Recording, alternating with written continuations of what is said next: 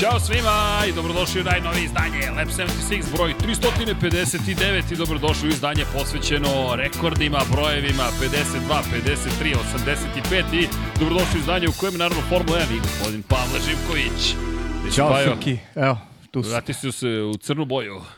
Prirodno podešavanje. Prirodno podešavanje. Fabričko. Dobro, nije ti belo, ali žuto, ali to je sasvim u redu. To je, da, u redu je. Crne. Ali, je li to poruka, ostavite me na miru? Ne? Pa, u neku ruku, da. Ne za tebe, za mnoge, za, za mnogi jeste. poruka, znam šta radim. Da. Da, nadamo se da znamo šta radimo, ono što vam poručujemo svakako kao i uvek jeste, vodite računa jednim drugima, ali pre svega mazite se i pazite se i vozite računa jednim drugima i pustite brkove.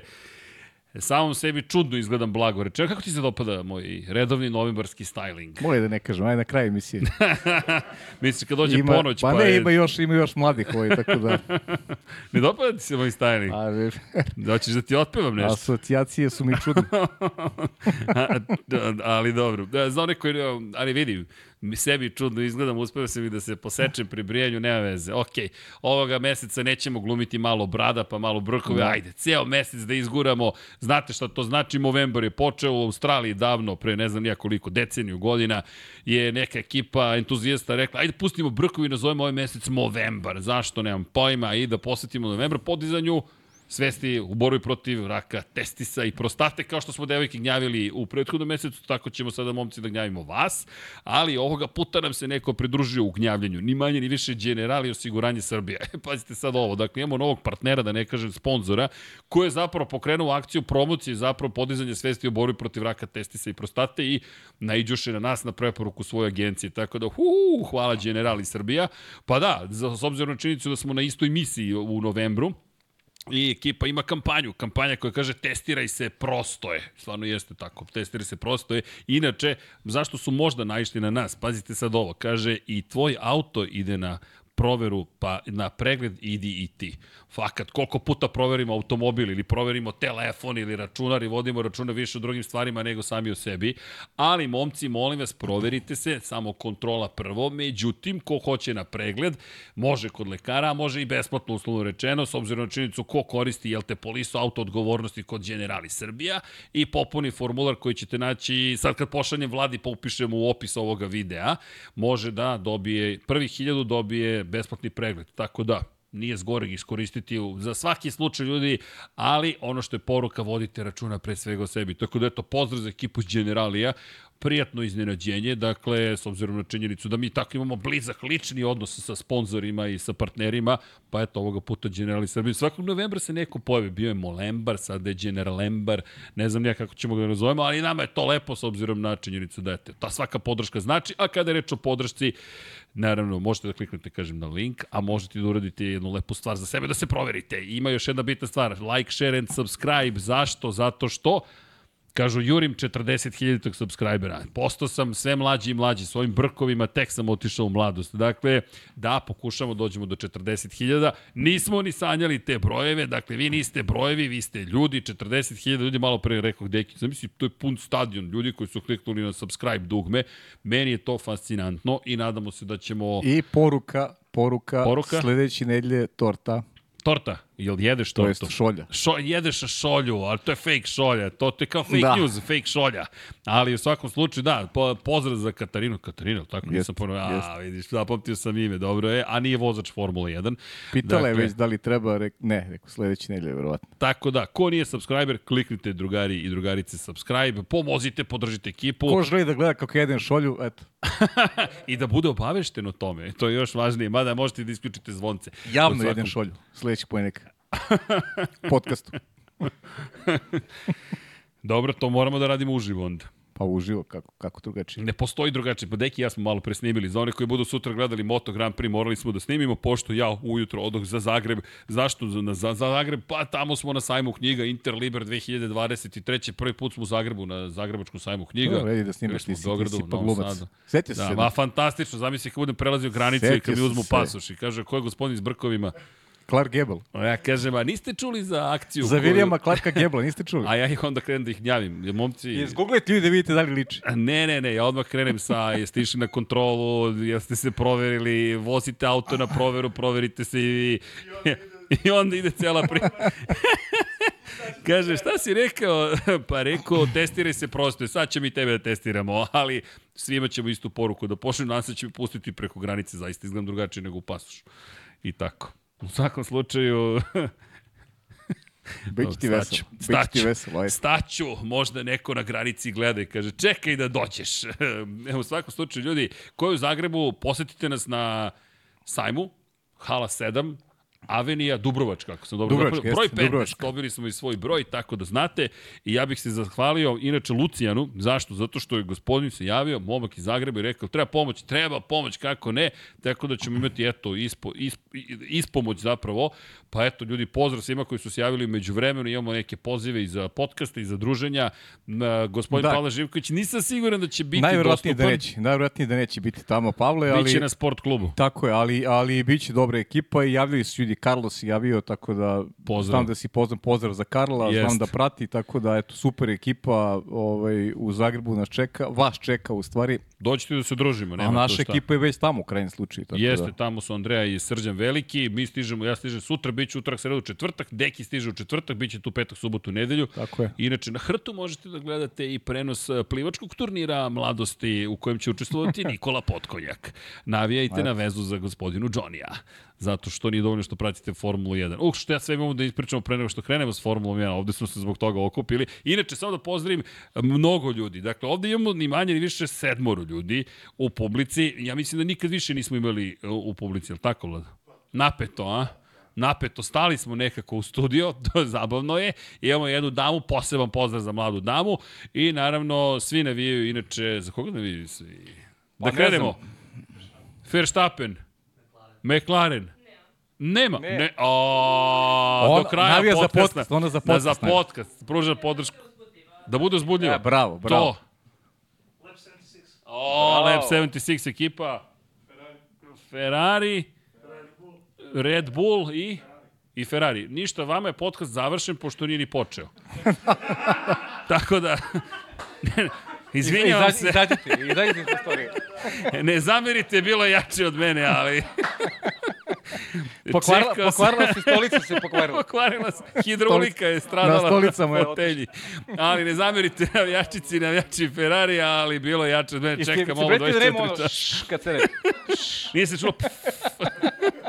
Nije kožna fotelja. Ali, to nas negdje uvodi u veliku nagradu Brazila. Šalu na stranu, stvarno hoću da pozdravim samo cijelu ekipu i ne, da, FSB Racing ekipu sa Univerziteta u Zagrebu. Zašto? Zato što je to ekipa koja slično drumskoj streli u Beogradu pravi formulu student. Pa eto, ko studira u Zagrebu, ljudi, prijavite se, potražite FSB Racing i učestvujte u E, da, ja da ne zaborim, Da takođe, ne su zaboraviš. već kod Zagreba Hrvatske... Rođendan, da, nešto. Ne, ne, ne, da pozdravimo Dinka, Dinku i Luku. Dinku i Luku. Velike fanove, verujem, bit će i na sajmu, sigurno, tako da Dinka i Luka, vidimo se. ekipu, ekipu će potražiti i to Potražite je super. Tom Selek Brkove, broj Da. 1 Zagrebačkog sajma. Clark Gable, ja kažem. Interliber, Clark Gable, pa moramo delo da obučem. Moraš. Ajde, pa vidi, s obzirom na činjenicu da ću sad i da zapevam, a sad nadam se da ćete prepoznati šta pevam, jesmo, jesmo vežbali malo pre Vlado.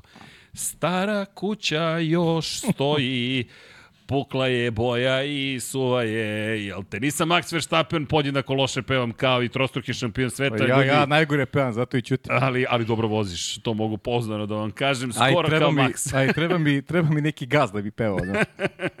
Kamilica ili Pa, a čaj, ti teško. da pređeš na hibiskus, taj gas ne priznaj. radi. hibiskus je tvoj izbor. U svakom slučaju, ljudi, veselo je ovde, ali šta hoću da vam kažem, ko je juče gledao trku Formula 1, neko je napisao danas, danas 15 sekundi Max Verstappen, bravo, novi rekord, bravo, još jedna pobjeda, čao. Uh, 3 minuta, 5 za McLaren, 3 minuta za Ferrari i 3 sata za Fernanda Alonso. Zelena majica je tu za Fernanda Alonso, čovjek je legenda, ali, ali, broj 85, ne, ajmo ovako. 52. pobjeda Maxa Verstappena na velikoj nagradi Sao Paula, velikoj nagradi Brazila.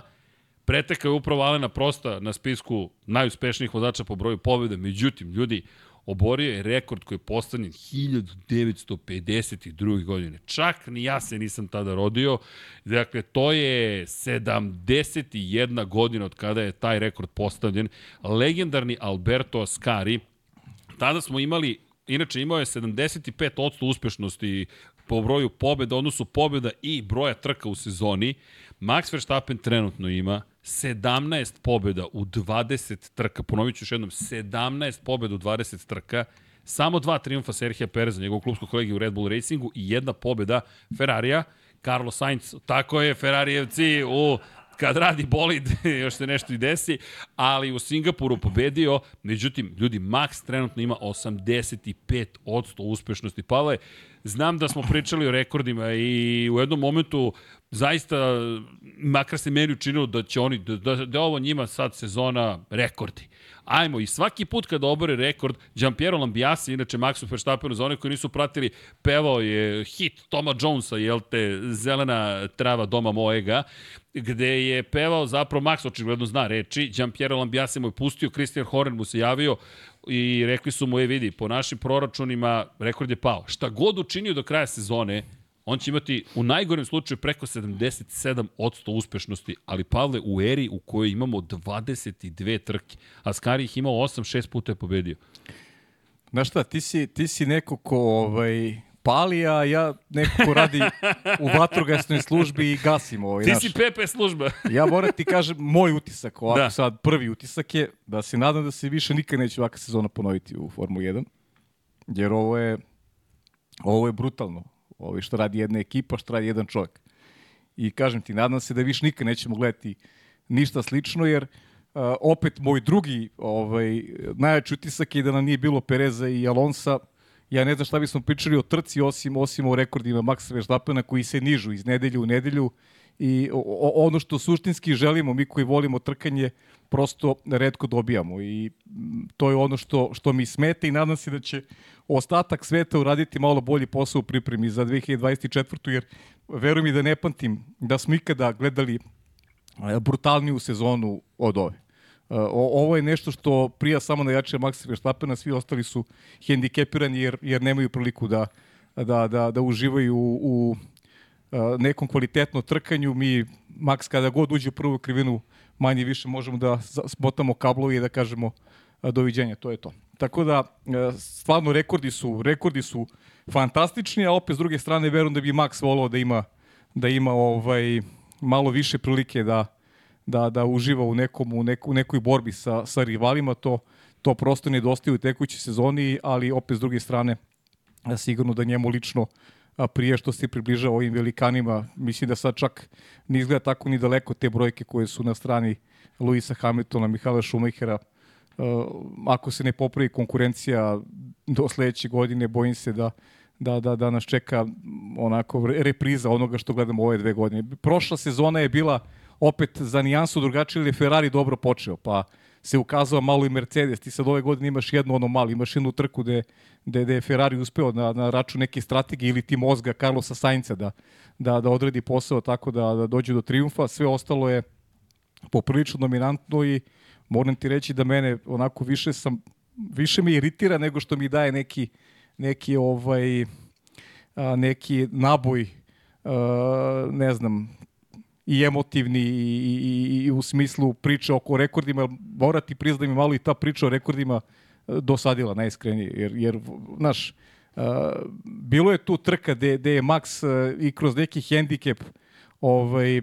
zaista pokazao da je za koplji iznad ostalih, ali on, on smeta mi, stvarno mi smeta što, što rivali nikako da nađu ovaj, da nađu nešto što bi nas što bi nas sezonu učinilo interesantno. Evo Mercedes ove nedelje, ovo je katastrofa. Ja, ja ne, nemam reči na šta su ličili i pritom i Toto Wolff, njegova izjava, da su oni čak htjeli da urade drugačije postavke bolida, ali da nisu znali šta treba da promene. Bili su spremni da krenu iz pit lane čak, ali nisu znali šta treba da promeni. To je nešto što, što opet govori o tome da vraća nas malo u realnost i, i pokazuje koliko u suštini je, je Red Bull u, u ovoj fazi zakoplji iznad ostalih. I kad jedna ekipa koja treba da bude konkurentna se nalazi u, u, u tom stadijumu da ne znaju bukvalno gde su, a, kre, a eto je 2024. bukvalno za koliko, četiri meseca počne nova sezona.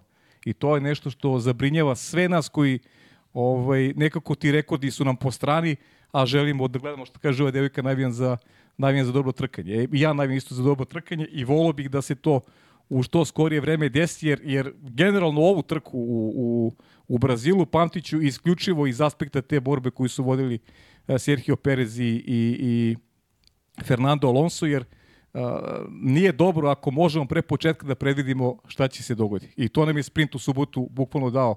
Mi smo mogli da predvidimo jasno da nacrtamo trku kako će izgleda.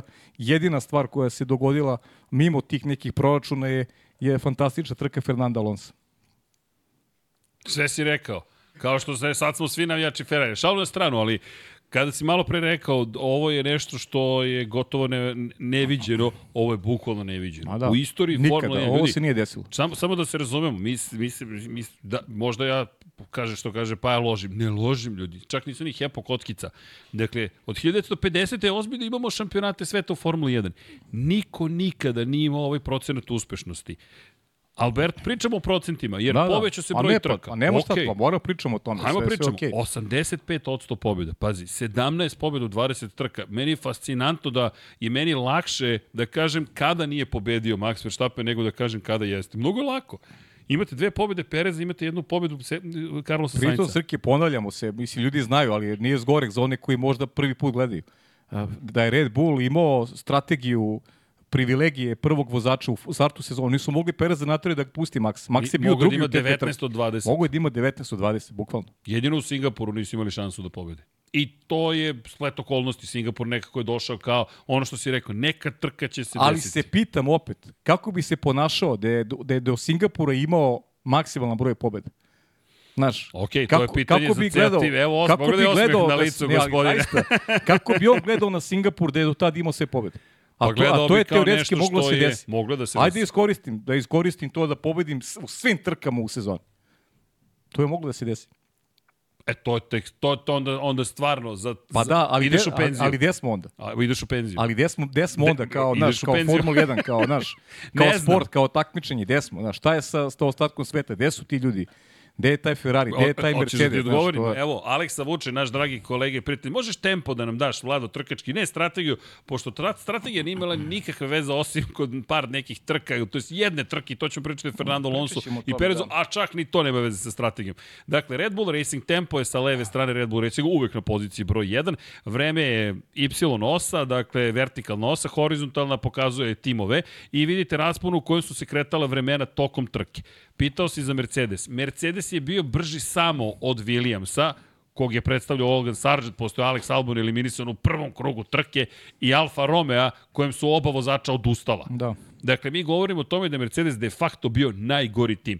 Alfa Tauri, predvođen Yukijem Tsunodom i Danielom Ricardom koji je zaostajao za ceo krug još od početka trke imao bolji tempo od Mercedesa. Haas je imao bolji tempo od Mercedesa. Često kritikujemo Ferrari, Ne zamerite, ali Ferrari ne zaslužuje najveće kritike. Mercedes je taj koji zaslužuje slažem apsolutno najveće slažem kritike. se. Ovo je sramotno da se pojave Lewis Hamilton kao sedmostruki šampion sveta, da se pojavi George Russell kao šampion Formule 2, Formule 3, uzastopni, buduća velika nada, pobednik prošlogodišnje velike nagrade Brazila i da oni nestanu. Ne da su između Aston Martina i Ferrarija ili tamo kod McLarena. Ne, ne, oni su bili gori od Hasa. I da otvoreno kažu da ne znaju šta je problem. Da su hteli da menjaju postavku bolida, nisu znali šta je problem. To je stvarno katastrofa. I to na stazi opet. Svi smo imali veće očekivanje od ove trke, na kraju na kraju dobili smo Čeka i, i Nanda i, i, i mnogo lepa slika na njihovo zagrlje na kraju kada je Čeko prišao Nandu da čestita. Ovaj, Jeste, i danas je lepo, lepo trkanje, lepo postavio trkanje. na Instagram zapravo da, da, finiš i svoje fotke, ali prvo Jeste. ide taj finiš gde pazite, 52. pobjeda, rekord koji je bio iz 52. godine, a 53.000 tinke razlike između Fernanda Alonso i Se- Pa Serhija da, na, Pereza. NASCAR završnica, to tako Bukvalno. se NASCAR trke završavaju bukvalno. Ja ne pati da da je fotofiniš odlučio neku poziciju, podijonsku poziciju u Formuli 1. Ali ajde, Ja se vratit ćemo se na to, to treba da nam bude glavni deo priče generalno, ali, ali ajde da zaključimo to. Samo moramo da ispoštujemo maksa, Da, ljudi. to ispoštujemo Maksa, da, bukvalno ovo, ovo je sada Gde je već... kraj? Ne pa, znam gde je pa, kraj. Ne vidi se kraj, da. To je ono što jeste problem. Ne vidi se kraj. Ne nazire se ovaj, da da nešto dramatično možda se promeni u skorije vreme. Nažalost, ja Znaš koji je maksimalni procenat sada? 86,36. Ukoliko pobedu preostale dve trke. Dakle, to će biti 19 pobjeda u 22 nije, trke. nije meni, znaš, nije problem što, što Max pobeđuje. To, to nije problem je način, Odsustvo ostalih. problem je način na koji, se, na, na koji to radi. Znaš, da, da, ti, da ti znaš ovaj, vrlo jasno da, da ulazak, njegov ulazak u prvu krivinu sa prve pozicije automatski znači kraj trke da tu nema nike dileme više, da, da ne može niko da prati njegov tempo, da, da, da, da bolid, ne, nema kvara prosto, na, naš otkazuju bolidi, razređen vazduh, e, razmišljamo o tome, imali su Čekaj, manje... koliko otkazivanja Pa smo da, imali, imali smo, hoćeš. imali su manje vremena ovaj, u simulatorima, imali su manje vremena u vazdušnom tunelu da radi s obzirom na kaznu koju imaju i opet ne vidiš da se ta raz, na ovakvoj stazi ta razlika brutalna u korist Red Bulla zaista neverovatno i a, mislim da, da, da ovi šefovi ostalih ekipa treba da razmisle ovaj, inženjeri i, i cela ta logistika koja, koja učestvuje u, u Formuli 1 i u Ferrari i u Mercedesu da malo razmisle šta im je činiti jer nekako kad ih porediš sa Red Bullom izgleda kao da nisu dostojni ovog takmičenja uopšte. Vidi, najzabavnije kada je reč o Maxu, kad, kada klinički je bukvalno bio nastup. Ljudi, ono je klinika. Ajmo da se vratimo na par stvari. Moramo da ispoštujemo Maxa. Želim da ispoštujemo Maxa Verstappen, ovo se ne viđa. Mi, koliko god je istorijska sezona 2021. bila uzbudljiva na, na nekom potpuno drugom nivou. Ljudi, ajmo da ispoštujemo veličinu. Dakle, ovo sad vidite i to je to. Ja ne vidim da će neki vozač ponoviti 85% uspešnosti. Znam da smo prošle godine rekli 15 pobjeda u sezoni, 85% uspešnosti, ja, 86, ja se molim da se to ne dogodi. Najiskrenije. Sad već, sad već idem ka tebi, statistika kaže, ne, znaš, nešto mora da se promeni. Ali, par stvari. Ajmo samo, doći ćemo i do toga šta zapravo to ima Red Bull Racing. Ima Maxa Verstappena, pre svega, ali čak i Frederik Vaser rekao, imaju Maxa Verstappena, jer čovek ne greši. Dakle, ja, jeste videli neku grešku u Brazilu? Šta, nije bio najbrži u kvalifikacijama? I to za sprint bio najbrži u kvalifikacijama u momentu kada počinje ono luje da stiže u Q3 delu kvalifikacije kao svemirski brod da se pojavio nad Sao Paulom i pokrio sunce, ko je jedini na stazi, ko je prvi na stazi. Max Verstappen. Dobro, imaju Max, ali, ali imaju Srki, imaju i mašinu. Videlo se imaju iz, mašinu. iz perspektive Serhija Pereza, imaju imaju ozbiljnu mašinu. Imaju svi, oni su paket jedan savršen. Jesu, ali šta je Max i Red veličina te mašine? Su ozbiljan paket i, i slažem se, mi to pričamo stalno, kao što nije mogo niko, ne može svako da bude šampion i onoj eri Mercedesa, ne može svako ni u ovoj eri Red Bull, ali, znaš, na ovoj stazi juče se videla baš razlika u razlika i, i u mašinama, baš ozbiljna razlika. Uh, zato, zato skidam kapu Fernando Alonso, jer je, jer je zaustavio ozbiljnog vozača u ozbiljnoj mašini u tih posljednjih 20 krugova. Zaista je Nando pokazao kakav je talenat i eto i u petoj deceniji života uh, nas uveseljava i, i, i nekako uh, čini srećnim, daje nam taj naboj. Pa mislim način na koji si ti iskomentarisao posljednjih par krugova, to je to, mislim, to je to je neka emocija ovaj koja je i iz tebe izašla i koja je ovaj Znaš na što me najbolji podsjetilo? indikator. Pa najbolji indikator onog onog što želimo da gledamo u suštini, Jest. znaš, to to to je to. Izvini, ja sam uh, se bacio u vatru, pa, Pa pa ne, je samo seo Pa i ne, rekao, ne, ok. pa ne, a šta možemo da se nadvikujemo, nije to, nije to posao, Ali znaš, to nije je... posao. A Znaš da je vežbam to? U Moto3 klasi. da, to- Ovo je bio klasičan klasika, Moto3 da. finish, koji niko nije očekivao. Kad smo poslednji put videli Moto3 finish? Ovakav finish, zaista ne, ja Pa se jest, ne sjećam da smo videli. je- Imali smo nešto blizu 2021. ali tad je bilo puno kontroverzi. Tada imate da li je krug pušten legalno, nije. Michael Masi, avioni, kamioni, telefoni. Pa dobro, ali, šta se ali zbiva? taj, taj posljednji krug obeležio i, i tvoju i moju karijeru. Generalno, znaš, to je nešto što ćemo zauvek pamtiti da smo radili u direktnom prenosu. Dakle, posljednji krug koji rešava titulu šampiona, to je nešto neverovatno. kad neko pita, imaš tih par momenta, dakle, pričali smo, neko je pitao oko ta tri top momenta, svakako će to biti jedan od Sigur- njih. sigur. Za mene Super Bowl 51, dakle, onaj preokret New England Patriotsi koji gube 28-3, svi su ih otpisali i, i Žulijaka, ma, pa ovde pada preokret, padne preokret, Rosijeva poslednja trka i dodao bih, to je onaj istorijski moment i dodao bih eventualno 2015. onaj ludi finiš u Moto Grand Prix, ali 2021. Formula 1 to je to. E sad imamo drugu vrstu istorije, sad, pazi, pa jo, Niko od Alberta Skari, 1952. nije prisustvovao ničem sličnom. Samo hoću da par stvari ubacim. Šta je bilo najzabavnije kod Verstappena? Pošto je klinički startovao u sprintu, odmah se nametnuo Landu Norrisu i rekao ćao, ovo je kraj. Zatim se nametnuo ponovo na startu ove trke, nije dozvolio ništa. Lando koji je fenomenalno bio u prvom startu sa šestog na drugu poziciju, u ponovljenom startu nije mogao da se odupre Verstappenu i to je A. bilo to. Znaš kako, Landus je generalno otvorio to, ja, baš sam pričao ovdje sa, sa, sa ljudima, bilo je lako predvidjeti, znaš da smo pričali na startu trke, da treba se obrati pažnja na Landa.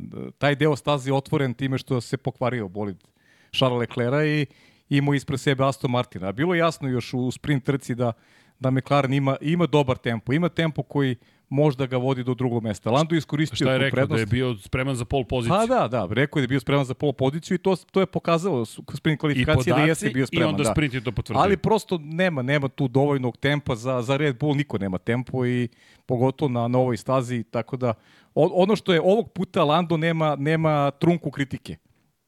Jer uradio je ono što, što je mogao da uradi, strategija u trci. Razmišljali smo o to, međutim ova staza tvrde gume ne pije vodu. Sa, sa jednim stajanjem trka svi bi gubili. Kogod je išao na taktiku s jednim stajanjem ne bi profitirao. Bilo je evidentno da, da mora da se ide na dva stajanja, pritom staza koja jede pneumatike i bilo je samo pitanje taj, taj drugi izlazak. Da li su meke, da li su srednje tvrde gume. Uglavnom su bile meke gume na kraju, tako da ovaj, niko ne bi profitirao sa taktikom uh, jednog stajanja i na kraju Lando Norris, čak i Lando u jednom momentu i pokušavao da, da ugrozi Maxa Verstappena, nije bio toliko pasivan kao što je to bio ranije slučaj, razmišljao o triumfu. Je to ono što je pozitiva sada Kolanda. Imam utisak da je prvi put razmišljao o pobedi. E, pazi sad ovo. no prosti, ima tu i potvrde koje dolazi iz McLarena. Vlada, ako može strategija, obratite pažnju, inače Pirelli nije spremio strategiju, ali je spremio Aleksa Vučaj, naša legenda. Pa jači dakle, od Pirelija. Jači od Pirelija. Kod njega samo izlaću grafikoni. Dakle, školujte se, deco, i on je gospodin koji se školovao. O, ovo je Vučareli. Vučareli, jao, dobio se nadimak Vučareli.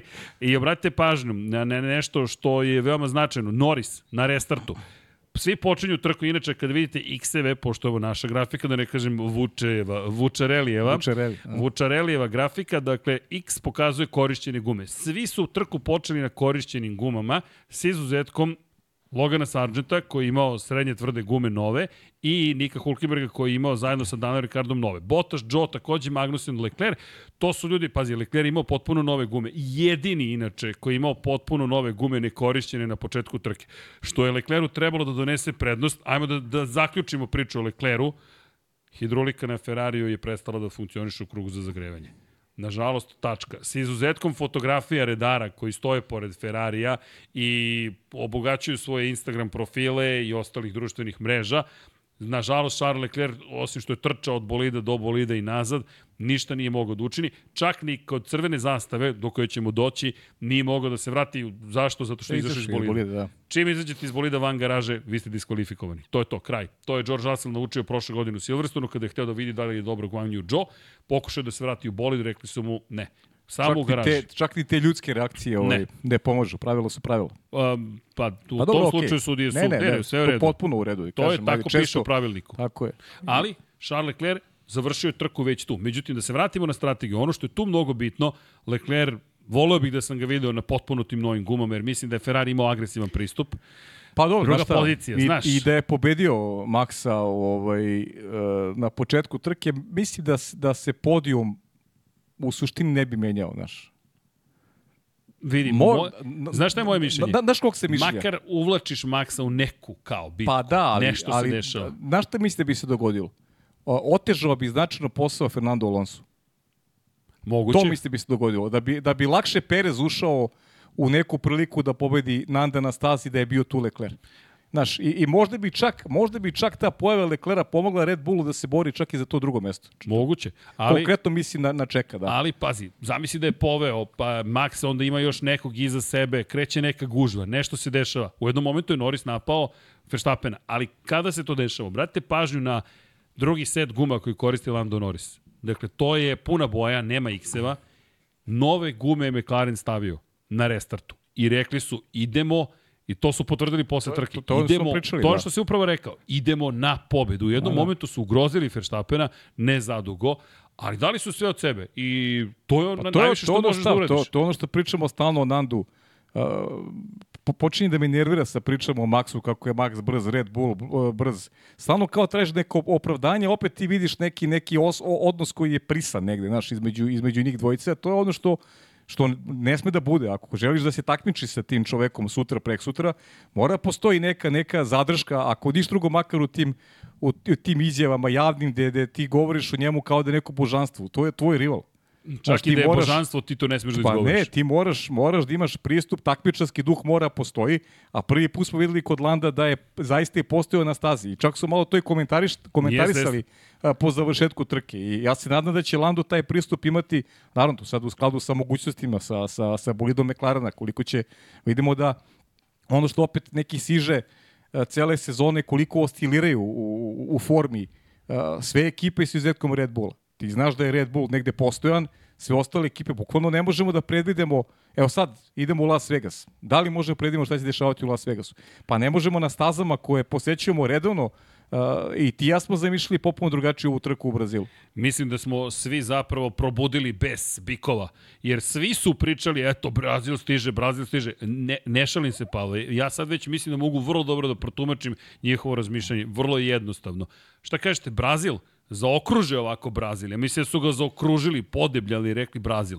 Tamo idemo da izdominiramo. Zato što svi ste, ja, ali znaš šta, kada si na vrhu, to je Jordan, Michael Jordan je to radio. Ti tražiš način da sebe motivišeš. I izmišljaš priče u svojoj glavi da se motivišeš i onda kažeš, a, ne znam, on mi se obratio, rekao mi je good game, Michael, ne znam ko je bio, to je čuvena priča gde je to laž zapravo. To je Jordan izmislio, sutra da otišao u Washington i momka ponižavao na terenu jer to je u njegovoj glavi priča. Ti ne smeš da pokažeš da si ranjiv, znaš, to je te teško ostati na vrhu.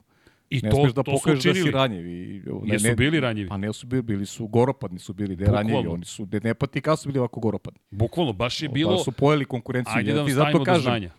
Drugi najbolji tempo u trci imao Čeko. Naš Čeko da nije imao u kvalifikacijama, dobro, to je sad Čekova priča, ali generalno njegova trka je, je bila jako dobra i, i on je, on je sa, sa nekim ovaj, sa boljim učikom u subotu, sa boljim tajmingom, prosto sad je to pitanje i tajminga Zašto Max se izdvaja? Subota je bila ključna. Njegov izlazak na stazu, prvi izašao na stazu u Q3, bukvalno je pobegao od onog mraka. Odjednom je neko gasio svetlo kad je on prošao, kad su on i Leclerc u stvari završili svoje brze krugove.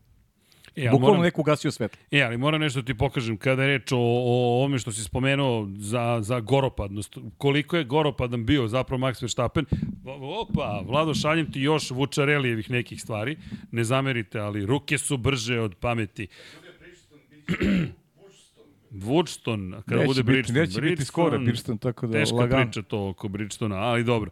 A, hoću da pokažem nešto drugo, a to je šta nam je Vučareli poslao.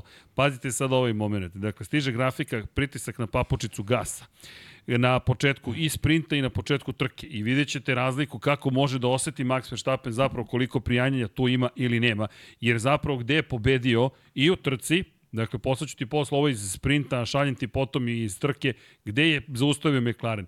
Nije im dozvolio da povedu. I Andrea Stella, šef McLarena, evo ga moment u sprintu. Dakle, vratite pažnju. Pogledajte Maxov pritisak, dakle, na negde dve i po desetinke, 2,6. Odjednom značajno se pojačava gas.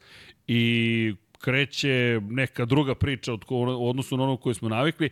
Ako pogledamo ovaj sprint, imamo i drugi grafikon gde se vidi na samom početku dru, trke i Stroll i Alonso i Hamilton kako to izgledalo, opet ko daje gas, što govori i o njemu, govori i o bolidu Max Verstappen. I sad, kako se ti boriš protiv čoveka koji ima bolid koji funkcioniše na svim stazama, u svim vremenskim uslovima, na svakoj nadmorskoj visini, još sa Maxom Verstappenom, to je baš teška priča. I on je rekao, Mi, ovo je zajednički rezultat. Kada sam počinjao karijeru, nisam ja sanjao sezona u kojoj imam 75% uspešnosti. Ne, ne, ne.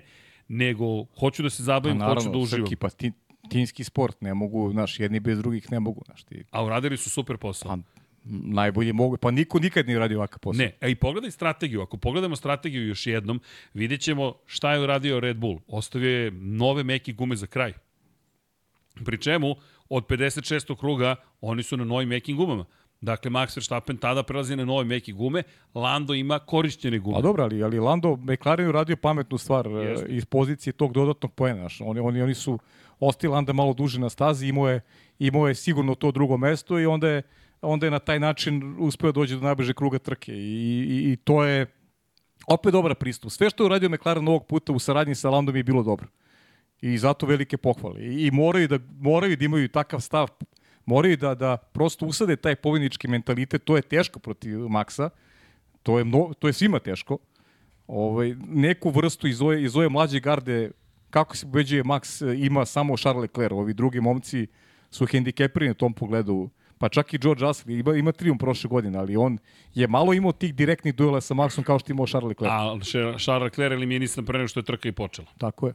I je. još jedna priča o, o mnogobrojnim pričama Ferrarijevih propuštenih prilika. Ko zna šta je ovde moglo Pa evo, da se to ti je, kad Ko zna? pogledaš ov, ovaj početak ove, nazovi američke turneje, ovaj, e, Austin pol pozicija, Meksiko pol pozicija, drugo mesto u kvalifikacijama ovde, a imaš samo jedan podijum i dve nezavršene trke. Jedna diskvalifikacija nezavršena trka.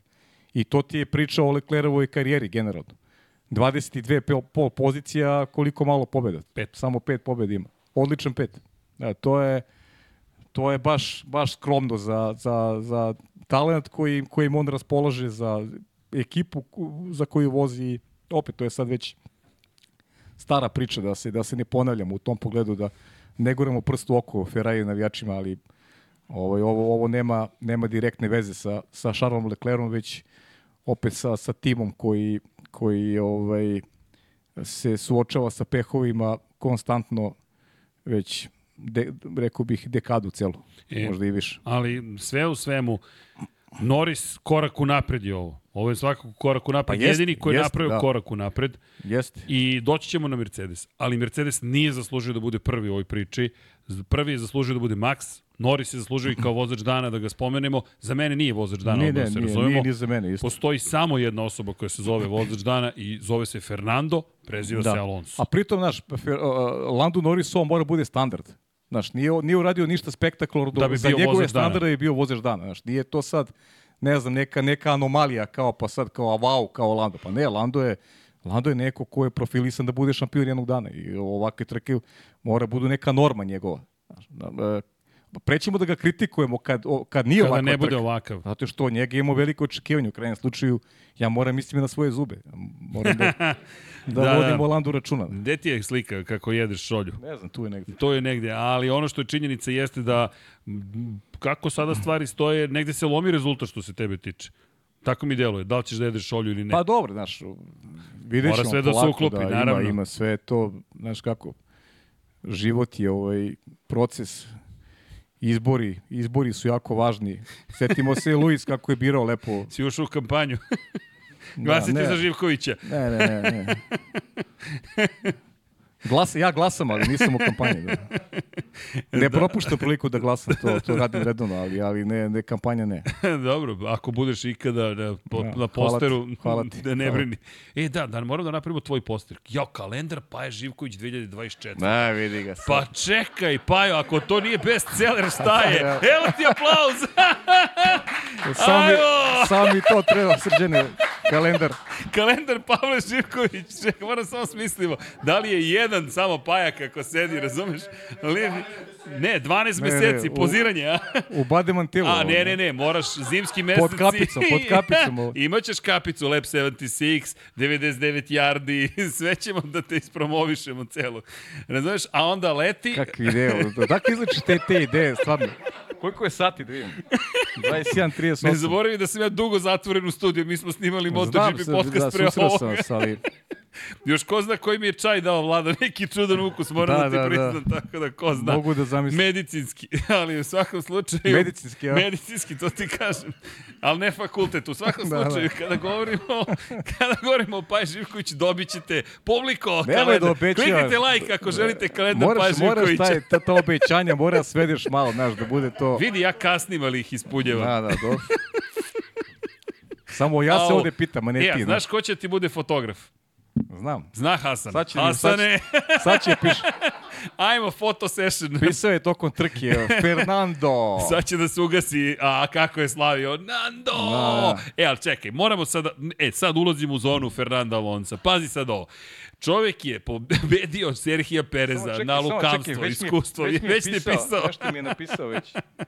A da, rekao mi da nisi Tom Selleck, nego jedan drugi glumac. Nisam Tom Selleck. Nego jedan drugi glumac. Opet, Opet isti onaj glumac. Opet isti, stalno me Opet vraćaju na tu glumac. priču. Ja, samo mi daj Ferrari ili šta je beš on vozio u Cannonball Runu i nema problema, obući će se u belo delo. Ali, da se mi vratimo Fernando Alonso, nemojte da mi bežite odatle.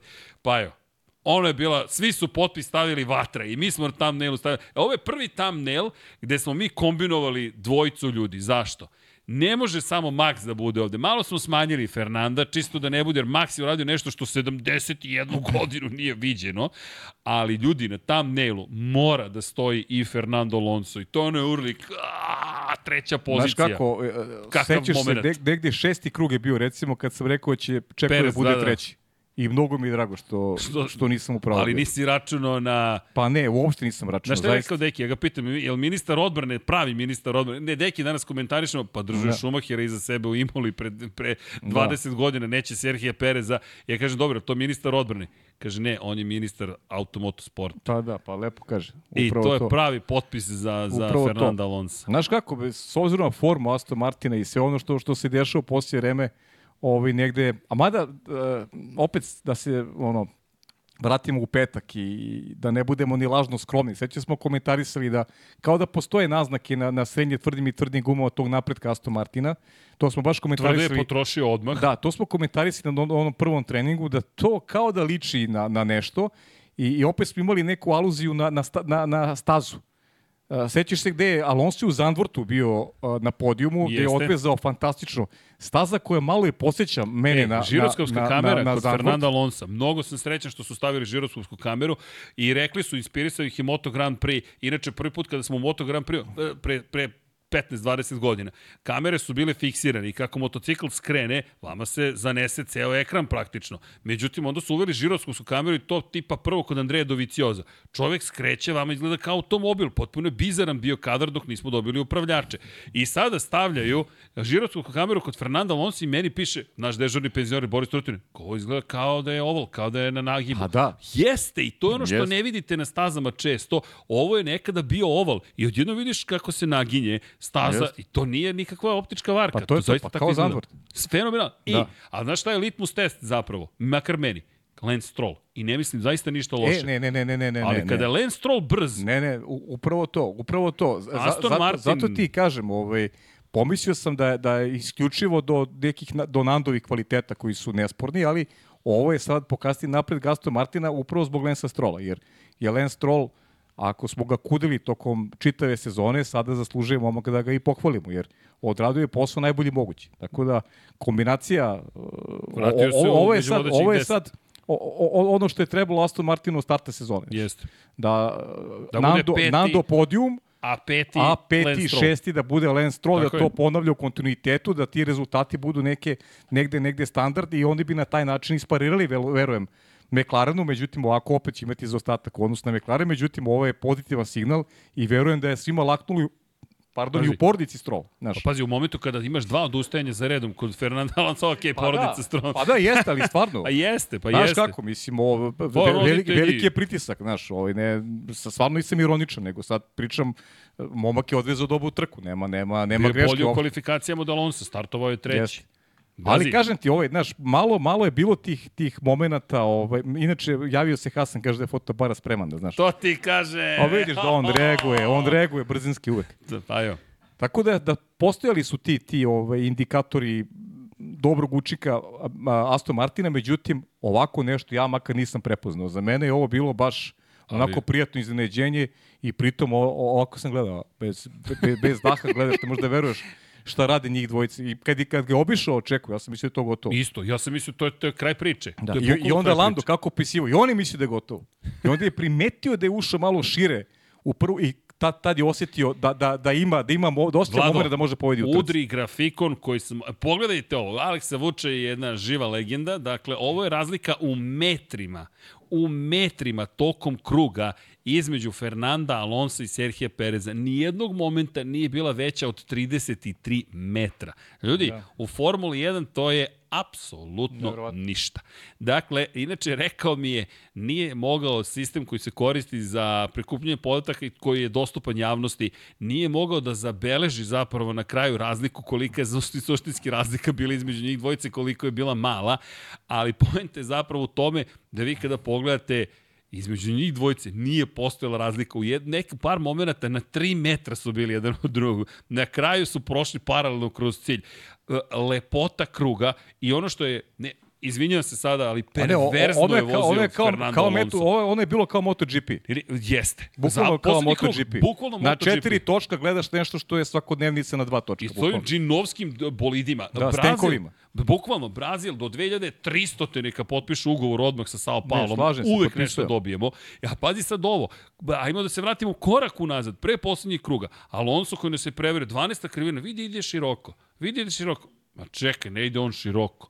On ovde radi, šta je radio? I pazite, dobili smo potvrdu naših sumnji kada, kada ga je pretekao Čeko. On je u stvari, on je u stvari bio na E, on trkačkoj je liniji. išao, on, ne, ne, ne, on je išao putanjom koja nije najbrža za ceo krug, ali je idealna da ga ne stikne na pravcu Sergio Perez. I tek kada ga je Perez pretekao, išao kroz teme krivine. I ti gledaš čoveka koji vozi, ljudi, ja sam se naježio, ono je inteligencija na delu.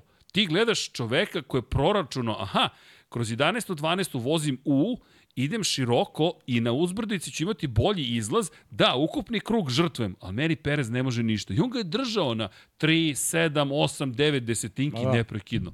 Kakav genije. Ali pa je ono, gledaš uživo genijalnost, ono je majestralna vožnja. Dobro, ali činjenica, ali i Čeko je, je Čeko, moment i Čeko je vozio genijalno. Jeste. I Čeko izabrao, delovalo je da je izabrao pravi moment. Znaš, dva kruga pre kraja, ti ideš napred i, i, i stekao se utisak da, da je razlika dovoljna. Za, Kad za, za ono? pobjedu. Kad ono, ukazuje se deda, Vidi, deda ne da na sebe. E, znaš šta je deda, originalni deda, Valentino Rossi danas testirao prototip za Le Mans. Čisto da znaš, pošto je mladi vozač, test mladih vozača Novajlija. Komentarisao sam ove godine i znam da si ljubomoran. Komentarisao sam, Apsolutno jesam. komentarisao sam Ne, prvu ne. pobedu na četiri Bane, točka Pralica Valentina i ti mi Rossi. dođete. Da, dakle, Rossi, to on je kod mene, a Kimi Raikkonen takođe kod mene, ne kod tenisera. Ali Bane Pralica, šalim se, naravno, upao je naš, naš, naš voljeni Bane Baki, Pralica. baki naš. Ne, ne, ali šalu na stranu, pazi sad ovo, ti sada imaš ljude koji imaju 40 i kusur godina, 44 ima Valentino Rossi, jedno ga testira za Le Mans, nasmejan. Inače, mak, baš, baš sam komentarisao, crven automobil, crveno-beli, ali njegov znak je plavi sa žutim bojama. Kako ti smeš to da uradiš? Pa zato što je Valentino Rossi. E tako i Fernando Alonso. Kako smeš da pretekneš u poslednjem krugu? Žao mi je, dve titule šampiona sveta. Možda i najlegendarniji vozač koji neće osvojiti više od dve titule. Kao, to je malo, nije malo. Pa dobro, mislim, znaš. Ali, pa je, ono je preticanje, čekaj, između treće i četvrte. Za, za Nanda je već ovo pitanje, kažem ti, to su te odluke koje su važne kod tih velikih šampiona, nekad, Jao, nekad loše izabereš. a Naš daj mu Ferrari, jednu sezonu u pa, bolidu, znam, rekao pa moćno. dobro, dobio je. Znaš, Jednu. Imao je, imao je Ferrari. Ferrari je bio dobar Dobro, bolid u to nije vreme. bio znaš. loš, Pa, ali nije, bio, loš. najbolji. Pa, Ali zato što je kako, on ali- odbio limenke. On je rekao Red Bullu neću, kod vas vi ste je, neozbiljan tim. tako je, to ste ti E. kažem. Da je imao tu procenu, danas bi imao vjerojatno 10 šampionski titul. Zamisli da je 2009.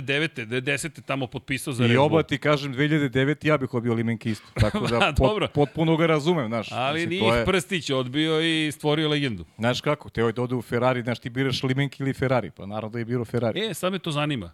Z- E, sada je- pa dobro, sad čekaj, je drugačije. pitanje za publiku, da vidimo demografija šta kaže. Pa dobro, Srki, sad je druga Čekaj, priča, pričamo o ni uključio 2009. studiju. godini. Dobro, dobro, fakat, dobro, to se istorija pravi. Ali, Sada već imaš ovde, koliko baza imaš ljudi koji kažu navijamo za Red Bull. da, da, da, to se baš mnogo promenilo. A da. U, E, imamo ovde dvojicu koji su u duksima Red Bulla. i jedan navija za Ferrari. Lepo mu stoji dug, da? A lepa mu majica, čekaj. Dorijan Kablar je donirao 5 evra. Sjajni ste ljudi, Srki, sutra čekamo one knjige koje mi dugujete, vidimo se u Zagrebu. Dorijane, koje knjige sad dugujem, donosimo knjige. Bez brige, ništa ne Pa možda je. Dorijan, možda je Dorijan ovaj, Kupio. kupio, da. Jeste, jeste. I Da, da. lična isporuka, eto, to niste mogli da Dođi očekujete. Dorijan na sajam. Da, Dođi Dorijane, ti lično isporučimo. Dorijan, do, Ali Dorijan veliki Tiček, a? pozdrav. Dorijan Tiček, jeste. Ej, Aleksa Stanić kaže, veliki pozdrav iz Vancouver, sad mislim da je Lando Kyle Leclerc, nažalost, jedan od onih finih momaka koji baš ne žele da se zamere nikom i da će ih baš to koštati osvajanje titula u karijeri. I ima toga, ima Donirao toga. 10 kanadskih dolara, hvala. Zato, zato mi nervira, zato i pričam tako. Ne, Da, on me baš nervira zbog tog, Ajde da vidimo. stava. Da. čekaj, čekaj, čekaj, ajmo da vidimo. Pitanje, starta pol. Da li biste danas potpisali za... Ne, za koga biste za koga biste danas potpisali u Formuli 1? Pa čekaj, ja bih popisao za liminke danas. Ferrari, Red Bull, čekaj da ubacimo još nešto. Koga stavljam, McLaren ili Mercedes? A bolje McLaren staviti. McLaren. Neko četvrti. Neko četvrti.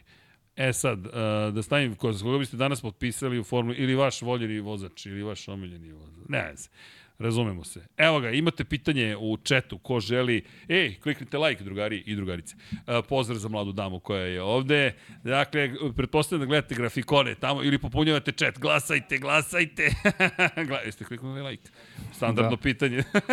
subscribe, subscribe. subscribe, subscribe, subscribe, kao papagaj ponavljam. E, ali vidi, onaj krug, ono se, one, one antologije, ono se pamti.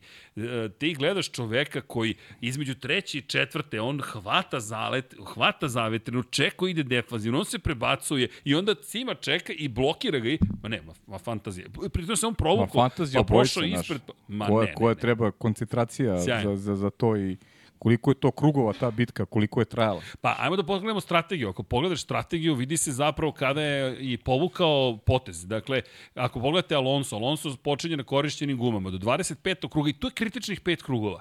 On je pet krugova duže bio na ovim gumama, dok se Perez probijao kroz poredak i potom menja pneumatike.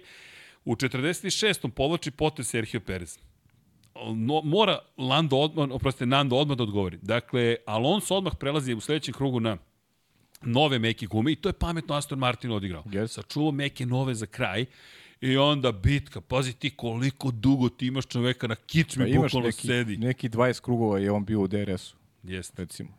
Ali što kaže reti, deki... Mogu je reti komotno samo to da nam pokazuje do kraja trke da više drugo i ne gledamo. Ne? I da uživamo. Pri I čemu, da uživamo. Toliko su bili Čista impresivni. Adrenalin. Ti ja nismo ni pročitali poredak na kraju trke. Dakle, nas dvojica smo u ekstazi bili bukvalno i prolazi, pa kaže, čekaj, nismo spomenuli ostale vozače koji Ej, su to prošli je, to ti je sad još jedna stvar. Mi pričamo o, o, o, o Nandu kao velikanu. A imaš ovde čoveka koji nikada ne bio šampion i sad kaži mi ko bi mogo strkati tako sa Nandom od vozača koji prihvataju da budu broj 2 u Red Bullu.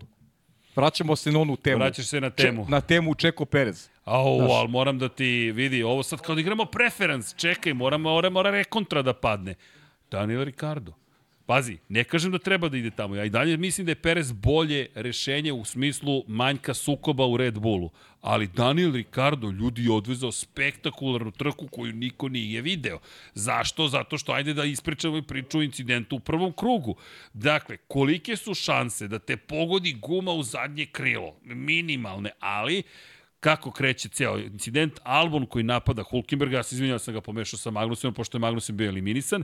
Hulkenberg koji gubi tu bitku, Kevin Magnusen sa spoljne strane napada, Kevin koji zatvara klopskog kolegu, Hulkenberg nema gde, pušta gas, iza su Alpine, dolazi do kontakta, bum, Tras, Albon eliminisan, Magnusen eliminisan, Magnusenov bolid udara u Pjastrijev bolid, otpada guma koju kači istovremeno Niko Hulkenberg u drugom hasu lansira gumu koja je otpala u zadnje krilo Daniela Ricarda.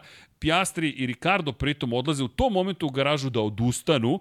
Crvene zastave su istaknute krug kasnije i to ih košta celoga kruga. I da odgovori na pitanje, sjajno pitanje neko postoja. A zašto kada je vozilo bezbednosti ti kažu vrati se u krug sa vodećima, a kad su crvene zastave ti kažu ostani krug iza? Ne znam ko zna kada je pisano pravilo i to tako stoji. I onda dođemo do toga da Ricardo, koji opet bio dobar u kvalifikacijama, pogledaš tempo, tempo je baš bio ozbiljan. Ti si u pravu, ne znam drugog vozača, pošto si lepo rekao, koji je voljan da bude vozač broj 2, a da se onako trka sa Alonso. Dobro, ne znam. da ti kažeš nešto, kad pričamo, kad pričamo o Ricardu, ja i dalje ne, ne, ne razdvajam Cunodu od, iz, iz cele priče, jer ne vidim neku veliku razliku između njih dvojci još. Iskreno. Juki vozi sjajno. Meni se čini da počinje tu da se stvara razlika, ali to je samo utisak. Ja, ja, ne vidim, da smo videli ovu trku. ja i ne vidim. Juki je napravio veliku grešku uh, prošle nedelje, imao fantastičnu trku, s obzirom da je, pošao, da je počeo i sa, i sa lošije pozicije. I mislim da je Juki uh, uh, razlog greške uh, koju je napravio, imam utisak da on želeo u, da se trka u Meksiku sa Ricardom. I da tu nije mogo da izbalansira ono što uh, su neke, ajde da kažem, realne mogućnosti i ta neka želja da se uh, da se i taj način dokaže. Mislim da njega, što je dobro za, za njegovu karijeru, da ga dodatno motiviše ovaj, Ricardova pojava u, u Alfa Tauri. Nisam imao, ti si neko ko više ovako preferira Jukija od, od početka njegove karijere u Formuli 1, absolutno. ali, ali dobija neke obrise onoga što, što smo umeli da, da, da onako pozitivno prokomentarišemo još u, u šampionatu Formule 2, jer, jer njegova izdanja su nekako, eto, indikativno, to se baš dešava od, od dolaska Daniela Ricarda i, i dobija sve više na, na, na neku značaju ta njegova rola. Ponovo ekipi doneo važne poene i oni su sada na samo koliko, šest ili sedam poene za ostatka odnosno na Williams sa lepim šansama u naredne dve trke da, da možda i pobedi britanski tim. Tako da Jukijev doprinos, Jukijev pečat onome što se dešava u Alfa Tauri je je zaista ovaj, vrlo, vrlo značajan. Da, Juki bio šesti u sprintu, bio je deveti u glavnoj trci, trenutno 21 poen, imaju samo 7 poena manje od Williamsa. To ti Dve kažem. trke pre kraja.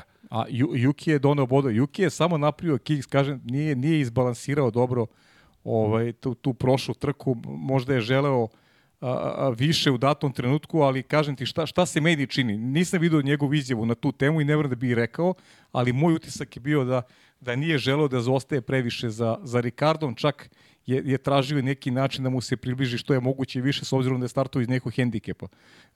Znaš koji sam fan Ricardo od uvek bio od, od, od početka, Znam. ali ne vidim, zaista ne vidim i dalje da, da postoji realna priča oko toga da, da bi Ricardo bio adekvatna zamena za, za Čeka Pereza u ovom momentu u Red Bullu. U takvoj konstelaciji snaga, u, u toj neki ideji koje ekipa ima da imaju neki uh, ajde da kažem, mir uh, u ekipi i verujem da, da i Max Verstappen želi dalje da ima taj mir. Evo imamo krugove Ricarda i Cunode, čisto da je obradimo i taj moment. Ricardo, sad malo je teže ispratiti ovo ljudi, ali ako obratite pažnju na, na krugove Daniela Ricarda, teško je kada ih ne stavite jedan pored drugog. Moramo o, Vučarelija da zamolimo zapravo da, se, da, da, da, da imamo Cunodu i, i Ricarda jedan uz drugog. Ali ako obratite pažnju da tempo generalno ajde u sredini trke 15-8, 15-6, 15-4, 16-0, 16-1, 16-6, 15-5, 16-6 i tako dalje. I na kraju e, poslednjih par krugova 1-13-8 je vozio, 1-14-0, 1-14-3 i ako pogledamo sad od Cunodine krugove,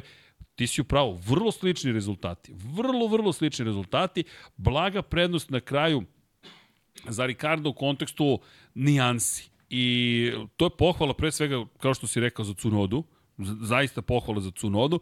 Meni se čini, kažem ti, da, da počinje polako da vaga prelazi na stranu Ricardo u kom kontekstu. On je malo krugova probao u tom bolidu. Juki je cijelu sezonu u tom bolidu. I tu nije sporno. Da, da Daniel, pola, da Daniel ponovo liči na onog Ricarda koji mene iskreno zbunio. Ja nisam očekio iz Tora Rosta da će njega da uzmu. Ja sam mislio da će Jean-Eric Vernier da dobije taj duel, da će njemu dati ugovor Red Bullu. Ne, izabrali su Richarda i čovjek je Znaš kako, ja, poslao Vettel ja sam u Ferrari. Gen, generalno sam neko ko, ko ne zaboravlja. Ovaj, nisam što se kaže zlopamtilo, ono, nego prosto pamtim neke stvari generalno uh, vezano za, za, za ove momke koje pratimo i one, ona sezona u McLarenu i, i generalno taj, taj, te duele, po znacima navoda koje je imao sa Lando Norrisom je neprihvatljivo za vozača koga smo videli na, na prestolu možda jednom momentu. E, to, to su zaista bile ogromne razlike i nešto što je nedopustivo za takav talent. Jasno. Znaš, i, i generalno mislim da je taj talent negde, negde ovaj, proćardan. E sad, Uh, I dalje meni deluje kao naučna fantastika taj njegov dolazak u ekipu pamet, Red Bulla, kaže. A, nešto mi pada na pamet? Da će Red Bull zapravo potez povući na osnovu rezultata. Jer u ovom momentu, zašto promeniti, zašto dovesti Ricarda? Evo, moje pitanje iskreno. Da li iko ugrožava u momentu Red Bull? Osim eventualno Landa Norrisa i McLaren. I to je završnica sezone. Ti si lepo rekao, Mercedes prošle godine na kraju sezone bio sve bolji i bolji i bolji i bolji. Sve kao, evo, evo stiže Mercedes, to će nešto će da se desi, buć, ništa na početku godine. Onda idu i do gore, gore, gore, gore i sad dođe Brazil buć. Za Toto Wolff je za ovu trku rekao, šef Mercedesa je pa rekao, pa ne, najgora trka u njegovoj ali karijeri. Ali imaš, imaš jedan nonsens koji, koji u najavi može da, znaš, neku, neku, neku, neku neprihvatljivu ovaj priču vezano za budućnost čeka. On je prošle godine bio treći u generalnom plasmanu. Jako je izgubio u finišu trku koju je morao dobije protiv Charles Leclerc. On I opet su ga zadržali. Opet su ga zadržali. Ali A on će, on, on, on će ove godine biti drugi. I, čime... I, i, I Red Bull će doći do najboljeg rezultata u istoriji. Ikada.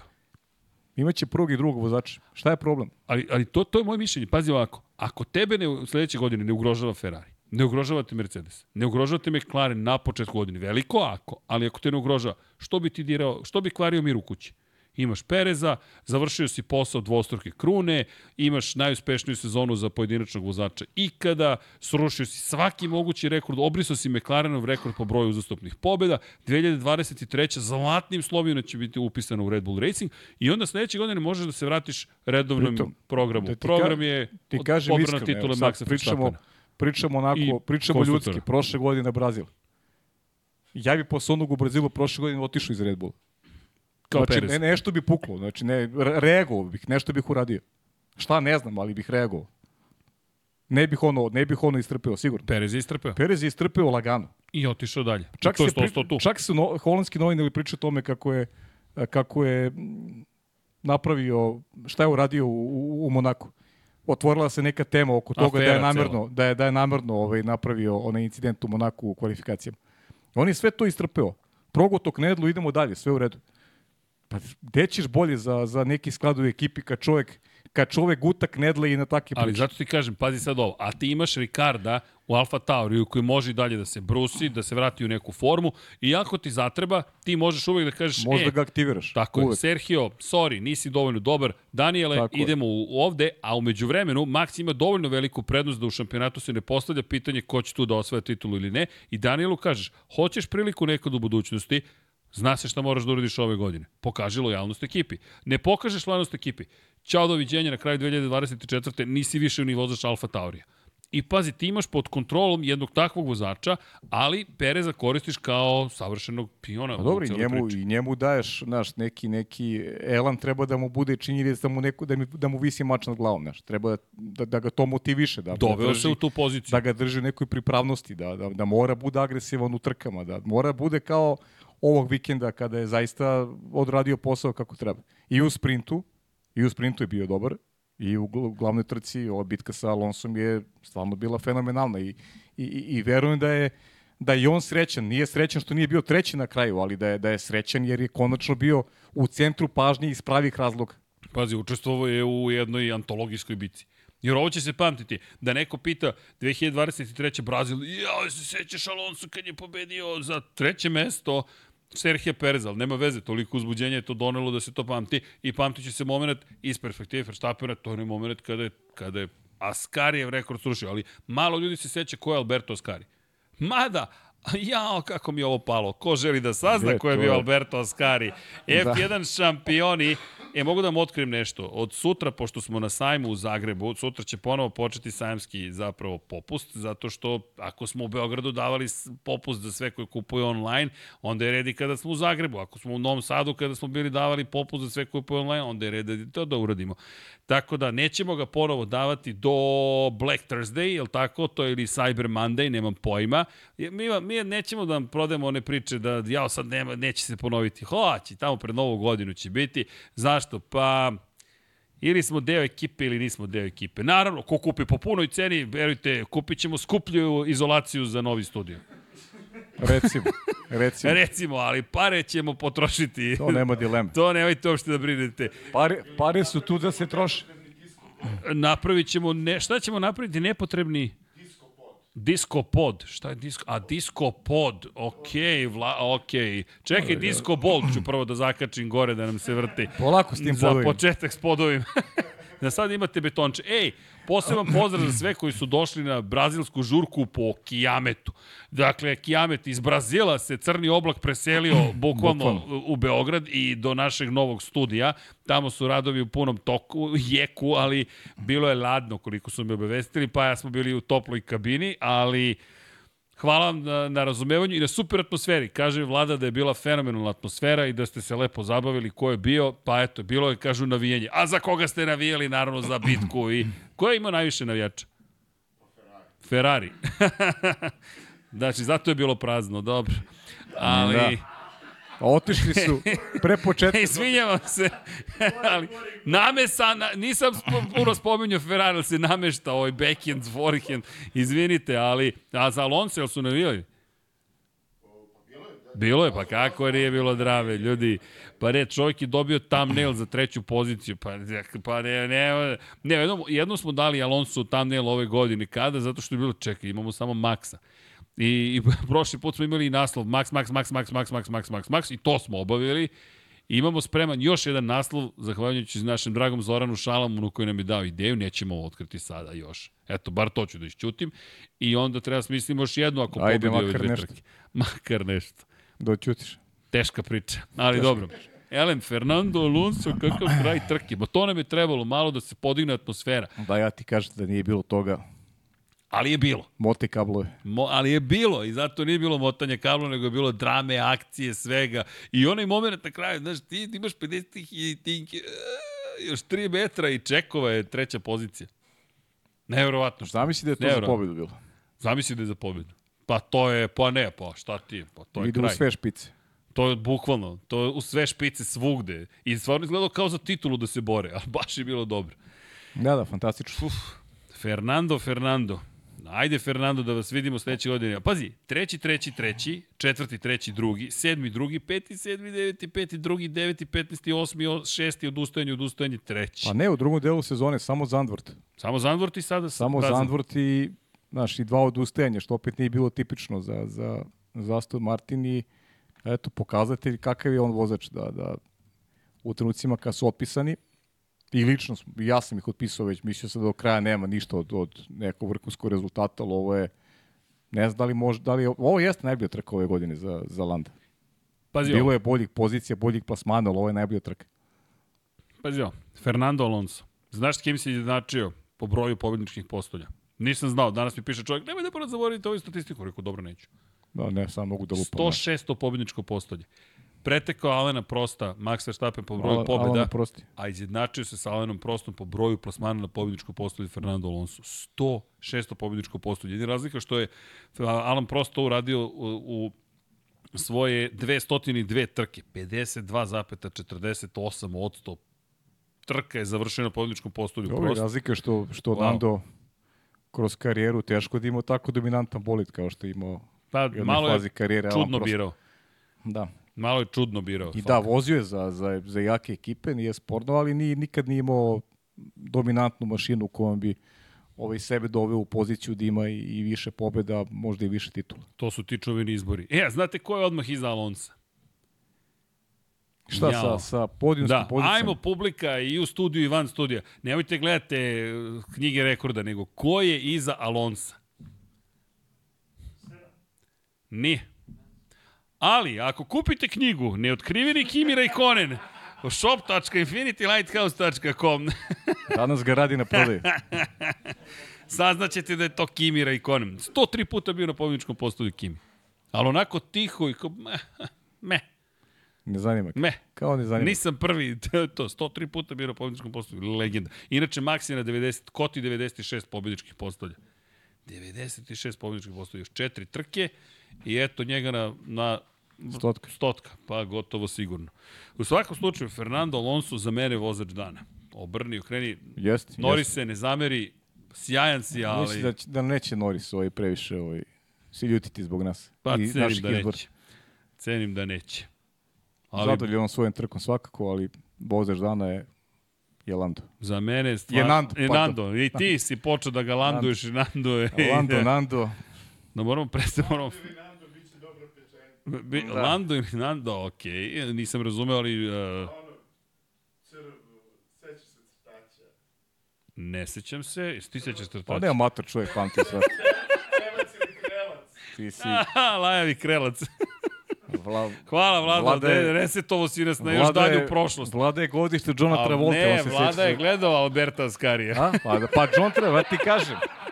John Travolta generacija, on, on znaš, e, pamti svašta. E, to nismo ispričali priču. Znaš, znate, znaš zašto je, uh, Horner je to otkrio, zašto su pustili Toma Jonesa zapravo Maxu Verstappen? Ne, ništa nisam to vidio. Pazi foru, po, posle trka u kartingu, su slušali, voleo da sluša Toma Jonesa kao klinac. Pazi, on ima 26 godina i Horner je rekao, očekivao sam da, da će tražiti neku drugu muziku, ali ne Toma Jonesa i pomislio sam nešto mladalački da će da, da traži, međutim njihov, njegov otac Josi je rekao ne ne, pustite mu samo Green Green Grass, of, Green Green Grass i to je to. Kaže, šok njegov, kaže, očekivao sam, ne znam, Spice Girls. Haha, mora da spomene svoju dragu. Jel? Izgleda da tata, čeka, da tata sluša Toma Jonesa. ne, ne znam. Ne, ali pazi sada Horner kao Ed Sheeran, kao to, to se sluša, misli se, e, Kristijane, stariji si od mene. Ali, ali, čak. Da, čak, da, ali ne, i onda su upustili Toma Jonesa i dobro, bilo je zabavno. I le, lepo je bilo otkriti taj jedan... Dobro je da smo ostali do kraja ovaj, u, u direktnom e, prenosu. jeste, nismo Mogli ni... smo to da propustimo, da, da. pazi, nismo, nismo imali pojma, ono je već je bilo praktično odljeven prenos i oni su ga Oni su ga odjavili. odjavili i samo odjednom dobijaš sliku. Ali nas dvojica nećemo da izađemo iz kabine. Nije nam se izlazilo, da. nije nam se izlazilo, da, da, posle svojeg uzbuđenja baš se nije izlazilo. Da, mi volimo malo da ostavimo da prokomentarišemo, da kažemo jedan Pošto drugom. nismo dovoljno u podcastima. Da kažemo onda. jedan drugom ovaj, da li smo zadovoljni ili nismo zadovoljni. Da, da, da, ne, pa mi sednemo posle toga, onda onako utisci se slegnu, ok, smo uradili ovo dobro, nismo, gde smo grešili, šta da smo grešili. E da, ne, ko- koliko uh, je bilo poruka za Kevina Magnusena i slomljeno oslonjenje. Ljudi, čoravi smo ponekad, stvarno, nema, Da, nema da, opravdanja. da. Nismo videli da je A ne puklo ono je zadnje brzini, levo a, a oslonjenje. hoćeš da hoćeš da vidiš sve, a u principu E, ali možemo kao Mika Hakinen što kaže, znaš, vozač se uvek vadi na bolid ili na nekog drugog. Mali ekran, ljudi, zbog toga. kad bi ljudi videli koliko je to Ja, stvarno stvarno kad mali bi videli koliki je ekran, ovaj, ovaj laptop je veći od onog bukvalno, ekrana. bukvalno. Ja, evo imate svedoka živog, dakle, bukvalno to je oliki je ekran otprilike. Ja mislim su Ko, ko, tableti ko veći. tranzistor, ko tranzistor. A ti, Tranzistor sa a, slikom, tranzistor sa slikom. Još nas dvojica, ali A dobro. nije, nije opravdanje, stvarno. Nije opravdanje, nema opravdanje, naravno. Pa naravno.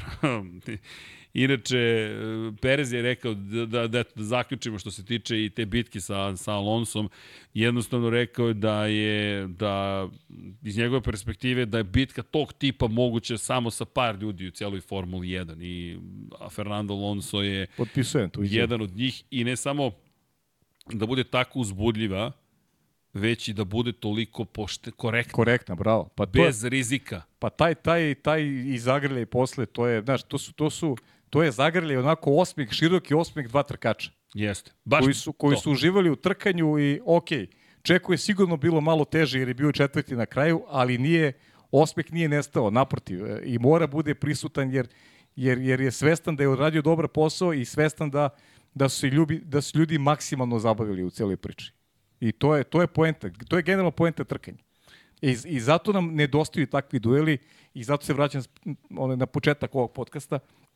Ne želim više nikad ovakvu godinu da se ponovi uz dužno poštovanje Maksove štapu i njegovih rekorde, ali ajde dečku uspori malo ili vi ostali uradite nešto da, da, da dobijemo, da dobijemo, da uvodimo dobijemo veću invertni zabavu. start samo za Verstappena. Pa ne, ali ovo, taj sprint, sprint, znaš kako? Ne, ne, ne, je sprint. Invertni start samo, samo, za njega. Max, ali generalno sad kad mi kažeš inverzni start, ja se opet vratim na, na, na ovaj, kako se zove, na taj sprint format koji mi je generalno katastrofa i, i, i šta je samo doneo sprint? Pa sprint nam je doneo e, priliku da svi zajedno koji pratimo ovaj sport nacrtamo kako će trka izgledati. Naravno, ne možeš da, da znaš da će neko se pokvari, ali, ali možeš da predvidiš e, da predvidiš ove okolnosti u trci, da predvidiš ko tu ima dobar tempo, da, da, da generalno znaš na ovoj stazi ovaj, ko ima šanse za podijum i jedina anomalija a, tih svih naših predviđanja je čovek ovaj, koji je zauzeo glavnu ulogu u ovoj našoj priči, to je Fernando Alonso sa onom fantastičnom odbranom i, i, i kasnije napadom kad je to bilo potrebno. On je, on je perfektno sve radio. Ovaj, kad je trebao, branio se, kad je trebao napadne, napao je i ovaj, i oduševio nas, učinio nam trku nezaboravno, bukvalno. Perez, da nije bio i on toliko dobar, ne bismo Ma imali ne, za trku ne, potrebno, ne. je dvoje, potrebno Tako, su dvojica, uvek, tako da i njemu pohvale sve. Kapa Neko dole. mora da bude gubitnik i Perez je rekao, voleo bih da bi sam bio na pobjedičkom postoju ili ništa drugačije ne bih učinio. Znamo svi da Alonso voli da igra igre na sve moguće načine, ali uvek je fair. Tako uvek je. je korektan Ma, i da. to je bilo lepo čuti, kao što si divno opisao, dva sjajna trkača Jeste, u Brazilu i jeste. to je ono što je bilo fenomenalno. Nije baš sve bilo fenomenalno, samo pre nego što dođemo do Mercedesa, ne brinite Ferarijevci, vi ste pošteđeni, bukvalno da. pošteđeni. Ne, ne, ja, zaista, evo samo kratko što se tiče Ferrari. Čak nije ni smešno. Čak nije više ni tužno ni smešno. Gledati Charles Leclerca kako prijavljuje, nema hidruliku, kako je u zidu zaglavljen i kako on ima elektropogon, otprilike da se dotetura tamo iza kulisa. Pa, Srki, ne, ništa, ništa nije bilo smešno u suštini. Ništa. Jer, jer znaš šta, smešno je, znaš kad je smešno? Kad, kad ekipa napravi neku kardinalnu grešku, kad ne podrži vozača, kad vozač možda napravi nešku, neku početničku grešku. Ovo je tužno, ovo nije, nije smešno, zaista je tužno. Znaš, generalno da imaš tako dobar učinak kvalifikacijama i da ne dobiješ priliku da, da, da kreneš uopšte trku. Ovo se Šarlo već događalo. Si setimo si Monaka, pol pozicije. Ove, mnogo toga ovaj neštima u Ferrariju, a, a Carlos Sainz je pokazao generalno kakav tempo ima ekipa.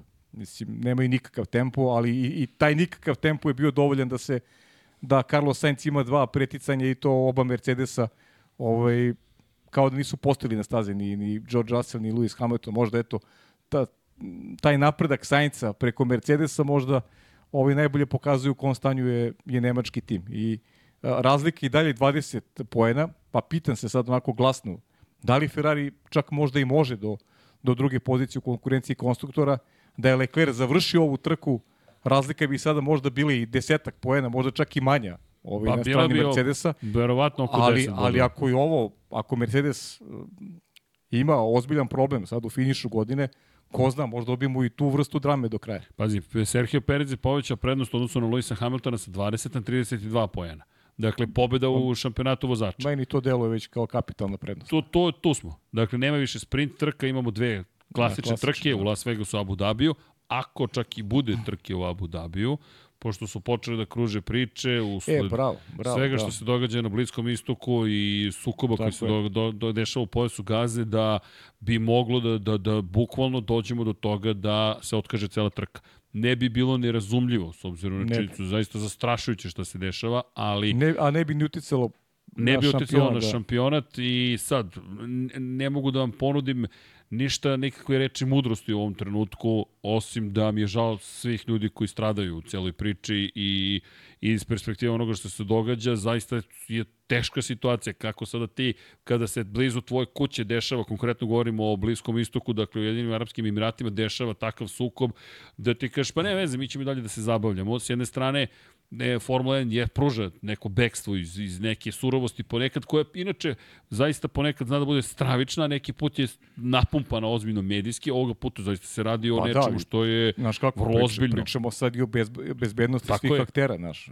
I, da li će nekom ljudi, pasti na pamet da pa, iskoristi Formulu 1 da Baš kaže, tako. čekaj, imam neku poruku za vas. Pa i ljudi, i ljudi koji, koji to gledaju u krajnjem slučaju, oni koji žele da, da plate ulaznicu i da uživaju u, u spektaklu, znaš. Tako, tako da, da to stoji pod znakom tema, pitanja. Da i ne tema. znamo da li će biti trke u Abu Dhabiju. Dakle, za sada se o tome blago priča šuška, ali nemojte se iznenaditi ukoliko poslednja trka ove godine bude otkazana i ukoliko Las Vegas bude zapravo velika završnica sezone. U Las Vegasu neće biti zaustavljanje show, nema šanse da stane. Ljudi, oni su upalili već logotip Formule 1 na krovu glavne zgrade i nema veze što se građani Las Vegasa bune, protestuju na sve strane u gradu Kocke, da ne kažemo greha, Sin City popularni, rekao bih da je novca dovoljno da se show neće zaustaviti.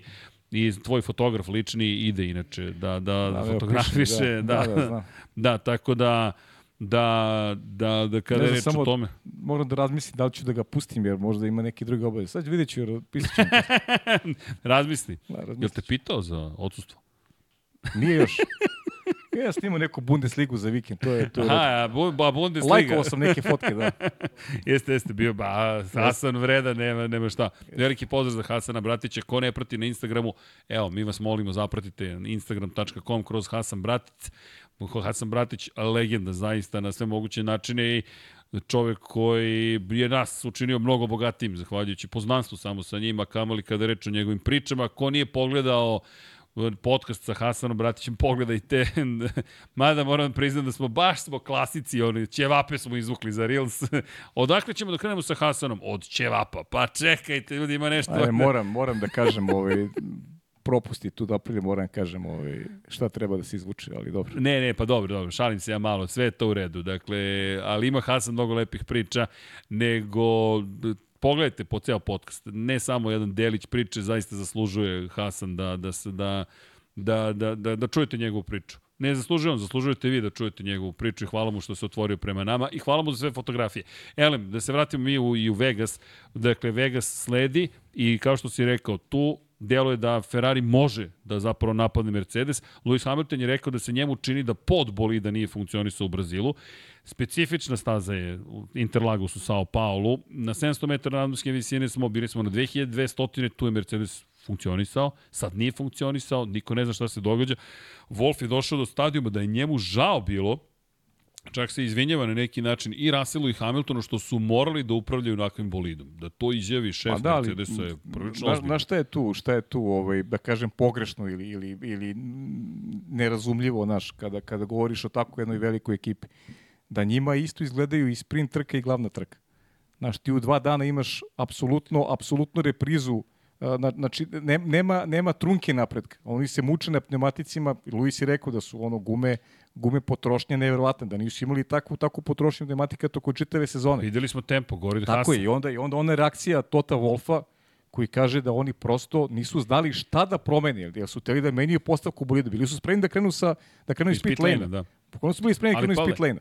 Ali ajmo ovako, mogli su jednog vozača, da jednog vozača kaže, ok, ajmo potpuno promene, moraš da naučiš nešto, mislim da je propuštena prilika da se uči. Ako to zameramo Ferrariju, kako Tako ne je. rizikuje, zameram isto i Mercedesu. Da, pa da, oni Kakav su čak, znaš, oni, oni, oni, oni kroz, kroz strategiju stvarno zaslužuju pohvale, jer, jer su oni su pokušavali za razliku od ostalih timova čak i da pobede, ali prosto nije bilo materijala. U neki trkama je Luis bio bio bliz Maxu Verstappenu, ali ovo je sada baš ono povratak na, na početak sezone. Bacit ćemo pogled na strategiju, baš i kada govoriš o tome šta su sve pokušavali, Mercedes je zaista generalno, ajmo ovde da vidimo, dakle Hamilton u 18. krugu menja gume. Hamilton je promenio u 18. krugu gume. Inače, zanimljivo, Hamilton je tražio tvrde gume na kraju. Jedini yes. čovjek koji izgovorio da što mi niste stavili na tvrde gume.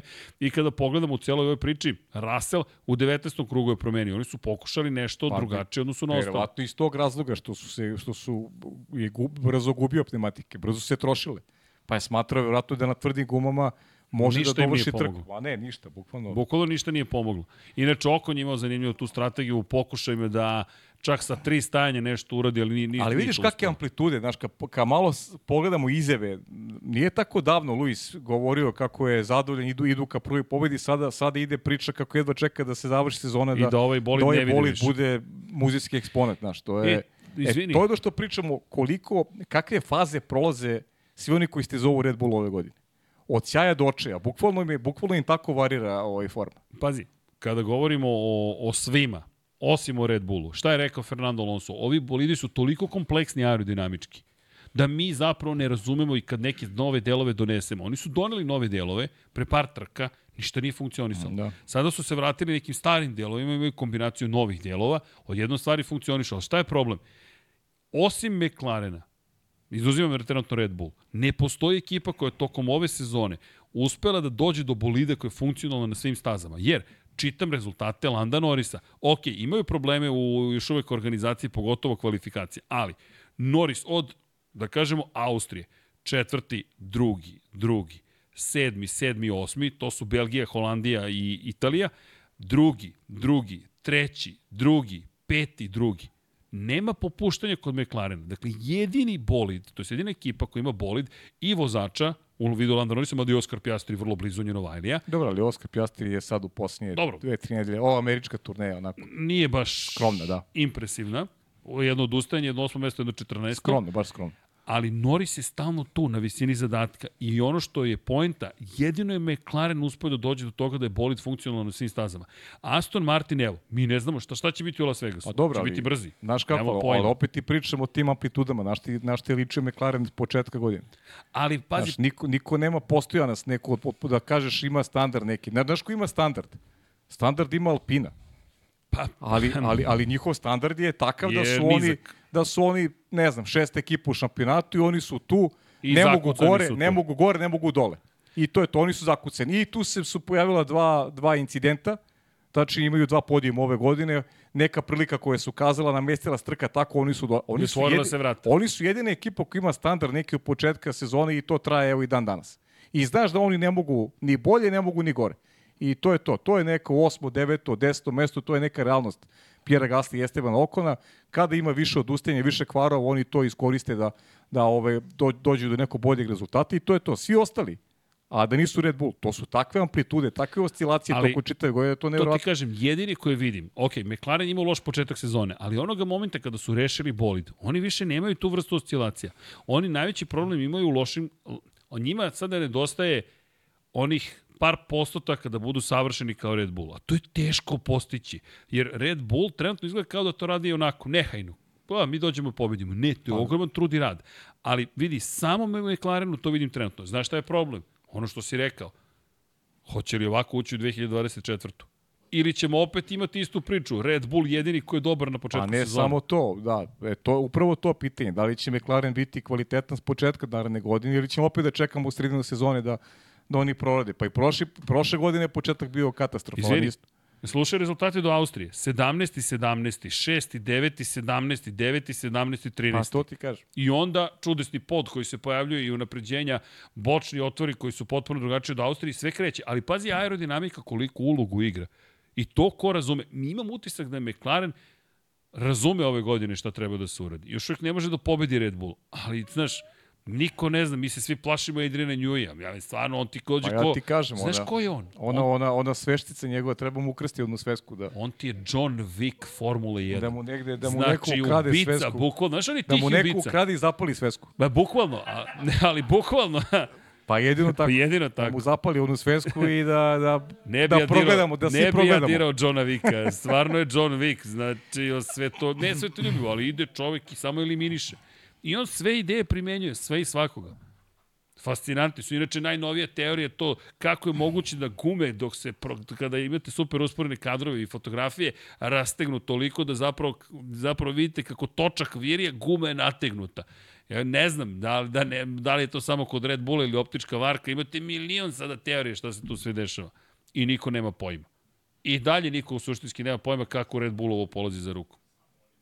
Pa, I zato, ne znamo zato, da ćemo ikada Pa otkreći. zato imaju toliki zaostatak svi ostali što nemaju pojma. I još pride Max koji ne greši, što to lepo koristi, tako dalje. Ali Mercedes, pa jo, u pravu su. Ja mislim da je ovo baš lepa bitka sada između Ferrari i Pa Mercedes. da, jeste. Naš, Ozbiljna I to bitka. pritom dešava se o odlazak Majka, Majka Eliota iz ekipe. Da, to nismo ti stigli ja da Pa prokomentarišem. dobro, pričali smo o tome i, i, u- i, U prenosu i u prenosu pričali. i pričali smo i u, i u treninzima. Ovaj, ne znam, znaš, mene, mene to sve zabrinjava više iz pozicije naredne sezone. Sad, znaš, ova je rešena, pa je rešena i, i, i zabrinjava me i taj, taj moment gde, gde je Red Bull kažnjen i trebalo bi da se oseti u drugom delu sezone. To sam pričao kroz, kroz prethodne podcaste, taj, taj nedostatak vremena koji ima u vazdušnom tunelu, da, da drugi smanjuju tu, tu distancu, odnosno na Red Bull, ti dobiješ onda Pa da, jednu brutalnu trku u Brazilu gde, gde, gde je Red Bull tempom uh, pocepao opet Ali konkurenciju. Pajo, seti se šta su radili polovinu godine. Pričali smo o tome. Za one koji eventualno to nisu ispratili, gde je Red Bull ponovo našao rupu u sistemu. Vi imate ograničeno vreme testiranja aerodinamike samo spoljašnjih elemenata. Šta to znači? Vi možete da testirate unutrašnje elemente aerodinamički koliko god hoćete. Šta radi Red Bull? Izvinjam se, jeste ovo model stariji, ali poslužit će, dođi vamo, ako možemo da lepo to vidimo, mada ovde toliko ima dela. Dakle, ovi bočni otvori, tu su hladnjaci ovde, dakle, mi govorimo, ovde hranimo, jel te, motor, međutim, ovi bočni otvori, šta su oni radili? Oni su vršili testiranja unutrašnjih, dakle, unutrašnjih elemenata, Ali šta je poenta? Vi time što testirate unutrašnje elemente, vi na neki način možete da testirate zapravo i ponašanje vazduha, kako prolazi kru, unutra i spoljašnjih elementi možete da pravite korelaciju. I Red Bull je onda našao rupu u sistemu, imaš neograničenu količinu testiranja bo, bočnih strana iznutra. I šta si uradio? Pet puta su promenili bočne strane ove godine. Pa dobro, ali Pa okej, k- koriste, koriste sve I mogućnosti koriste koje se ukazuju. Okej, ali ti kažem opet s druge strane, Znaš, imaju i drugi priliku da koriste sve to, pa, znaš, Vidi, postoji... samo hoću da kažem- To, to, su, to je, pazi, to je, to je re, realna stavka. Ta Jeste. priča je realna stavka, da ti imaš neki deficit koji je ozbiljniji u odnosu na, na konkurente. I ti dođemo onda dve trke pre kraj sezone gde, gde oni lete stazom, a ovi stoje u mestu. Znaš, mislim, karikiram sad, ali, ali, Ali to je stvarno, znaš, tu nemaš... Ali hoću ti kažem da uvijek nađu koji načina. negde, negde parira tom tempu. Samo je Lando uspio da parira donekle tempu. Vidi, taj moment kada su to uradili, kada su uveli ovu usnu praktično koju, koju sad svi kopiraju, kada su počeli promenili, inače da bi Pa to da, ti funkcionisalo, ti is- sve unutra moraš da promeniš. nešto od njih i onda gospodin sa svešticom smisli nešto novo i stalno je za korak ispred, znaš, to, je, to su sad, Jeste. znaš, on, one sad dok oni kopiraju ovaj, ovaj Red Bull, on već ima u glavi sigurno i toga, Sledeći. ja se brin, najviše me plaši njegov mozak, znaš. Pa, pa to ti kažem, svi se... Pra... Pa jeste, Pa pa ne, stvarno je to John tako, Wick, da, Formula stvarno. 1. On čovjek, je imaš, imaš Genijalac. ne fair prednost. Ne, ne, ne, fair ne prednost. prednost, ne fair majke prednost, da. cheat, ko, cheat mod, ukucaš Adrian To ti je Newey. sad kao, e, pa imaš Njuja, daj ga meni pa da vidimo kako će bude. E, pa ne dam. Ne znam. E, pa, Naravno, ali- to se a- čuva, to blago se čuva. E, osim ako nisi Ron Dennis koji je došao da mu malo, malo preti, malo da malo bude malo tvrđi prema Adrianu Njuju i onda došli iz Red Bulla i on je rekao, ok, ajde da ja ovu ekipu mogu pretvoriti u šampionsku. Ne da je pretvorio u šampionsku, nego evo Eto, šta je napravio od Liminki? leteće. Leteće Liminki. Leteće, stvarno svaka Bukvalno, čast. Jeste. Ne, spektakularno. Inače, slušaj ovo, glasanje, 624 glasa, uskoro zatvaramo anketu, pa ko želi može još da glasa. 33 od 100, 34 u ovom trenutku Ferrari, 32 Red Bull, McLaren 23, 24 upravo i 11 neko četvrti. Drama. A sad samo da, da, da, da pokušamo, ljudi, 600 glasova je u nekoj statističkoj analizi prilično velik uzorak. Sad ne znamo ko je, ko je godišta, gde je živi, kako i tako dalje. Ali ljudi, kada, ozbiljno, to je veliko, to je, znate i sami, to je ozbiljan uzorak. Dakle, vi na ovome projektujete kada znate ko su učesnici u anketi, projektujete, ne znam, šta, skoro pa šta god želite. Ali, šta hoću da kažem, ovo ti pokazuje taj trend, da je Red Bull došao do toga da parira Ferrariju po pitanju popularnosti. Znaš, to je, ne, to je Pa gotovo neverovatno. Ne, ne, znaš kako, ja sad e, malo drugačije gledam Dobro, dobro. anketu. Gde bi sada prešao, to je neko pitanje bilo. Dobro. Pa logično. Aha, okej, pa, mislim, pravo si. Zar nije Šta logično više, bi prešao ko- u Red koga više Mislim, volite? Znaš, to Čekaj, je, ajmo da to promenim je, anketu. to je log, logičan ovaj izbor. Pazi, Da- da i- promenim i ja bih, anketu. Pa čekaj, ti, bi, gde bi ti prešao sada, da kažem? Ja? Ti znaš mene. Samo gde su kamere. ti kod Ferrari, jesi lud, ide, pa šta ti je, brza fotografija, ide da se fotografiše. Šta ti je, upalite reflektore. Taruva, bahava, stigli smo u Italiju, Eto ga idemo. čovek. Modena. Pa je takmičac, Daj gde mi je? Ferrari. Daj mi Ferrari, malo da poziram, a? Pa nije, vidi, znaš, koji, koji ti izazov sad odeš u Red Bull? Pa A ti znaš, šampion. pa znam, ali ti znaš da ja volim te na teži način. Pa dobro, okej, to je lepo to na teži način, ali ovde ti se otvara prilika, neće da ne gledaju vozači tako na teži način. Pa Hoće dobro, prvu ali titulu. ja tako gledam. Pa Pitao dobro. si mene, znaš, ja bih bio u fazonu, mogu ja sigurno, isto bih se zaludeo kao i Leclerc, isto bih prošao kao Leclerc, isto bih propao kao Leclerc. Dakle, došao bih ubeđen da mogu da promenim Sad ću ti kažem, menadžment Ferrari. Leclerc. 100%. Ali vidi, a za koga nisam navijao tokom ovih godina, ajde molim te. Za, a ja samo za Logana Sargenta. Ja se ne bih zaluđivao, ja bih ovaj sad izabrao Red Bull. Ti si pragmatičan, ja nisam. Ja bih otišao ubeđen da mogu da okrenem Ferrari legende. Zamisli samo osviš jednu titulu s Ferrari. Pa pa je, ma kraj. Pa ne, ovako. Kakav Lando, kakav, Ferrari, kakav, kakav- Fernando. Fer, Ferrari Ovako. kakav je danas, to je za kraj karijere, znaš. Ne, ti je... pa dobro, možda, ali vidi, zamisli, je- složiti se kockice, osvojiš tu titulu. I? Kraj. Sviraj kraj. Ti si najveća legenda svih legendi. Pa zamisli to, pa ti, ti, pa ti si svestan. Ti si Jesam. Ferrariju vratio naziv svetskog prvaka. Znaš kada bi platio kapućinu Italiji više? Nikad. U muzej ulazim besplatno. Molim ja da platim Ne, muzej. ne, ne, ne plaćeš ga ni sad. E šta, lažno, ona Pa presa. ne, ne ideš u Italiju, ne ideš u Italiju. Tako, da. Znaš, ono, ja sam sportski novinar, pustite mu muzej. Pa ne, nego ne ideš u Italiju, zato ne plaćaš. Da, ne idemo u Italiju, nažalost, ali dobro, bit će prilike, bit će prilike. Ne, ali... Ali idemo u Španiju. E da, Espanja, mogli bismo, mogu bi i ti se malo da, na Moto Grand Prix testiranja po završetku sezone. Pa ne mogu ti Utorak. obećati. stvarno. Znaš i Ali sam. da odemo. Ne mogu ti obećati. Sad bih ti rekao nešto, onda bi to bilo uvrede, onda bi ovde krenulo, krenulo fajt. Da. Da vidiš prvi izlazak na, na, na stazu. Ne, Ovo ćemo ostaviti za moto. Ne znam koliko je realno, ne znam koliko je realno. Sam. Ali je okej, pa naravno smo pričali Znam, ranije. naravno, da, nemam- naravno, naravno. E, da pozdravimo Zorana Mladenovića, postoje upravo svetioričan. E, ali šalu na stranu, dakle, da, ja bih volao, kažem ti, da okrenem, zato što to, bi mi bio izazov. Isto, znaš koje je to razmišljanje? Nj- Njuj, zamisli Njuj, Njuj je otišao u Red Bull, kada niko nije verovao u to. Znaš, svi veruju u Ferrari da će oni biti ti koji će okrenuti Ferrari i doneti mu tu slavu. To je, moje mišljenje, je to neminovnost, da, da prosto, pazi, Hamilton je vuklo. Posle Ferrari svih može, titula, vučete, da, ali nije, vučete. nije, nije vozač dovoljan.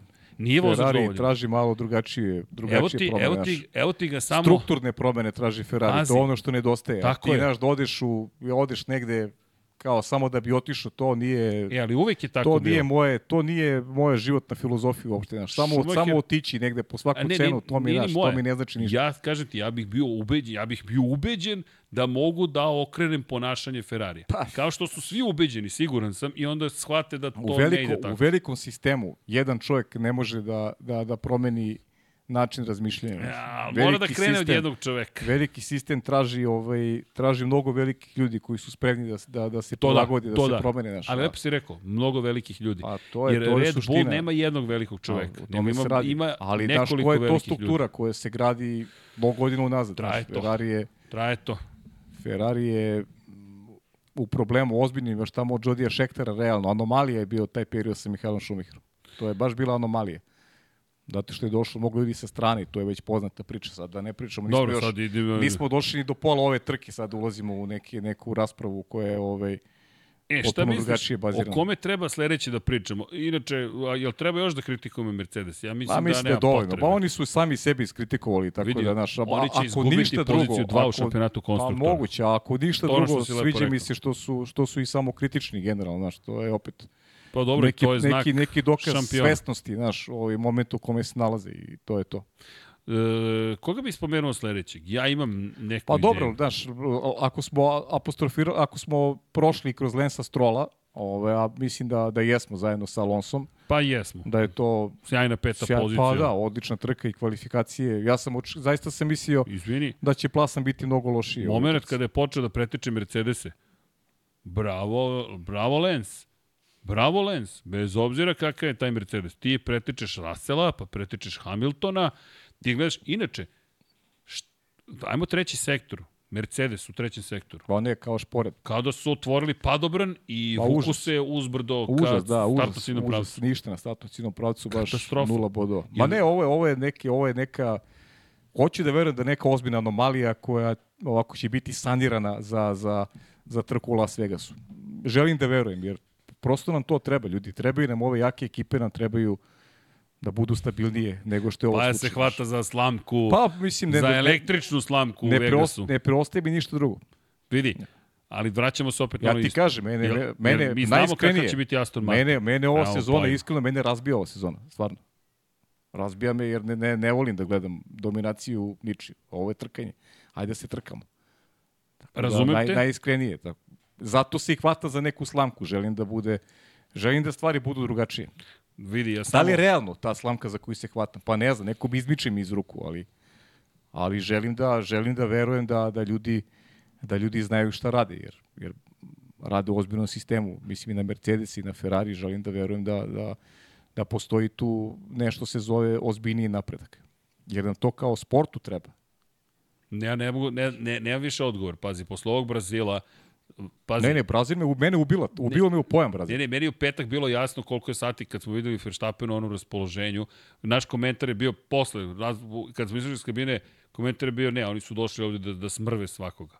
Bukvalno da kažu, ja mislim da su bukvalno pratili sve vesti koje postoji, svi su rekli Brazil, tamo će Red Bull, Brazil, tamo će Red Bull. Šta god su pratili, da su rekli, ok, šta god su pratili, ovaj, pocepali su konkurenciju na, na param parče. Ajde, samo, samo još jedna stvar. Aston Martin, mi nemamo pojma kakav će biti u Vegasu. Ne, ne, ne, pa nemamo ne znamo pojma ništa. kakav će biti pa mi, Mercedes. pa mi znamo samo Red Bull kakav će biti. I. McLaren. Ja mislim da možemo da, Pa- da, da, da gledamo ka McLarenu. Vrlo moguće. Ali... Ja mislim da McLaren već je u Dobro, toj zoni. bilo je ti, tih anomalija. Ti pričaš o standardu drugog dela sezone, ti, ta, ta, ta serija trka tamo Italija, Holandija, to je bilo vrlo skromno, znaš, tako da Dešavalo opet, se. pa, mislim, zato ti kažem, moguće Ali- se desiti opet. Ali znaš gde najviše greše? Najviše greše je upravo na onim sitnicama koje mene nerviraju u A kvalifikacijama. opet greše.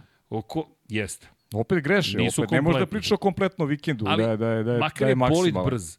Makar je bolid brz. Makar imaš oruđe koji možeš da se boriš. E sad, kompletirati ekipu, vraćamo se opet na jednu te istu priču. Nego, znaš koga bih ja spomenuo? Znam da ne idem baš hronološki, ali bih ja spomenuo iskreno Alpine. Moram ti priznam. Znaš zašto? Brzina Alpine na startnu ciljnom pravcu. Ja sam bio frapiran. Frapiran. Da, manji je otpor vazduha na, na nadmorskoj resini. smo Može tempo, molim te, Vlado, da vidite Alpinu. Možda je to skriveni onako moment, ali Pierre Ga Esteban, inače nismo spomenuli Esteban Okona i onaj moment iz sprint kvalifikacije kada je pogodio direktno.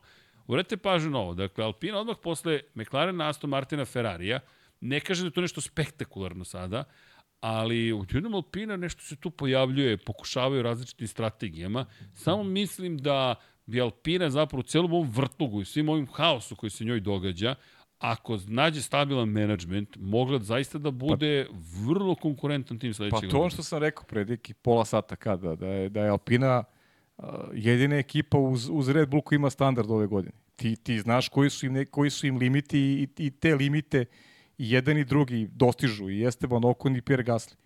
Znaš, to je samo njihova forma je, je varirala u smislu da je jednom momentu Ocon bio bolji, pa onda kako se bliži kraj godine, to je Pierre Gasly i, i tačno znaš da ono, ono što su očekivanja, oni to ostvare. A bilo je tu problematičnih trka, recimo Australija je prvo što im pada na pamet, onaj, onaj udes Dobro, to ih je koji, baš skupo pa koštalo. baš ih je skupo koštalo. I, pa možda i, i management ne... zahvaljujući tome i Pa tako je, možda, možda, ih je, možda ih je taj udes koštao da budu i bolji ove sezone, jer ne zaboravite koja je materijalna šteta pričinjena na, na oba bolida u tom trenutku, to je rana faza šampionata. Kao što ali, će da košta ovo, na primjer, ekipa Williamsa, sigurno, odustaje. Ali, ali opet, e, znaš, taj, i tokom, tokom sezone konstantno pričamo o tome da mene Alpina jednog momenta nije razočarala. A dobili su, svašta su prošli tokom ove godine. I taj incident i odlazak, odlazak polskog menadžmenta, dakle, e, dosta, dosta lomova unutar ekipe, dosta lomova na stazi, a imaš dva stabilna vozača koji, koji, koji isporučuju rezultate koji su potpuno, potpuno adekvatni onome što imaju rukama. I podrška maksimalna i svaka čast u bojici. Znate kada je to. poslednji put da Alpina nije osvojila poene? Poslednji put. Inače, u drugom delu sezone desilo se samo jednom da Alpina nije osvojila poene. I to je bilo u Monci.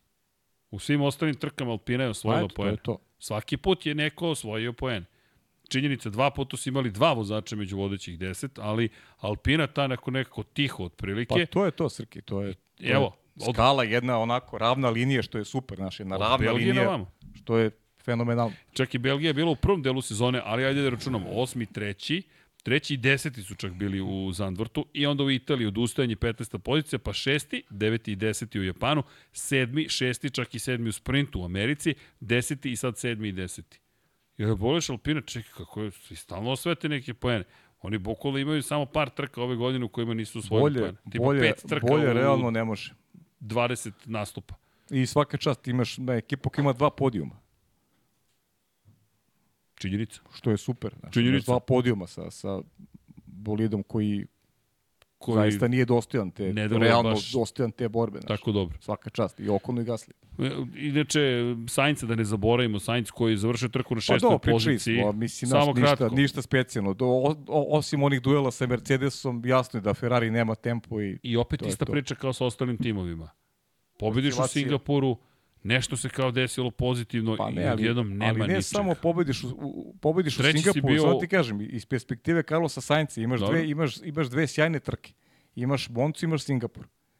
I posle toga ga nema nigde u duelima sa Charlesom Leclerom. Charles Leclerc ima jednu diskvalifikaciju Jeste. i ima, i, ima uh, či, i nije, nije počeo trku. On je, on je konstantno sporio od, od Charles Leclerca nakon Singapura. Jeste, od Singapura je stalno sporiji. Konstantno je sporiji. I inače treću poziciju u Americi nasledio kada je diskvalifikovan Charles Leclerc. Inače bi Leclerc imao dva plasmana uzastopne, ima, imao dva uzastopna plasmana na pobjedičko postavljanje, dve pol pozicije uzastopne i sada ko zna šta bi učinio sa druge pozicije. Verovatno bi bio na pobjedičkom postavljanju. Što bi bilo treće uzastopno postavljanje za Charles Leclerc. Grešiš, uh, Sainz je bio ispred Leclerca kad je diskvalifikovan Leclerc, on se popao na podijum zbog Luisa Hamiltona. A jeste, pogrešio sam, upravo on je, on je u finišu, Hamiltona. On je opet, opet je, on je pustio u finišu. Upravo si, bio je treći u sprintu. On je, on je pustio Sainca, Sainc ima novije gume i Sainc je krenuo poteru za Hamilton. Da, treći da, okay, bio u sprintu. Nema veze, tu smo, ajde. Sve, ne, ne, sve, ne, ali znam da je bio treći u Americi, samo što jest, je bio u sprintu. Jest. Pravo si. Taktika je bila pogrešna za Charles Leclerc. Charles Leclerc ima jedno stanje. Jeste, kada su ga pustili niz, niz vodu. Bukvalno su ga pustili niz vodu i onda je Sainca bukvalno ga je pustio, zato što je Sainz imao priliku da juri Hamiltona, nije uspeo na novim gumama, ali Jeste. je zaradio podijum zbog diskvalifikacije e, Lewis Hamilton. U svakom slučaju, Ferrari, isto kao i ostali, opet nije dovoljno, bukvalno nije dovoljno. Nije, nije. I onda imamo ostale bitke, manje više za poene. Šarenoliko je bilo kada je reč o osvajanju poena. Dobro, Juki, ono, pričali Juki, smo Juki, le, lepa trka šesti još u sprintu. Da, Stvarno, svaka čast.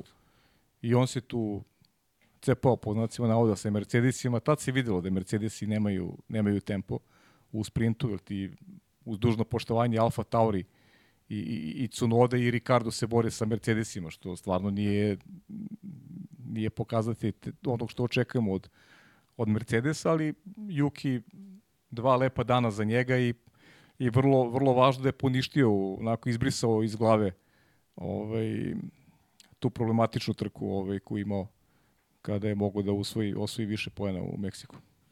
Znači, mogu da osvoji poene, a znamo kako je završio. Inače, kada pričamo o, hajde, o Yuki Tsunodi, Yuki, kak, ne znam, meni je ocena da je stvarno Dan Ricardo najpozitivnija stvar koja se desila tom timu zato što da uticaju na Yuki, ali mislim da su dobili vođu. Iskreno, deluje mi kao da Alfa Tauri veruje u Daniela Ricarda, kao da nisu verovali zapravo u, u, u cijeloj priči do sada ni jednog vozača koliko u njega. Pierre Gasly nekako je bio to, ali Daniel Ricardo je počeo da radi ono što, moj utisak sve više, ono što je radi, trebalo da radi u Renault, da vodi tim. I ti si sad dobio jedan mali tim, ali taj tim uopšte ne izgleda tako malecno u ovom trenutku. Alfa Tauri najzad izgleda kao, pa čekaj, ovo je neki tim koji redovno se bori za poeni. Meni se to mnogo dopada, moram ti reći. I mislim da je Cunoda dobio nekoga, ne samo koga inspiriše, nego od nekog koga može da uči. To je govorio Cunoda. Ako se setimo Đovinacije, Antoniju Đovinacije, gde je napredovao? Kada je seo Alfa Romeo sa Kimim Raikkonenom. Pazi, ti si dobio priliku da voziš sa Kimim. Sebastian Vettel je opisao Kimi Raikkonena kao prirodno najtalentovanijeg vozača s kojim je on nikada vozio. To kaže četvorostruki svetski šampion.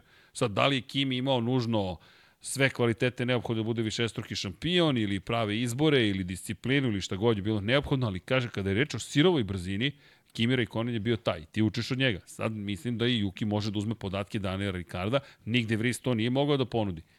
Znaš, isto kao Mick Schumacher, od koga mogu da uči? Od Nikite Mazepina. Tu nema napred. Pa ne, ozbiljno, ne, nema tu napretka. Došao Kevin Magnussen, ti počinješ da napreduješ. Sad došao Daniel Ricardo, Yuki Tsunoda to vuče. I meni se dopada, iskreno ja bih volio Ricardo da ostane u Alfa Tauri, ne zamerite navijačice i navijači Daniela Ricarda, zato što mislim da on može da pomogne toj ekipi da bude još bolje. Dobro, ja, znaš, ja imam malo drugačiji pogled, više verujem možda u mlade. Ove, ovaj, eto, imamo, znaš, i baš mi je drago da, da mogu da govorim sa, iz aspekta ove dvojce vozača koji su meni dragi. To su i Niko Hulkenberg i Daniel Ricardo. Ja bih volio da vidim u tim bolidima neke, neke, no, neke druge momke. Jer su obojci imali dovoljno šansi u Formuli 1, a ovde gubimo u perspektivi neke vozače, neke klince koji su dobri, imaju talenta, a nemaju taj talent gde da pokažu. Ja bih se recimo fokusirao na Liam Lawsona i on bi, on bi meni bio, bio izbor, kao što bih u Hasu imao taj neki balans starijeg i mlađeg vozača, a ne dvojcu iskusni koji u rezultatskom smislu mi ne, ne daš, daj, šta mi daju? Daju mi stabilnost u smislu da neće biti da neće biti ovaj nekih lomova na stazi, da neće biti ovaj incidenata koji će ovaj da da mi izvuku pare iz džepa. I to je to. Znaš, šta, šta je Haas dobio ove godine osim te vrste stabilnosti sa Hulkenbergom i, i sa Magnusom? Pa pazi, Znaš, u jednom trenutku, ok, delovalo ja, je bolje nego sad. Ja bih kažem ti, volo, okay. bih, volo bih da vidim neko, imamo zaista mnogo tih mladih momaka koji, koji prete, a opet ne dobijaju šansu. Ali, znaš, a volo mi... bih da vidim tu priliku da do, evo, Liam Loss dobio četiri trke, sjajno. Ja, e, ali vidi, uh, jedina zašto mi se menja mišljenje o Ricardu, zato što ovo što vidim mi deluje kao da je zaista pozitivno za cijelu ekipu. Ne vidim da bi Liam Lawson mogao da vodi ekipu na taj način. Možda grešim, slažem se s tobom, Ali prosto, ajde da iskoriste Ricarda kada su ga već iskreno, ubacili. to, to nikada nije bio ni koncept Red Bulla. Znaš, kada bi ti video da je Max Verstappen uh, talent da nije dobio šansu da, da uh, dobio, je neku, dobio je neku specijalnu licencu da vozi kao, nije prošao ni taj put Formula 2, Formula 3. Znači ti si verovao u nečiji talent i ti si to eksploatisao do, do granica da imaš sad jednog od najboljih svih vremena. On je dobio šansu kao, ne znam, šest godina mlađi od trenutno Lijema Lawsona. Da, recimo, ali vidi, ko je dobio šansu, ne, ne, ali pazi, znaš šta je, postoje periodi različiti. Oni uvek traže tog jednog. Kada ga nađu, nema više uvođenja mlađih. Jer ti kako pogledaš, Sebastijana Fetela su tražili. Onoga momenta kada su ga našli, kraj, nema pa ubacivanja pa dobro, novih su, mladih. Ali, ok, ali su eksploatisali, ibo si ti tu i Pjera Gasli, ibo si Alex Albona. Ne, ne, ne, to je došlo sve kasnije. Momke. Ok, ali, ali si imao momke koji su dobili šansu. Ali vidi, to dolazi... Nikada, nikada, nije bio, nikada nije bio projekat njihov ali ne znam, osim dolaska Pereza nije bio taj kao da da vraćaš neke stare vozače koji su ne da već potrošeni, znaš, već su potrošeni, bukvalno. Ali ne guraš nove, pazi. Vettel je bio sa, sa Markom Weberom, dakle, e, kada su oni ubacivali nove vozače? U potrazi za tim sledećim. Kada su ga našli, to je to ti juriš tu stabilnost onda. Jer ako pogledaš, Vettel je došao u momentu kada je tu Mark Webber. Bitka ko će to da bude bolji. Kako je svoju titulu 2010. Kraj. Oni su ga već gurali 2010. Prednje, krilo, izjave, podrška i tako dalje. I on osvaja jednu, drugu, treću, četvrtu. Ne menja se tim dok Weber nije otišao u penziju. I onda dolazi Daniel Ricardo, 2014. I ka, šta radi? On obara Sebastijana Fetela koji odlazi u Ferrari. I tad počinje epopeja. Kvijat, ne Kvijat, Max Verstappen, Daniel Ricardo, ali nema titule. Kako je Max osvojio titulu, i to sa Perezom, ti juriš stabilnost. I ne vraćaš nijednog mladog vozača više. Nema više, pazi, Perez je tu, evo i ti si sam rekao, Perez mora da ostane. Nema tu mladih vozača. U Red Bull neće mladi vozač ući dok je tu Max Verstappen. To je moje mišljenje. I nema potrebe. I nema potrebe. I sve okej, okay. ali ti zato za Alfa Tauri ti treba iz mog ugla neki Jasno mlad vozač naš Hoćeš da strateški, da kažeš, strateški da imaš nekog, sve. Ali ja mislim je, da oni to neće sledeći. ni pokušati. Šta će im? Pa, znaš, treba znaš, neko... dok traje ova era, šta dok, će ti? Imaš dve godine, ali imamo Losana možda bude zamena za... Za, za koga? Pa za, za Čeka Pereza. Pereza. Ali što bi ti Max ubacio takvog talenta u ekipu? Zašto bi mu ubacio tog takvog talenta u ekipu? Zašto bi... Otko znaš da će Max dostane da u Red Bull? E, to je već sad, znaš, ok, ali vidi, trenutno ti imaš projekat koji se zove Max Verstappen. I ti ga guraš dokle god možeš. Ja čak ne znam ni šta će im Alfa Tauri, oni su bili odustali, ne znam kako će se zvati Alfa pa Tauri. Pa ne znam, to ćemo da vidimo. Znaš, samo, jer vidi... Kaže ti, generalno plasmanu, sada pričam generalno o, jasno, jasno, jasno. o, o cijeloj konstrukciji, znaš, kako, kako timovi razmišljaju, znaš, da, da, nedovoljno prilika dobijaju ti mladi momci koji imaju talenta. Ranije to, je, to bio, a, a, ranije je to bila neka forma, znaš, koja, koja je uzimana onako, što se kaže, zdravo za gotovo. Kad neko napravi neki dobar rezultat u Formuli 2, on automatski dobija šansu u Formuli 1 i, i malo mi tu nedostaje, pa evo, Oskar Pjastri. Greota bi bila da, da dečko da ne vozi ove godine. Ali kako, mora da, mu, mora da mu da šansu da pokaže da je, da je talentovan. Pa to je čuveno. To mi koji gledamo Formulu 2 znamo da je talento. Sad je svet vidio ne da je talento, nego da je, nego da je stvarno jedan ono debitant, jedan od ozbiljnijih debitanata u istoriji Formule 1. A to smo pričali. Daću ti posao ako imaš iskustvo. Pa dobro, kako da dobijem kako iskustvo? Kako dobijem iskustvo? Šta da radim? Gde da ga steknem? Pa kad ga stekneš ti se javi. Pa znam, ali ko će da mi da prvi posao? Man, ljudi, dajte mi priliku, pa to. onda idem gradim neku karijeru. Ja, vi, Razumete? naš, više gradim ali, naš, to, to, to, to, to razmišljanje na temu tih naš mladih ljudi koji koji treba dobiju šansu, a, a, a imaju talent. Meni se ovo... Liam Lawson, fenomenalan. Pa znam, ali vidite Alfa Tauri kad su počeli da Pa znam Alfa da Tauri, Alfa Tauri, šta je počeo da radi? Alfa Tauri dolaskom Ricarda je unapredio bolid. Jeste. Daj mi, daj mi Ricarda s početka godine. Da li bi se razlikovao od nikad De Vries kažu da je on taj koji je dao te povratne informacije. Dobro, kažu, da. Znaš, ne znam, sad možemo samo da im verujemo. Hype se ceo pravi oko, oko, oko Ricarda i pogled okay. koliko mi pro, znaš, koliko mi trošimo. Po, po, a ja ti kažem, ne, ne, ne vidim okay. razliku između rezultata njegovih i Cunodinih. Ok, kazat ćeš, ali Dobra, nije dugo znaš, vozio, ali samo ti kažem. Dani Cunodin. A nećemo da poredimo Ricardi i Cunodu. Po talentu i onome što stroji daju u Formuli 1. Niti po onome što bi morali da donesu sa sobom. Upravo to. Tako da, znaš, nisu istom košu. A opet, ne vidim, ne vidim razliku u rezultatima, ali dobro, ajde, to dobro. je sad neka, neka druga dobro, tema. Ovo je zanimljivo, znaš, da vidimo gde će, stalno, da. će, gde će, da, ali da. vraća, nekako vuče, ima ko crna rupa, magnet, gravitaciju zapravo, ne magnet. Um, ima tu još nekih stvari koje treba spomenuti. E, Haas bih spomenuo, ali ne toliko samo zbog toga što je ovo bila loša trka još jedna za Haas, koliko zbog toga što se Haas takođe bavi trkom u Teksasu zapravo. Ne znam da li ste ispratili, ali da, da, da, Haas da. je podneo žalbu Tako zajedno je. sa snimcima brojnih bolida koji su silazili van staze, a koji nisu kažnjeni vremenskim kaznama, Jest. za koje smatraju da su morali da budu kažnjeni i koriste pravo pa da, na žalbu. I neka istraga je pokrenuta sad po tim pitanju. Možda će, možda će izgledati poredak ovaj, drugačiji. Da, i Texas... Ima tu spisak vozača koji su pod Jest. istragom. Mislim da, da je tu i Russell, da je tu... Ne mogu se ja setim tačno, ali možeš ti da pronađeš vest. Uh, sad ću da vidim, uh, sad ću ti reći... Da li su Noda? Perez, Albon, Sargent i Lance Stroll. Aha, Perez. A nije Russell? Ne, sad ajde da vidim da li mogu da nađem spisak sada, čekaj.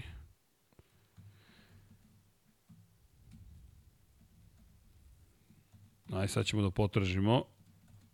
E, pa da vidimo. Ovo što ja imam od spiskova, dakle ovako, sajde da vidimo još jednom. Red Bull, Williams, Aston Martin. To je ono što se navodi. Nisam, ne vidim nigde Russell. Da, da, dobro. Ali kako god, smatraju da prosto to treba, da, da zasnovano je na, na snimcima CCTV kamera, dakle, pogotovo u krivini broj 6, i iz te perspektive možda će to doći do nekih promjena, u svakom slučaju bave se time, pa eto pokušavaju da, da preokrenu taj da, rezultat. Da, Haas iskoristio pravo na... Pravo na žalbu. Na žalbu, da. Imali smo... Pratit će, možda ćemo imati temu ovaj, sledeći nedelje. Kao najavu za, za Las Vegas. Možda će se znati od tada. Da, pa mo, mo, može da se desi. Zaista može da se desi. Inače... Inače loša trka za Haas. To, Uprko s tim unapređenjima, spektakularno najavljivanim od Ostina, ništa se tu ne dešava, opet potrošnja pneumatika jeziva za Haas i u trci baš deluje onako nemoćno. Kad spomenjemo kazne, iskoristite bih samo priliku da se osvrnem i na moment izlaska iz pit lane-a. Preticanja sa desne strane, sa leve strane, silasti sa staza. Se izvenjam, nismo ispratili uh, zabelešku broj 14, čini mi se, direktora trke, moramo to da ispravimo za Las Vegas ali uvedeno je pravilo da zapravo ko se skloni, na primjer, potpunosti u levu stranu ili u desnu, zavisno od toga kakva je staza, i propušta ostale vozače, neće biti kazni za one koji pretiču u pit lane-u. Dakle, čak ni u brzoj traci u pit lane-u. to mi je potpuno bez veze, znaš, to pretecanje u pit lane-u... Pogotovo u pit lane-u, gde su mehaničari smisla, na je... 30 cm od tebe. Ne razumem uopšte to pravilo, znaš, da možeš da pretičeš uopšte u pit lane-u. To mi je... Gde je nastao problem? Ne, ne u Monci. U Monci je nastao problem kada su uveli maksimalno delta vreme, to jest maksimalno vreme koje možete da provedete u određenom sektoru pre nego što vas kazne. S obzirom na činjenicu da je aerodinamika toliko kompleksna i osetljiva, došli smo do toga da vozači u pokušaju da se dovoljno udalje od bolida koji je ispred, potroše to vreme i uvedu sebe u situaciju da budu kažnjeni u pokušaju da imaju čist put, prosto čist vazduh ispred sebe. Šta su počeli da rade vozači masovno? To smo videli pogotovo kod Maxa Verstappena u trkama posle, pogotovo u Singapuru, posle velike nagrade Italije. U pit lane-u troše mnogo više vremena. Ne bili onaj koji je izašao ispred njih dovoljno odmah kao da vi imate čist put. To je dovelo do toga da blokiraju ostale vozači iza sebe, što je dovelo očigledno do negodovanja. Što je dovelo sada do toga da se omogući preticanje u pit lane-u i na izlasku. Međutim, ni Max Verstappen, ni Christian Horner, ni General Red Bull nisu zadovoljni time. Zašto? Max Verstappen upozorava na sledeće. Kaže, vi sada imate dugačak izlaz u Brazilu na pravac između treće i četvrte krivine, ali imate staza na kojima vi izlazite veoma sporo pored bolida koji idu 300 km na čas. I to, to praktično direktno izlaze na jednu od traka na stazi koliko god ti pokušavao da izbegneš nju, incident može da se desi. To je ono na što upozoravaju. Ne vidim trenutno rešenje za taj problem. Maksimalno delta vreme deluje da baš ne donosi ono što su želi, a vozači će uvek tražiti načina da jel te, sebi daju što više prostora, što bolju mogućnost da se pripreme za brzi krug. Tako da ta drama će nastaviti da se dešava trenutno smo imali situaciju gde, gde je George Russell kažnjen pomeranjem dve pozicije unazad za to. Da, Esteban Ocon, Esteban Ocon Pierre takođe, Gasly, Pierre Gasly. I... A je to ti još jedna priča vezano za Alpinu, oni to smo zaboravili. Jest. Oni su krenuli sa 14. i 15. pozicije zbog kazne, zbog pomeranja unazad. A jedan i drugi nisu prošli u Q3. I opet su uspeli da dođu do vrednih rezultata. Pojene, da, da. I dobra strategija, onda si govorio kroz trku. Esteban Ocon koliko je bio brz, da. brz. On je prvi menjao gume i i uspevao tu da, da nadoknadi kroz brze krugove. Dobri strategija, dakle, dobri priprema trke koju imala, imala Alpina. Ali ovo je zanimljiva tema, ovo, i ovo to što je Max pričali, nekako mi je, znaš, to kad pogledaš, zna, negde smo mogli da prepostavimo da Max ne radi nešto što nije dozvoljeno pravilima. Jer Ali je upozoravao, ono, ono blokiraju me, blokiraju da, me. Ono je baš bila anomalija, kad pogledaš kako prolazi 4-5 bolida je prošao u, u pit lane. Brzinom svetlosti.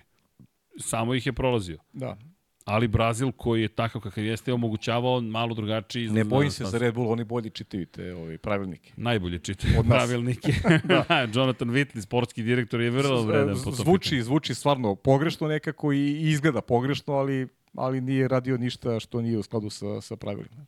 Da, inače, Brazil, kada spomenjamo toliko Brazil, samo da napomenemo, do 2030. godine ostaje u kalendaru. Da, da, da. Produžen ugovor, što Da, su super, super, vesti. jeste, super, Bilo je da. dosta problema prethodni put kada je potpisivan ugovor 2020. i oko novca i oko toga da li će Pa biti u dobro, kalendaru. bilo je, da, Rio de Janeiro je nešto ovaj, ovaj pretio da će da uzme veliku nagradu Brazila, to su sad političke, političke igre. Da, i to je bila podrška prethodnog predsjednika Brazila Bolsonara, to je sad kada je Lula ponovo na vlasti, to je palo u vodu. Zašto? Zato što je trebalo da se iseče 200.000 debala, bukvalno stabala da se iseče i da se raščisti put.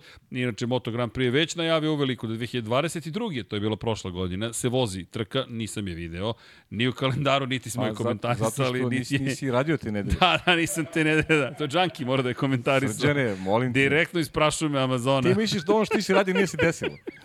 Jako Instagram. Nisi na Instagramu, ne Da, postojiš. Ne postojiš, ali, da. ali, da, nije se desilo, niti će se desiti, tako da Sao Paulo ostaje tu, gde jeste, Srećno, što je lepo. srećno, jeste, da. Jeste, svi što su bile oštećene glavne tribine posle onoj jezive oluje. Ono. Gde ono je? Si ikad to- video ono? Pa- ja se nećem da smo ikad prenosili nešto slično onom. Pa uživo sam video, ali... ali ne, ali ovaj, onako da prenosu smo- da. od Zemuna. Pa eto da vidiš, od Zemuna, da. Baš te da ti kažem. Pa iz tvojih ja krajeva. sam s, Iz tvojih krajeva Iz mojih, krenulo. od Lazar Savatić, osnovne škole, dobro. Da, što bi rekao Radovan treći. Ajmo Zemunci, like. Viš kako neko zna šta je rekao Radovan treći, viš? Pratio se Radovan. Jesi ćeš na VHS kasetama? Kako kad se neću, da. Je li to od digitalno obnavljanje neko palo, restauracija tog snimka? To mora da ima u kinoteci. Sigurno, evo, ma, klimaju Da, glavom, pa da. ima sigurno. To Kako mora, to pa to moramo da nabijemo, pa. Jao, pa jao, jao, još jedna ideja, stani, stani, Ne, u molim te, novom dosta, studiju. dosta ideja, dosta Sedimo ideja. na kauču i gledamo Radovana trećeg. A? Pazi ti, šta on... Razumeš? smislio I komentarišemo gledanje Radovana trećeg. To je potpuno Ne mogu da besmisleno. gledam, znam ga na pamet. Pa to, to ti kažem. Znam ja zvezdane ratove. Da. To mogu da ti, dok gledam Imperija Zvrći udarac, mogu ti govorim pre nego što izgovore šta će da kažu. To ti kažem. Evo evo Tako ga, je, Vlado, to ćemo da radimo. To ćemo da I radimo. da sklapamo Lego kocke. E, jao, Kako neko je je, rekao? dao... To ćemo da radimo. To je, tako je, neko je dao predlog. Opet Mislim ideja, da na YouTube, opet tako ideja. je, tako je, tako je. To nam je već palo na pamet kada sredimo prostor. Da napravimo Lego dan i da se skupimo svi, donese svako svoje Lego Misliš da, kocke da, i ležimo, da sklapamo. ležimo svi? Pajin Lego dan, Paja Lego. A viš kako, to je meni, to je meni asocijacija bila. Lego Paja, e? Pa evo. A Lego dan, jesi rekao Lego dan? Šta hoćeš čoveč? Dobit ćeš ti Lego dan A? na kalendaru svom. Lego Le- mesec. Lego dan. Lego Paja. Ne mislio da si kolektivno da odmorimo malo, a? Da legnemo svi u prostori. Lego duplo. Lego, da. Da, ali eto, Lego dan, to je isto ideja. Ja planiram, da ideš kući. ma ne, za neki dva sata Lego veče. Samo se ti nadaj. Da, da. Aj, dobro. Da, Čovječe, Brazil. polećete avion, ali ne, Da, moraš ba, stigneš na avion je u 7.45 i imam vremena. Imaš vremena, a ti hoćete mi pratimo, Penzioner, a da ne, te ja pratimo. penzioner hoću da mi sredi. A, penzioner, a, sredit će ti on. Sredit će Da mi, budeš sredit sam će u mi avionu. kafu. da, penzioner, ja sam na aerodromu u 6.30 otprilike. Imam fast lane, brzi prolaz pre, kroz Pa pasušku ne, bro, on kontrolu. je gospodin, on radi u 9, pa šta, dolazi u 6.30. To znači u 9.30 si prijavljen na posao. Tako je. Tako je, ako piše 9.00, to se tek od 9.30 dešava. E, ali šalno na stranu, Brazil stiže, dakle, Brazil, inače poslednji sprint vikend ove godine i možda Ah, hvala poslednji Bogu. Konačno, Lego sprint. konačno se rešimo, se rešimo te gluposti. E, ali vidi, priča se da će se promeniti format. I naredne hvala godine. Bogu još jednom. E, ali sad, da li će nam se svidjeti novi predlog, pošto je Ajde, sada predlog nešto. da se kvalifikacije za... Ma, meni se prvi deo bar dopada, ne znam sad ovo ostalo kako će da izgledam, ali kažu da se kvalifikacije za veliku nagradu vrate u subotu da budu. Da ne budu više u petak, nego da budu u subotu. Dobro. To je trenutno. A sprint trka da se održi dan ranije. Dakle, Petak. E, čekaj, čekaj, čekaj. Ne, ne, ne, ovako. Sad si me zbunio. Sad Da, vidim da si zbunjen.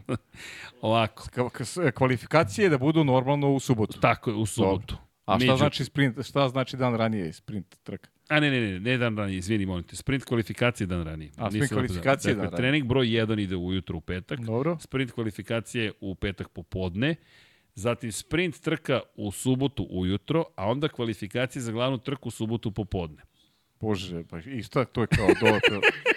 Čemu je razlika? Kao samešamo naš babi i žabe, sad kao malo, čisto da napravimo kao neku promenu. Pa sad je još veći haos. a suštinski Jer- isto sve Ne, ostaje. ne, znači. pazi sad ovo. Voziš sprint to jutro, a znaš da treba se kvalifikuješ to popodne. Koliko ćeš da rizikuješ? Koliko, će, koliko ćeš da rizikuješ? Volio bih da potpišem neki ugovor da ne moram da radim ništa što ima veze sa sprintom. Pa ništa pa, ako hoćeš, ja ću da pokrijem sprint. Vidi, molim te. Ako ti Prvi nije, trening ti radimo nije problem- zajedno i ostalo Ti radimo nije zajedno. problem da spavam za vreme sprinta, ne, ne želim da znam ni rezultate uopšte. Dobro, pa pazi, kratko traje, to ćemo lagano. Znači, opet nema suštinskih promena, nego Nema. ove A kozmetičke, ti si kozmetičke promene. ko- Korenitu promenu. Još mi samo reci da ih ima 8 do 10 i, i E, da... to ne znam koliko će ih biti, ali me ne bi čudilo da povećaju broj, iskreno. Da, tako mi, vidi, za sada, ono što je moje pitanje jeste zaista čemu to služi. Ali zaista čemu to služi? I nije to do vozača, nije do timova. Ne možeš da ih ograničiš budžetom, ne možeš da ih dovedeš u situaciju da oni ne smeju da rizikuju i onda da im kažeš trkajte se. Problem je što, što niko od njih nije za to. Ajmo ovako. Znaš, to je Da problem li što ti ne slušaš one koji su ti glavni akteri. Znaš, ne slušaš njihove želje. To je ono što je Lando rekao.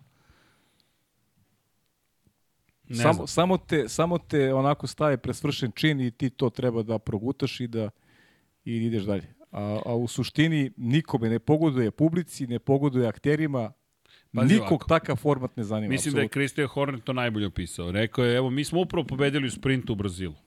I niko se time ne bavi jer je nama već fokus na sutrašnjoj trci. Kao da ste dobili neku, neku dugu prugu i dobili medalju za to i to je to. E, ajmo ovako, Oskar Pjastri u Belgiji rekao, e, sad sam na pobjedničkom postolju nečega. Oskar Pjastri koji Oskar Pjastri Novajlija, debitant, treba da bude nema presrećan zbog Nema medalje. nikakav feeling da je uradio nešto. ne. Njemu je potpuno sve jedno to što je bio drugi u sprintu. Potpuno sve jedno. Čoveku ne, koji je stigao u Formulu 1. Jedino inverzni start ima, ima neku, neku priču, ovaj, ali od toga očigledno nema ništa i dosađivat ćemo se i naredne godine, makar ja. A priča samo u svoje ime, nekom je to okej, da ne bude da... Da, ne, ne, dobro, to iskren si, govoriš kako, Da, kako ti vidiš te stvari, nije ništa, niste spor. I kad pričamo o promjenama, da ne, ne zaboravim da su Pirelli i Formula 1 rekli da rade na potpuno novoj filozofiji guma za 2025. To Biće znači, imat ćemo, četvrta. imat ćemo testove, znači sledeće Ne godine. znam šta ćemo imati, Biće ali... mnogo testova za 2025. Pa, pazi sad ovo. Pošto je završena trka u Brazilu, Pirelli je saopštio zajedno sa Međunarodnom automobilskom federacijom i Formulom 1 da će raditi na novim gumama koje će imati nizak nivo potrošnje za 2025. Dakle, mi sada dolazimo do toga da su gume postale vrlo osetljive na pregrevanje i umjesto da budemo zadovoljni što imamo po dva, tri stajanja, mi sada radimo na tome da se smanji broj stajanja tokom trke. Jer to će doneti ne znam šta tačno, valjda već, veće uzbuđenje. Da li neko zaista može da me ubedi da Red Bull ili Mercedes ili kogod da bude dominantan u tom momentu, neće zapravo shvatiti tajnu pneumatika. Otključati ih, što bi se reklo, i znati kako da ih troši još manje odnosu na ostalo. Jer to je jedna od ključnih stvari koje je Mercedes znao da uradi. Mercedes kako uspio da se odbrani od Ferrarija jedne od sezona, tako što je koristio one probušene čuvene točkove gde su smanjili, hlad, gde su smanjili pregrevanje svojih pneumatika. Mi sada govorimo o tome da zapravo u momentu kada ima evo, dva, čak i tri stanja za Okona, Pirelli i FIA i Formula 1 idu ka tome da se smanji potrošnje guma. Jer se pregrevaju. Pa dobro, pozabavite se svojim bolidima, naučite kako da ih ne pregreva. A što? Pa to ti je ono kao, kao kad imaš, ne znam, kišu, kao vlažna je staza, pa, pa vozi sporije, prijatelj. Tamo gde je vlažna staza. Prilagodi se uslovima na stazi. To ti kao saobraćaj, znaš, tamo gde, gde ne možeš da prođeš 200 na sat, ti voziš 130 ili, ne, zna- znaš, to, ti je, to je to. Prilagodi se uslovima, a ne sad kao vlažna staza ne može da se vozi. Može, može sporije da se vozi. Ne, ali uvek se vraćamo na je to. isto.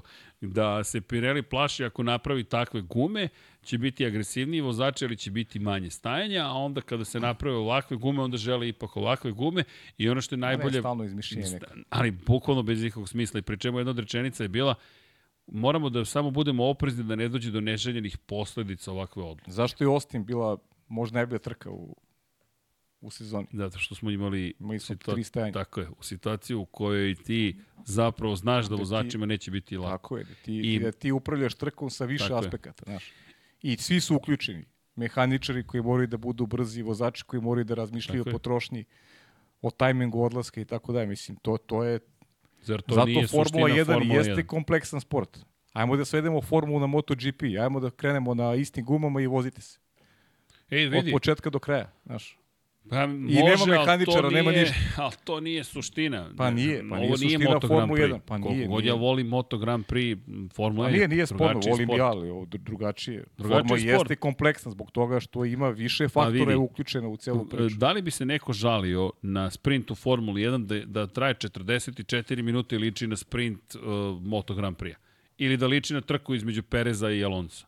Ne bi se niko žalio. Ali da li bi se trkali Perez i Alonso u sprintu ovako? Čak Pa i za treće mesto. pa jok. Ne, čuvali bi bolide i jedan i drugi. voze sutra, voze glavnu nagradu. I tu je kraj priče. A ti u Moto Grand Prix kada pogledaš sprint, ti, nema, nema, evo vidi osmeh na licu. Neko Pa ovde da, voli Moto Grand pa Prix, ja da, bih rekao. Pa, ali upravo je kompleksnost formule se ogleda i, kroz te treninge, Jeste da ti, da ti možeš da naučiš svašta, da možeš da koriguješ na osnovu rezultata, osnovu podataka koji imaš i kroz trening 1, kroz trening 2, pa onda taj završni treći trening, sve to, znači ljudi koji, koji vole formulu uživaju u tom formatu. Uživaju da, da, da vide ovaj, koliko ekipe za koje navijaju, na, uh, vozači za koje vole, uh, koliko uspevaju da, da se, da se ovaj, uh, uhvate u košta sa problemima koje se pojave recimo kroz, kroz trening 1.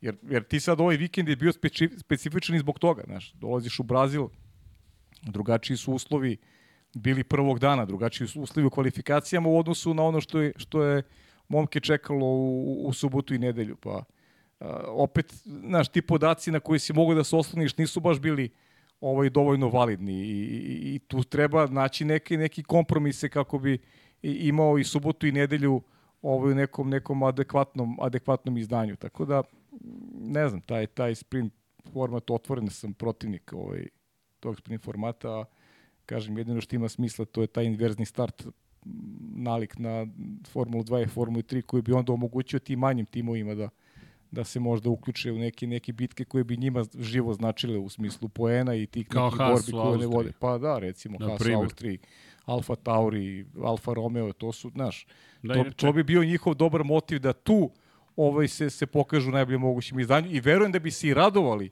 potencijalnim pobedama, znaš. Haas koji malo bolje izgleda najzad po pitanju potrošnje guma i da i da budemo da damo u potpunosti to jest da ne u baš potpunimo mnogo. informaciju kada reč o gumama vozači su se žalili na potrošnju koju su imali u U subotu. u, su, u, i u nedelju i u subotu Ali više u ali subotu. da više u subotu ali opet najbolja opcija jeste bila ova kombinacija meke i srednje tvrde međutim ima tu par stvari prilagodite se druga stvar ok hoćete da bude tvrđe gume Zašto moramo da razvijamo nove? Pa st- umesto C4, C3, C2 donesite C3, C2, C1. Ako je Da. to, to, zar tome ne služi razlika u tvrdoćama različitih guma koje ima Pirelli na raspolaganju? A Stalno neki konzervativne odluke. Znaš, mislim, stvarno da, da, da smo se pogubili više sa tom celom pričom, a da ne govorimo o kišnim gumama. To, to, Ne, ne, to, kišne to gume, epopeja to je, ne to, je- treba to, ni to, to, je, otvarati. to, to je bačen novac, ne znam što se pravi uopšte. Pa jeste, ne, došli ne, smo stvarno. toga. Oni su rekli, kao, zašto mi ovo proizvodimo? Ne, ne, Kad ne, mi ne, ne da nepotreban pustimo trošak, to je... To možemo da... Nema. Ja, ja bih zvao Pirelli da nam pošalju ovaj, da imamo mi neki eksponat i guma, jer nemaju, nemaju koma ni da ih prodaju. Znaš gde ti je eksponat plavih guma? Uh, uh, iza tebe u Lego setu McLarena. Plave gume su na Lego setu. Eto. Služe za Lego komplete. Eto, Nije šala, ozbiljno, imate pla- plave su gume. Dakle, Nisam ko je sklapao Lego, da, da, možeš iza, te, iza tebe posle, možemo da otvorimo da se igramo. Možemo posle. Nećemo, nećemo, to ćemo da snimamo. Imamo spreman. GoPro, vidite da je spreman ovde gore. Lego Paja. Ne, Lego hit. Paja, Apsolutni hit. E, inače, nismo spomenuli jednu takođe bitnu stvar, a to je da je Brazil, da je organizator imao probleme ozbiljne na kraju trke, da je zapravo deo publike izleteo na stazu u momentu kada je Verstappen prošao kroz cilj i u prvoj krivini su se pojavili već bili navijači. Ništa sporno da se pojave kasnije, kada se svi bolidi sklone sa staze. Međutim, kao iz nekih 80-ih, 90-ih, brazilska publika je rekla idemo, Max Verstappen pobedio i tim duhom samo izletala na stazu, pa su pozvani na razgovor organizatori da im se kaže Znate, Ne može ovako. Pa ne može, znaš, te prema tebi ide bolid punom brzinom i imaš vozače koji su zostali za po ceo krug, koji su još uvek u takmičarskim krugovima. Da, Verstappen je prošao kroz cilj, ali ovi ispred njega, koji su fizički ispred, zapravo su ceo krug iza njega i oni se i dalje trkaju, a publika misli da je trka gotova. Možda su se zamisli kao toreadori. Da, da, da, da. da. I, idu na bika.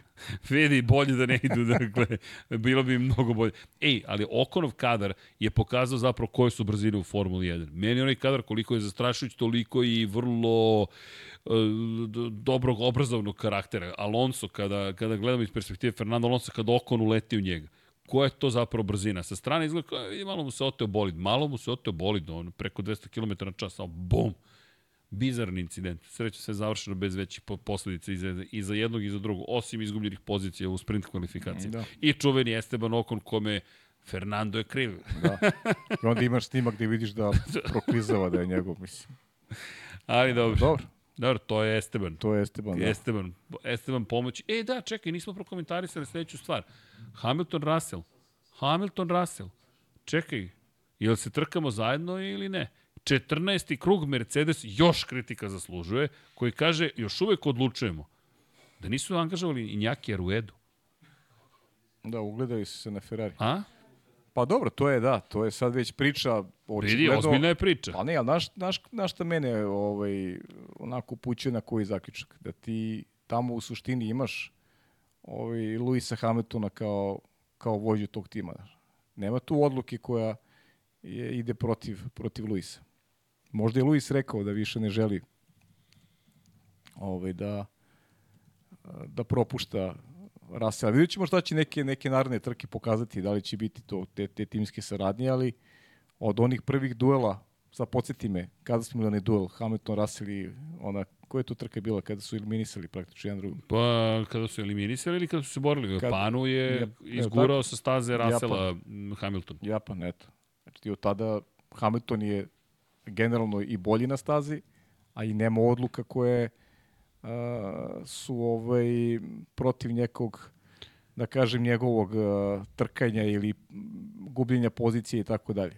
Tako da Vidi, interesantan ali... je tu ovaj Uh, Hamilton koji neće da mu pruži zaštitu DRS-a, ekipe, da. ekipa koja u 14. krugu ne zna šta treba da učini. Meni se naj, mene najviše zanima taj moment, kako Mercedes u 14. krugu još nije doneo odluku.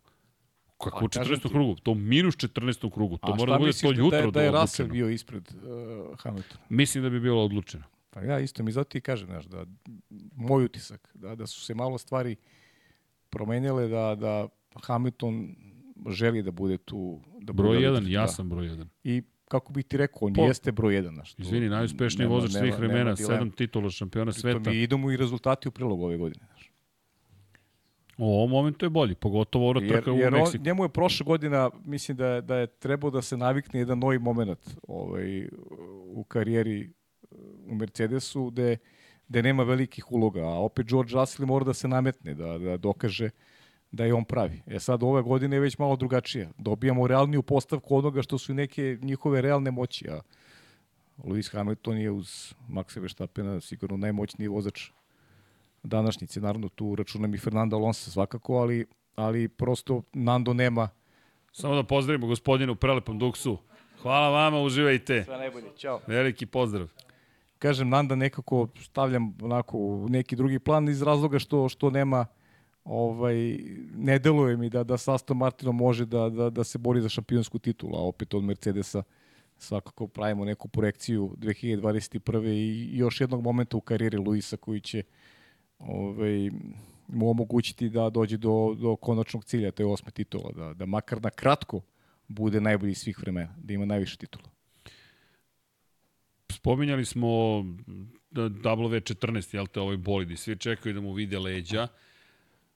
To je isto rečeno i prošle godine, da, da. isto se priča i ove godine, da, znaš, priče se Srki, ponavljaju. Razlika je, znaš, prošle godine ovo vreme mi smo Mercedes videli i pričali smo ovde kao apsolutno najvećeg rivala Red Bulla, jer su oni u Brazilu imali fantastičnu trku.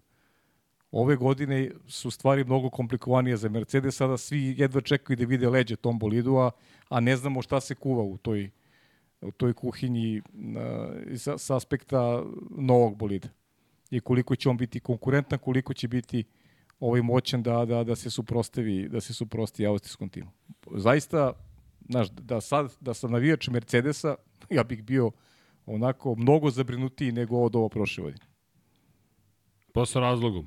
Ako pogledaš, da li smo išta pozitivno videli na dugi staze? Na kraju. Kad se Tank- sabere tanka posle priča. ove tri trke za redom u tri trkačka vikenda. Tanka priča. Pa pazi, znaš, ti Kažnjeni pozicije, u iz pozicije Luisa. Hamiltona ti imaš dva druga mesta. Znaš, ovo je sada uh, jedan ozbiljno udarac. Na stazi koja je trebala možda i najviše da im Pa odgovara. da, ali pa jo, ajmo ovako, ti imaš situaciju u kojoj ti si kažnjen na kraju. Ti si možda i previše morao da rizikuješ da bi Pa, došao do uspeha. Srki, ali, ali taj rizik mora da preuzmeš. Da, Okay. da, ali da li si suštinski onda napredovao? Pa- Ili sad kad pogledamo Texas si ti zapravo tada povukao potez koji je bio mnogo rizičan, koji ti ne daje baš veliku nadu za Vidjet budućnost. ćemo u Las Vegasu. Do, da, I to što kažeš, vidjet ćemo u Las Vidjet Vegasu. ćemo u Las Vegasu. Znaš šta ćemo još vidjeti u Las Vegasu? Mnogo para. Mnogo Stvarno? para. Hoćemo mnogo para. Zašto spomenjem pare? Jesi video rezultate za treći kvartal Formula 1? Za 24% su skočili prihodi. U trećem kvartalu godinu na godinu. Sa tričevih 715 miliona dolara na 887 miliona dolara. 24%. Uopšte nije loše. Dakle, inače ekipe su sebe, 10 timova, da znate zašto Andretija toliko vole, su podelile 432 miliona dolara. Prošle godine u isto vreme podelili su 370 miliona, sad su podelili 432. Pri čemu, kada pogledaš operativne prihode, za 61% su skočili. To znači da si ti za manje stvorio više. Sa 82 miliona na 132. Sve u milionima. Nema ovde ništa ispod toga. I vrlo je zanimljivo, s obzirom na činjenicu da, eto, da, imamo malo drugačiji period kada je reč o trkama, kada su se održavale, ali bez obzira na sve to, ti kada pogledaš Liberty Media, vrlo mogu da, vrlo može da bude zadovoljna. Baš može da bude zadovoljna i Stefano Domenicali je ubeđen da tek dolazi dobro vreme za Formulu 1 po pitanju financija.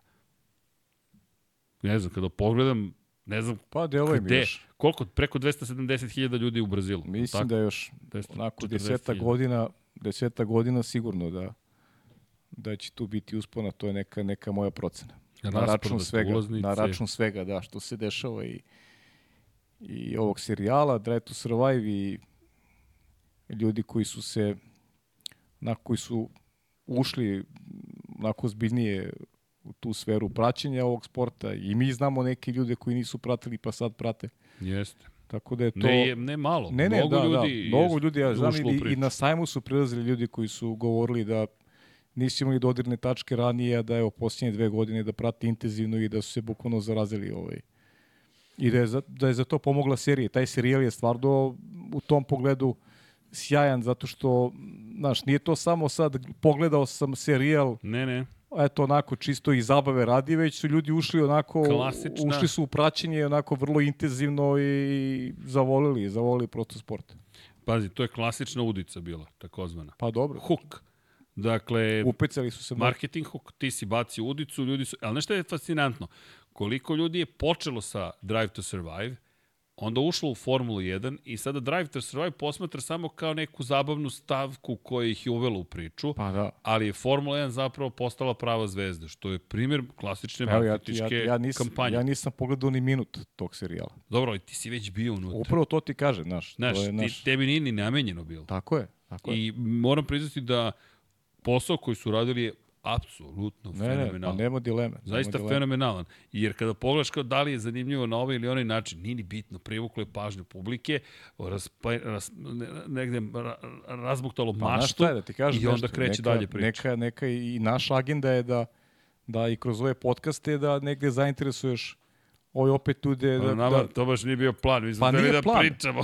Da, da, dobro, ali ok, ali ali znaš, ima ima tu Ali ima tu svrhu, nesvesni, znaš, ima naravno. tu ulog, ima tu svrhu da da Pa jo. ljudi koji nisu pratili da da da da, Pa da, da malo o podeliš- sportu koji mi volimo, podeli svoju emociju, znaš, I je- emocije, i znanje, i Tako je, informacije, i, i negde inspirišeš energiju. druge. Tako je, inspirišeš i druge da, da to ovaj, negde onako i zavole i da, i da, opet kažem ti, znam i ljude koji su i, i kroz taj način neke komunikacije praćenja a, tih tematskih priča vezano za, za Formulu 1 zavolili prosto sport. Pa zamisli samo šta će da uradi tvoj kalendar.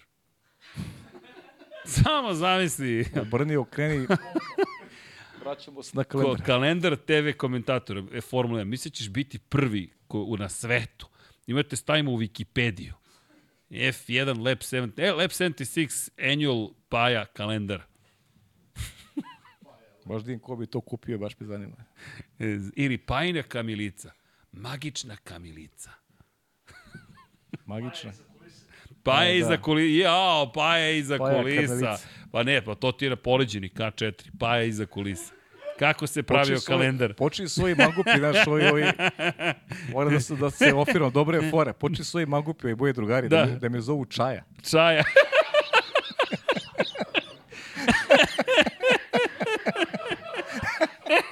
Čajin kalendar. Čaja.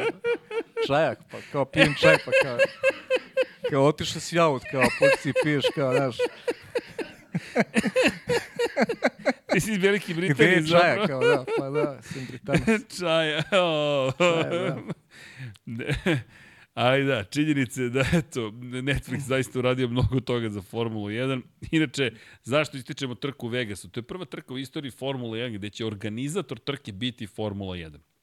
Da pojasnimo, i još jednom, eventualno za one koji ne znaju, Formula 1 je kompanija, bukvalno kompanija, koja koristi robnu marku koja se zove Formula 1, koja je u vlasništvu Međunarodne automobilske federacije, koja je to volšebno iznajmila Bernie Ecclestonu na 100 godina, svoje vremeno.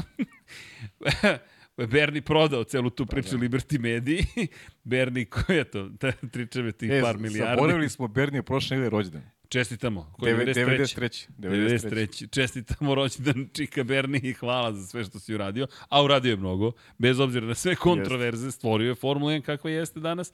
Međutim, Bernie Eccleston je potom dakle, form, prodao Liberty Media i prava i Formula 1 sada postoji kao kompanija. Izvršni direktor je Stefano Domenicali. Liberty Media je vlasnica Formula 1. Međutim, Liberty Media i njen izvršni direktor Craig Maffei su istakli da je ovo za njih ključni događaj. Zašto? Ranije biste vi iznajmili pravo nekome, organizatoru, pa i čaj, da organizuje trku Formula 1.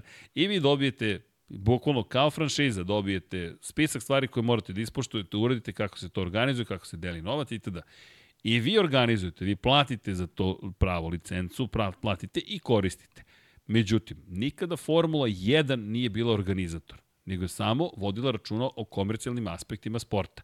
Sada je Formula 1 otišla i kupila zemljište u sred Las Vegasa, na čuvenom stripu, i napravila padok za Formulu 1.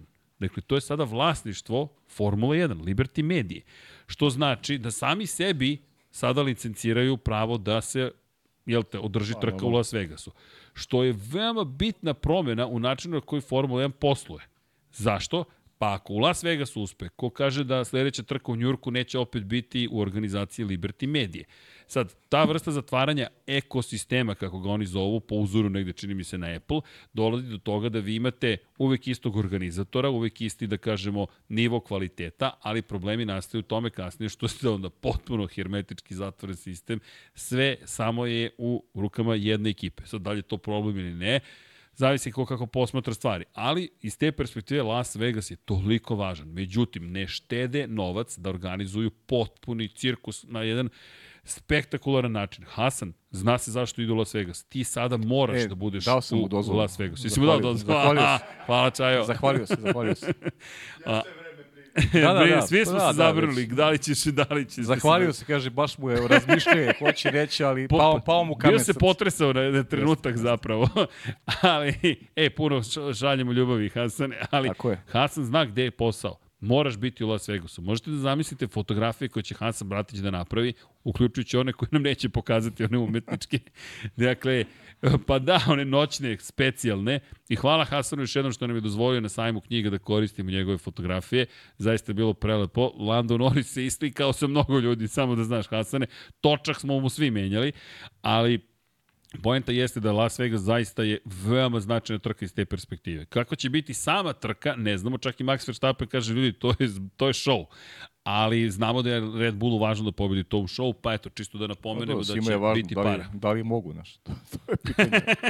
Kome nije važno da, Da, da, da. pobedi. Zamisli Ferrari da pobedi u Vegasu. Pa, Bilo bi dosta skupoceno. E, znaš šta mi je zanimljivo? Niko ne spominja Alfa Romeo. Nigde. Alfa Romeo kao da nije postojao u Brazilu. Povukao pa se dobro, Joe, da. povukao se Bottas, Bottas Pa da, pa dobro, dva odustajanja. i to je bilo to. A Bottas, Bottas koji očigledno, znaš, voli ovu stazu i, i prijemu, on je tamo imao i dve pol pozicije. Ima i rekord staze još uvijek. Ima i rekord staze, da. I dobro je to izgledalo na, i na trenizima i ali Eš, e, to je ono recimo ta tri stajanja Ostinu koliko je, koliko je pomoglo Alfi da, da, da, da osvoji poene. Znaš. E, jednoj kompleksnoj trci Alfa koja nije u formi imala je dva vozača u poenima, i Bottasa i Gvanju Joe. Ovde, nažalost, odustajem, tako da nema šta se priča generalno, osim što, eto, meni je, meni je Bottas izgledao onako prihvatljivo. U mnogo slučajeva ove godine nije, ovde, ovde je to bilo sasvim solidno, eto, do, do tog odustajanja. Čak i bilo tu i nekih dobrih duela na stazi. On je tu gravitirao negde oko 11. 12. pozicije. Bio je negde u nekoj priči za, za, za poene. Da, Za razliku recimo od Hasa. Has, Niko Hulkenberg, apsolutno jedna trka koja je za zaborav. Ti kažeš ima tu indicija da, da malo ovaj, bolje čuvaju pneumatike, ali mora ti priznati da nisam baš primetio da, da je to neki rapidan napredak. Ne, ne, što se tiče Alfa Romeo, nisu odmah ni znali zašto su odustali i rekli su da je tehnički problem u pitanju za koji je potrebna dodatna istraga, da se da. razumeš zašto je. Pa i Russell, Inače- izvini, ti ispričaju Mercedesu, plašili su je da, da, za, za motor.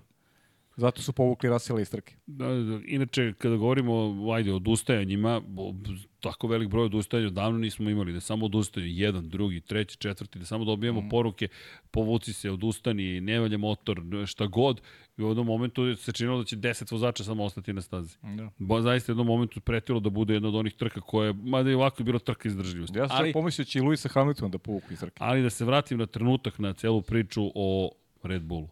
Ko jedini nije imao problem, opet Red Bull Pa to je to. apsolutno nikakav, nikakav problem. Ništa. Kad su imali problem ove godine? Kad su imali problem u trci?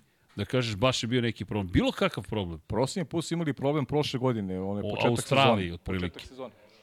Kada su imali dva odustajanja u tri trke. Jeste. I to je bilo to. Ljudi, to su bile neke sitnice. Da. Delić ovde, Delić onda, od onda. Ljudi, pa da, nevjerovatno je, Honda se ne kvari. Gedora ovde, Gedora onde. ne, ali ništa se ne, ne, vidi, vidi, ali ništa ljudi se ne kvari. Ne, Da. ne, d- sve u redu, ne, nemam problem sa time, samo konstatujem, statistički gledano nešto će negde nekada da se desi. Pa da, ne, pa da. ništa se ne dešava. Ništa. Apsolutno ništa se ne dešava. Pređu preko Ivičnjaka, pređu podom preko Ivičnjaka takođe, udare, ne znam, o prednjim oslanjanjem, ništa. Max pređe u Kanadi, ups, za malo da udarim u zid, hi, hi, ništa. Ništa, pa da, bukvalno, to je je, ceo tako. bio komentar. Otprilike, to mu je poslednja greška u trci koju je napravio. I šta je, šta je ne zakačio? Jeste, Mona, Monako i niko Ne, ništa. jeste, bravo. I opet ništa.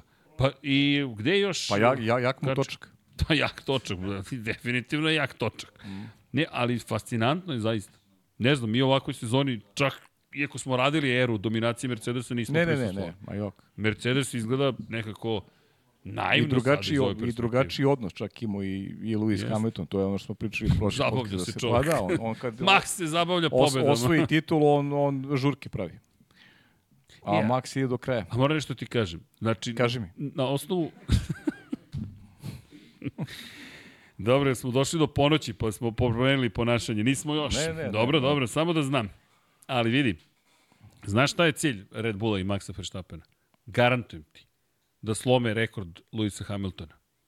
Garantujem ti. Ako ne po broju titula, po broju pobjeda. Potpisujem sada da je negde upisano da je to cilj. Ideš mnogo daleko, Srki. Vidi, veruj mi, to si mi rekao i u maju ove godine.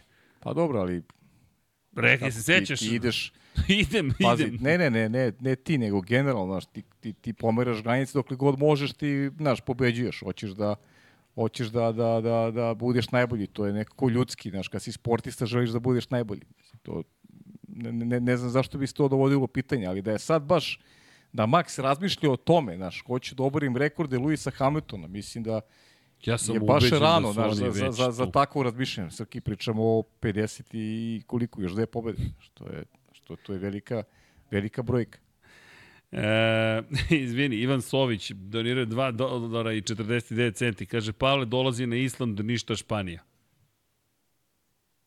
Ivan Na Sović, Island, da. Pavle dolazi na Island, ništa Španija.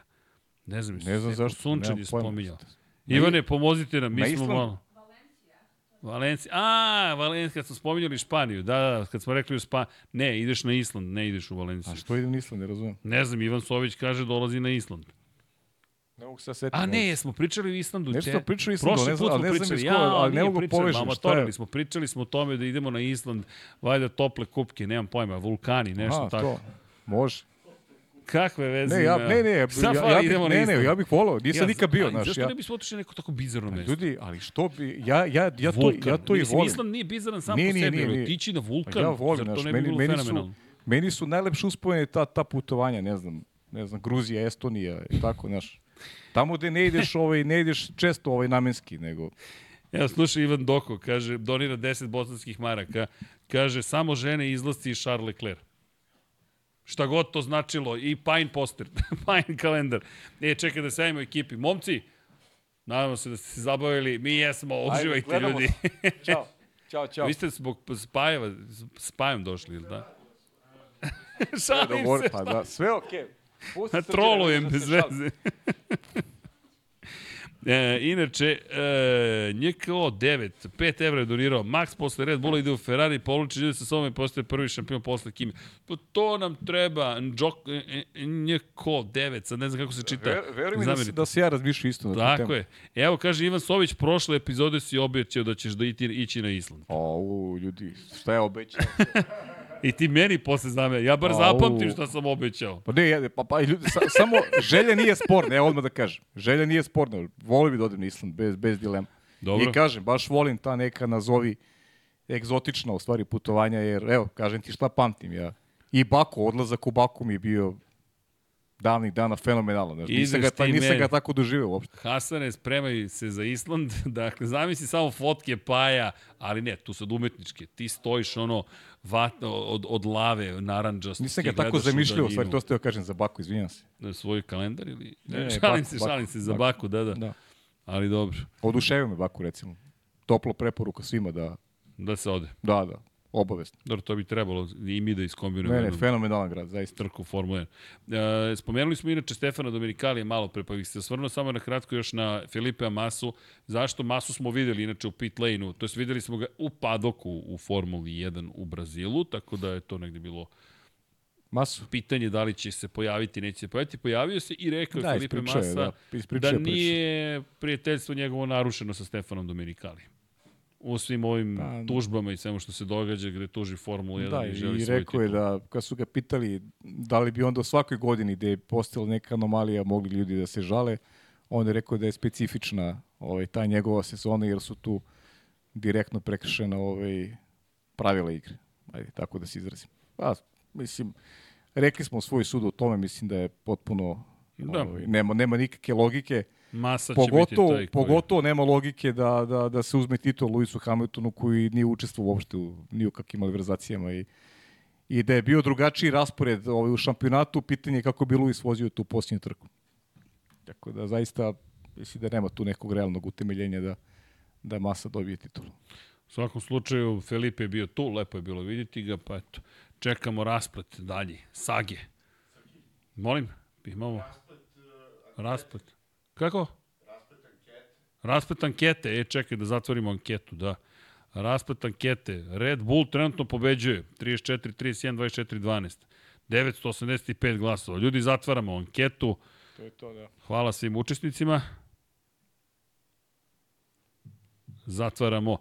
I, da, a ovo što sam spomenuo za Maksa, ja sam duboko ubeđen da gledajući, posmatrajući, analizirajući izjave, proslave, zaključke po završetku trke, čime se bave u Red Bullu, i pre svega možda u Red Bullu, možda ne toliko Max koliko Red Bull, ma ili je to možda samo za javnost takva predstava, da su njima zaista rekordi toliko važni. Horner koji kaže nama je veoma važno da budemo prvi, drugi u šampionatu. Svaki put kada se desi nešto istorijski, oni to znaju. Isto Ali trenutka. zaboravio još jednu drugu činjenicu. Da. Šta je Maxu važno? E, to ne znam. Kažem Šta je ti. Maxu važno? Znaš, Ne znam. Pritom koliko će karijera da traje, on često priča Ne da, da ne vidi sebe u tim nekim poznim godinama kao što su Alonsovi da, da se takmiči. Izvini, A pritom nešto, moj utisak, da, da on neće karijeru završiti u Red Bullu. To Samo da utisak. pozdravim Lucijana. Lucijan Avdić donirao 2 evra i 25 centi. Vidimo se sutra, sad laku noć, Norris šampion 2024. Lucijane, ako se vidimo u Zagrebu, vidimo se. Ne treba vi da donirate. Mi vama treba da doniramo, ali hvala vam na podršci Lucijane. Vidimo se sutra. E, Inače, malo pre izvini što sam bio odsutan, morao sam da govorim Srkiju i Andrej. Kad dolazimo mi po tebe na aerodrom, ne vidite na sajam, a ja ću doći sa aerodroma, to je najmanji problem, da me pokupe. Znaš, Sam moli pilota stane kod sajma. Pa, ako bi mogo da iskočim, znaš, da Pa, imam... imaš padobran? S ovim brkovima. Letim, lagano. Lagano.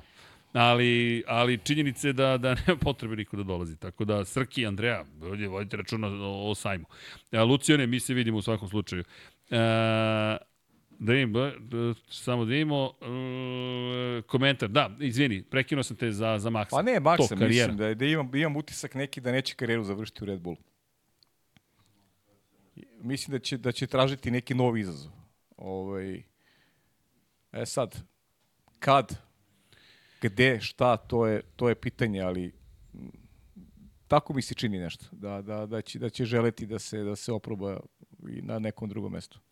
Vidi, iskreno nadam se da Da, ćemo da, li, vidjeti... da li znaš šampiona kroz istoriju koji nije ovaj, imao tu vrstu izazova i tu vrstu potrebe da, da se još na nekom mestu dokaže?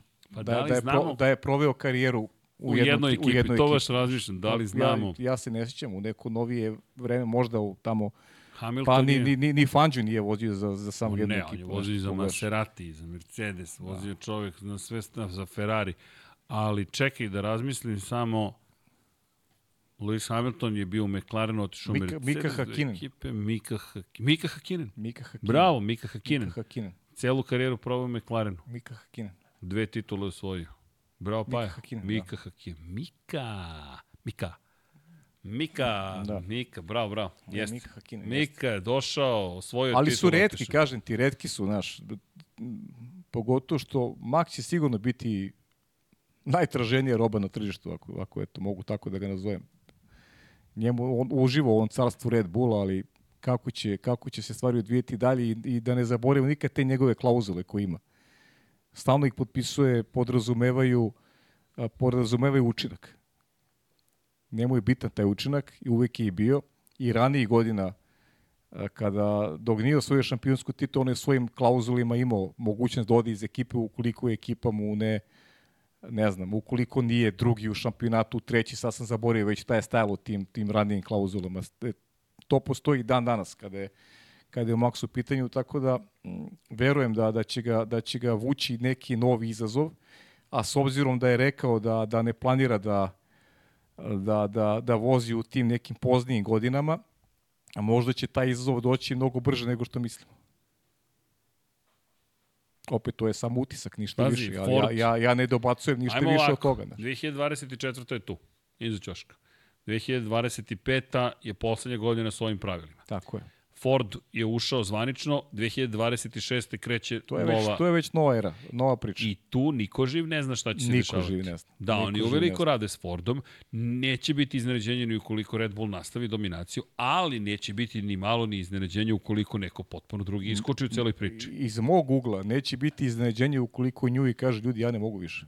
Pa pazi, on već polako to negde Znaš, i to, to, naznačava. su, to su već ozbiljne godine ljudi. To su ozbiljne godine. Znaš, da, treba znaš, stalno putovati, biti prisutan, crtati, po, stvarati. povećavaju se, povećava se broj trka, Jeste. izazovi sve veći, sve napornije biti deo tog Sve modernog naći cirkusa napredak. Formula 1. Tako da, ovaj, znaš, o, o, ove dve godine svakako ne vidimo da će Max otići iz Red Bulla jer ima prostora da, da pojača ove trofeje koje, koje ima, ali od 2026. nisam siguran da, da, da je ta poveznica jasna na relaciji eh, Max Red Bull. Kada pričamo o titulama, šampionima i svemu ostalome, ja moram da spomenem sledeću stvar, a to je Nik Pobednik. vodeći u fantaziju. 6249 pojena. A, je li dobar uvod bio u fantasy? Nije onaj, sad ćemo pričati o fantasy. Ne, nego da se ispoštuje Nik pobednik koji ima prednost od 11 bodova dve trke pre kraja u odnosu na paćenike. Dakle, paćenici su na poziciji broj 2, Pa zato su paćenici, ili su drugi. a Indigo Trazis na poziciji broj 3, Arija Nebeska pala na poziciju 4, pa Vratolomac, pa Gusio 1, MM Team, BT Racing broj 1, Raven i Kaiser F1, to je vodeći 10 u šampionatu. E, da vidimo, Milje F1 11, vozi Miško 12, pa Banjac, Pavela D, Formular, All Good Always, Stargazer izjednačeni na 16. poziciji, Dejan tu Atlanta, Dejan 2 Atlanta, to je tu Atlanta, 18. Markito Tork F1 19. SAF F1 19. Dakle, deli se ta pozicija i onda BH Speed Man, Monster, Piva F1, Bestvo F1 i ide gas na max i Zbinala 1 na poziciji 25. Ja sam 679. Koji ste vi? 661. Molim, 18 pozicija ispred mene. Nećemo tako da se igramo. Sad ćemo mi to, uh, komesar lige. I, I 2000 pozicije ispred mene. Laganih. Mada Šaj nije, se, ti ne si znam s. McLarenom, ja mislim da si ti Pa porast- znam, ali i uzeli su i drugi McLarena, što je... Pa dobro, Pajo, ali negde si valjda napredovo makar malo. Napredao sam. Inače, ja tokom ove trke, da vidim šta sam učinio, completed, da vidim, 300, u, 377 poena, u, a samo šišao, oh, oh, oh, oh. to mi je najuspešniji vikend, ne, Austrija je bila najuspešniji. Ju, ju, ju, ju, ovako da sam igrao cele sezone, gde bi mi bio kraj? Vidite šta sam uradio, ponosan sam na sebe. Ponosan. Ja sam znaš, na tebe ponosan. Znaš ko mi je doneo 12 poena? Logan Sargent. Logan Sargent, to vam kažem, 12 poena za Logana Sargenta. Ja, je on vozio sad negdje? Vidi, ja sad ću ti reći kako sam osvojio 12 poena. Bio je 11. u trci. Pa ne odustajanje. Kvalifikovao se 19. U sprintu je bio 20. Osam pozicija nadoknadio tokom trke i za preticanja četiri Pa još poena. Koliko, koliko je bilo odustajanje? Osam. Vidi, kakve to veze ima? Dakle, on je četiri puta nekog pretekao na stazi. Molim lepo, Sergio imao 37 poena, Logan imao 12. Te, molim te. Logan, prijatelj moj. Inače, Lando Norris je 57 bodova i Max Verstappen 90 poenčića. Imaš maksa, baš si. Ima Maxa, pa šta ćeš, teška priča. I Kako si njega baš izabrao? Ne, Ne, baš me razmišlja ta na početku. Hronologija, hronologija tvojih razmišljanja.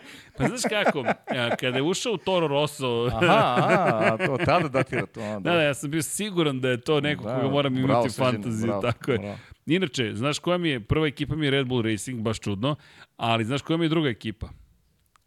Aston Martin, nisam ubacio McLaren, ostao sam veran. I jel vidiš? Bravo, zelenoj farbi, Nagrađen farbu. sam, nego šta? Niko mi je oduzeo jedan poen. E, niko, niko. Niče, niče. Nis, e, da si kao tvoj imenjak Steven Seagal, gde bi nam bio kraj? Da je kao Nick Slaughter. I, u, pa to, e, to, se, to je već van, van konkurencije. to je. to čovjek koji je poklonio drvo školi u Beogradu. Eto. Eto ti. Po, divan čovjek, kanadjanin. Inače, Jare bez paje, dakle, 5396 bodova, ne znam gde je moj dragi prijatelj, A partner ne, i kolega. nema ga, nema ga na... Gde je Nema ga, Mareken, Živković, nema ga ali nigde. ne znam. nema ga na nekom vidljivom mestu. Jao, kad ti sad otvorim instagram.com kroz čaja, pa sad krene.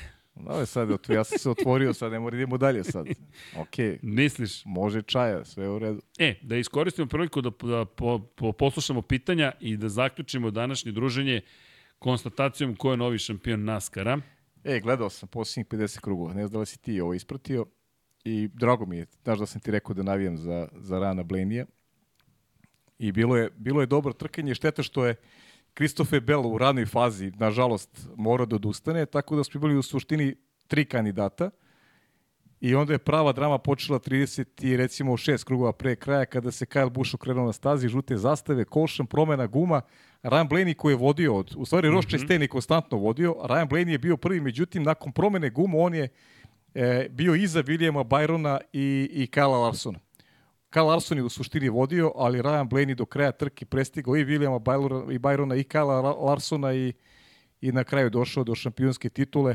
Uh, neverovatno šta radi uh, ekipa Rodgera Penskea. E sad, sad pričamo o toj pravdi, ali prosto taka su pravila od NASCAR-u. William Byron koji ima ove godine najviše pobjeda, nije osvojio titulu. Ovo je bila Byron, Byronova četvrta pobjeda u sezoni, ali osvojio titulu. Prošle godine čini mi se da je Joel Logan imao samo tri pobjede u sezoni i osvojio titulu, ali eto, Roger Penske je branio trofej, prva titula za, za, za Rana Blanija i Penske koji je rekao da je samo nebo granica za njegovog mladog vozača. Lepo je bilo videti i Rika Hendrika i Rodgera Penske legende koji su pratili svoje vozače. Ricky Hendrik imao u finalu dva vozača, Byrona i, i, i Larsona, a eto Penske jednog na kraju je slavio Penske, imao je još jedan velikan uh, Joe Gibbs, takođe svog predstavnika Kristofera Bela, međutim Bell na kraju morao da odustane, još ne na kraju, na početku odustao, tako da se trka svela na tri imena i Ross Chastain, koji opet njegov bezobrazlog koji koji dolazi do izražaja, čak ima, daš da imao kontakt na stazi sa Ryanom Blaneyom i rekao da ga baš da briga. Da ga namerno. Pa da, rekao je da zna da je Ryan ljut, ali da, da ga baš briga, što on ljut. On je kao vozio svoju trku, a pravilo je da to u posljednjoj trci da da vozači koji se ne bore za trofej da ne učestvuju. Maltene, to je neki, neki ajde da kažem, uh, gentleman, gentlemanski stav, stav džentlmena, da, da, se, da se tu ne mešaju te borbe, međutim, ovaj, stvarno počinje rošče sten. Jedno vreme mi je čak bio i simpatičan, ali sad već počinje da iritira sa svojim ovaj, glupostima. I... Pa sad je otišao u drugu krajnost. Otišao, baš sad otišao... misli da je to ono što ga čini zapravo tako zanimljivim. Je, tako, a to, to je bilo jedno a, zanimljivo. Čini ga samo klovnom koji ovaj, koji utiče na, na, na, na raspoloženje ne samo vozača, već i navijača. Da, inače, pogrešili smo. Zaboravili smo da je Mika proveo dve godine u Lotusu. Eto. 91. i drugi, Eto. samo su to zaboravljeni rezultati. Hvala Alenu Jesenoviću, kaže Clark. Super. Jim Clark je jedini šampion koji vozi za samo jednu ekipu, za samo jednu momčanu. Hvala Alene. Super, bravo Alene. Dakle, Alene, aplauz, zaboravio sam na Lotus, ne na Lotus, zaboravio Jasno, potpunosti ja, iskreno. Ne, ne da, dakle, baš sam ono, zaboravio da je, da je bio u legendarnom Lotusu, ali to je neko drugo vreme. 91. druga, tamo ne znam, Džad su imali motor da. otprilike i nisu uopšte bili preterano dobri. Ali Mika, Mika, dobro, zapamćen kao McLaren vozač. Vidiš, Jim Clark, dobro pitanje si postavio, vidiš, to je zanimljivo. Mm. Dobro, hvala Alene, to je lepo. Alen Prost. Alan oprosti. Da, to, je, to su šale nas malo starih. Ovo, eto, to je bio... Sad bi pohapsili top listu nadrealiste da kažu Alan ne oprosti. Bili bi potpuno politički neprihvatljivi, nekorektni. Ali dobro.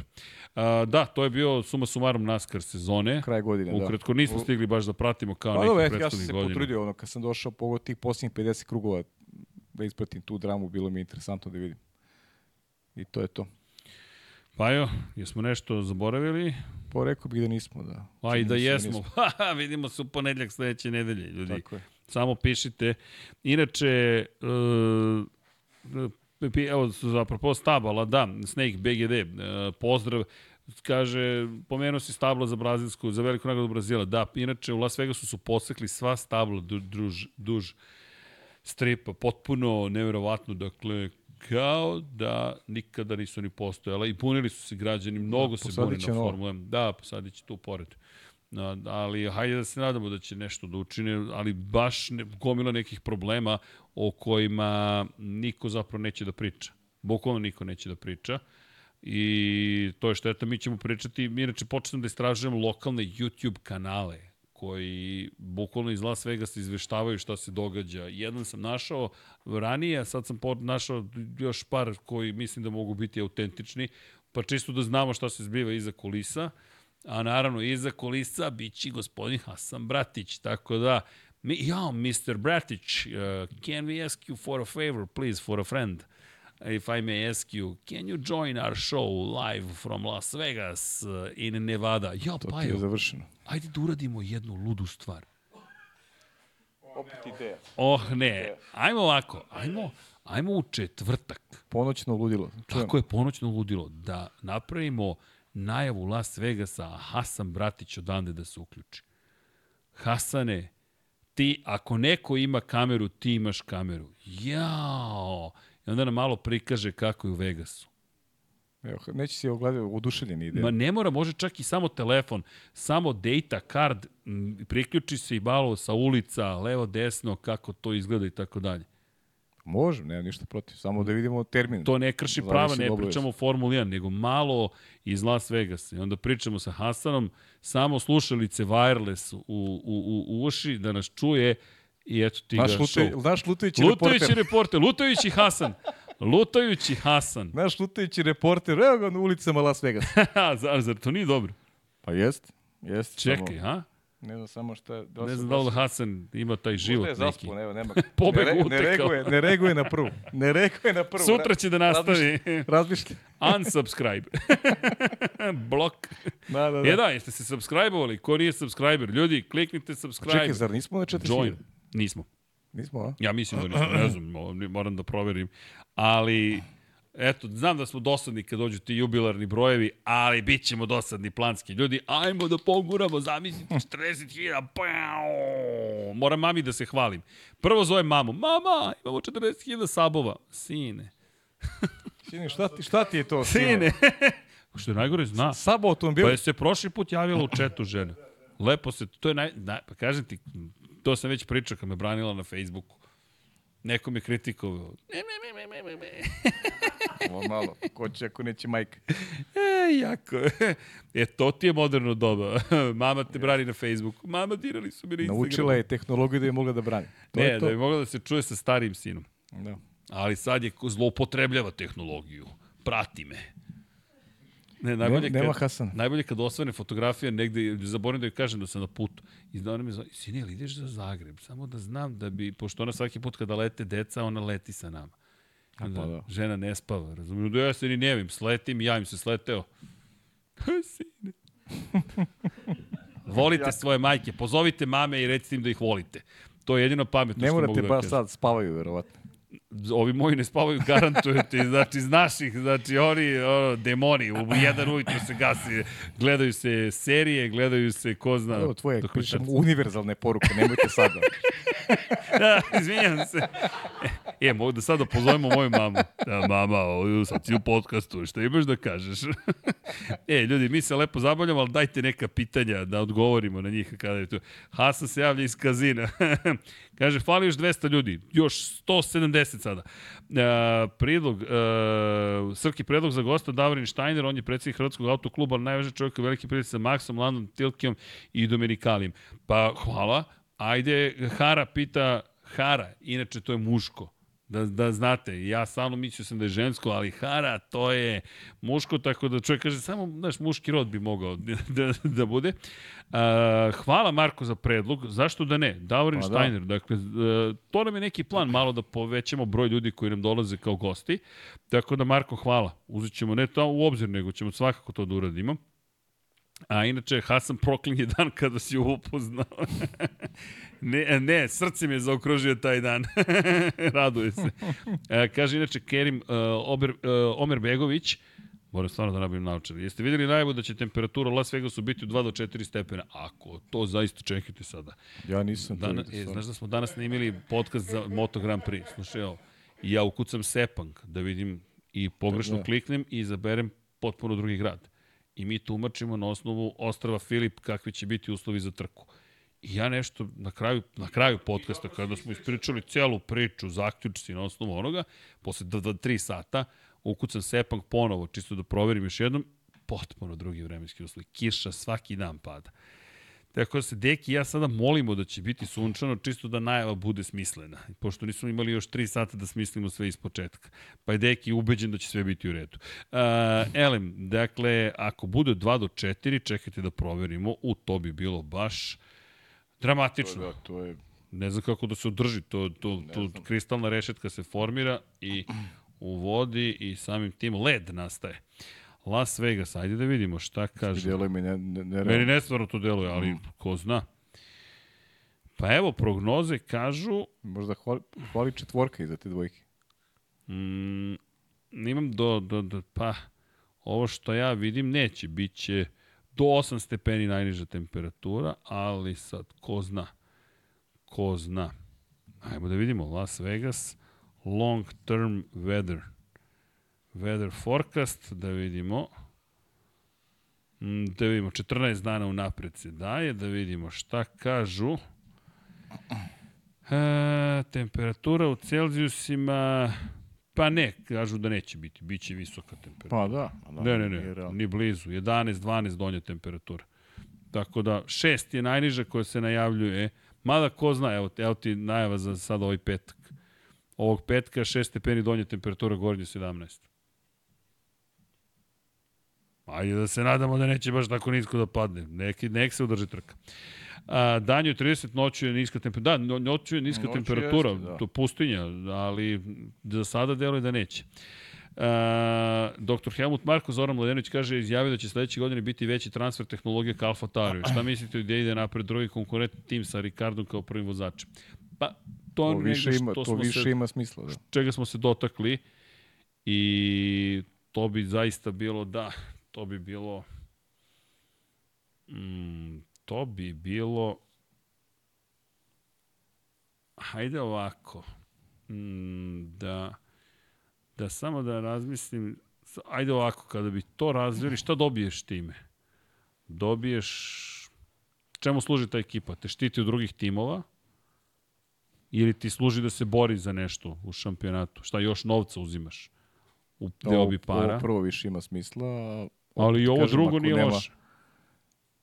Pa da, to je sad onaj koncept, pričali smo, da se ne vraćamo oko, oko koncepta, kako bi trebalo da izgleda ta, ta sestrinska ekipa i sa kakvom projekcijom vozača, ali dobro, ok, ajde, vidjet ćemo. Da ne lupamo glavu sad o onome što će biti sledeće godine. E, da, inače da odgovorim za Argentinanih knjiga, sve knjige nosimo tako da, da to jest uvozimo, to, to smo isto naučili, trajni izvoz, pa onda uvoz, pa prodaja, pa kasa, moram da im kome moramo da se zahvalimo dok smo uspeli sve da organizujemo, pošto sve prodajemo legalno. Bilo dosta predloga, ba šta vas briga, izdajte to bez računa, ne hvala. Dakle, poštujemo zakone svake države u kojoj se pojavimo, tako da bit ćemo tamo bez brige. Inače, da odgovorim, Hari kaže, pročito si ime, ali nisi odgovorio na pitanje, hoćete doći u Bosnu i Hercegovinu. Jes, hvala, nisam Hoćemo. odgovorio na pitanje, hoćemo. I bilo je, bilo je baš mnogo ljudi iz Bosne i Hercegovine sada na sajmu u Beogradu i, i, ovaj, i pitanja su bukvalno ista i naši odgovori, ali stvarno ćemo uraditi sve da, da dođemo, ako, ako ništa drugo, onda Sarajevski sajam. Obavešteni smo da ima jel tako, neka četiri recimo sajma i tako koje su u Sarajevu tokom godine. Da, pa, sad samo da vidimo pa ćemo koji... samo da vidimo, eto i to je neka preporuka, možda i vaša, da nam kažete Da, recite nam Gde- na koji sajam da dođemo. tako je, na koji Jer mi dođemo ne i- znamo i sad- tako je, eto procedure, šta je tu najinteresantnije, ali Da, ne znamo koji je sajam, znate kako sad, ne znamo koja je razlika između ta četiri sajma, Tako je, da. ali ako možete da nam Ako pomognete. smo dobro razumeli da, je, da, Da, da, da, su četiri, ali eto, eto, pišite nam, javite nam i, i, i sigurno nam je to u planu da se, da se prijavimo za narednu godinu. E, Marko pita da li čekamo pravljanje umjetne uzbudljivosti na trci u Las Vegasu, nešto slično kao u Australiji. Mislite ono crvena zastava i slično? Pa mislim da neće baš ići ka tome, ali ko zna. Znate šta, mislim da moramo da vidimo prvo na šta će sve to da liči. Specifična je staza, ajde, blago rečeno da se izrazim. Ne znam da li ste... E, ali to moramo da odvezemo sledeće nedelje. Evo ovako. Sledeće nedelje moramo da odvezemo baš u sklopu priprema, dakle, Da, da, ima odvezemo smisla. krug staze u Las Vegasu. Ima, ima smisla. Čak bismo možda mogli da, da snimimo jedan krug tokom emisije, ne da sedemo pa da se vozikamo i zabavljamo, nego baš da prokomentarišemo kako izgleda iz naše perspektive pre nego što stignemo tamo. Možda je čak to i, i efektnije. Mislim da je to bolje, to je pristojnije nekako i prema Da, publici i što- prema svima. Zato što ovaj, efektnije, eto, u kraju, neka bude to izraz. Ok. Uh, Katarina Stepanić, Trke nisam stigla da te pitam prošlog ponedjeljka, pošto misliš da će Hamilton otići u Ferrari, što, što ima logike, ali šta ako se vrati McLaren i sa njima osvoji svoju poslednju titulu? Vi ste maštoviti od mene, to je sve što ću reći i mnogo mi se dopada vaša ideja. Bilo bi lepo da vidimo takvu jednu fantastičnu priču kao Kimira i Konen koji se vrati u Zauber i ja, ja bih volao da vidim tako nešto. Zašto? Pa zamislite McLaren koji ponovo osvaja titulu. Bilo s Norrisom. Povr- povratak. Jedija. Da, povratak Jedija. Baš bilo bi, meni bi bilo to romantično. Nisam siguran da će, da će stići baš do Ferrarija, koliko god sam ja to negde najavljivao, bilo bi mi zabavno da ode, ali to je to. Da, inače, da samo kažem za sutra uveče, uh, snimili smo Deki i ja premijere sutra za Moto Grand Prix, ne zamerite, ali ne možemo baš da budemo na dva mesta u isto vreme još. Tako da, a imamo neke pozive koje smo hteli da ispoštujemo sutra u Zagrebu kada je reč i o na, susretanju sa dragim ljudima, sa ljudima koje poznajemo samo preko dopisivanja, bit će prilika da se upoznamo i lično.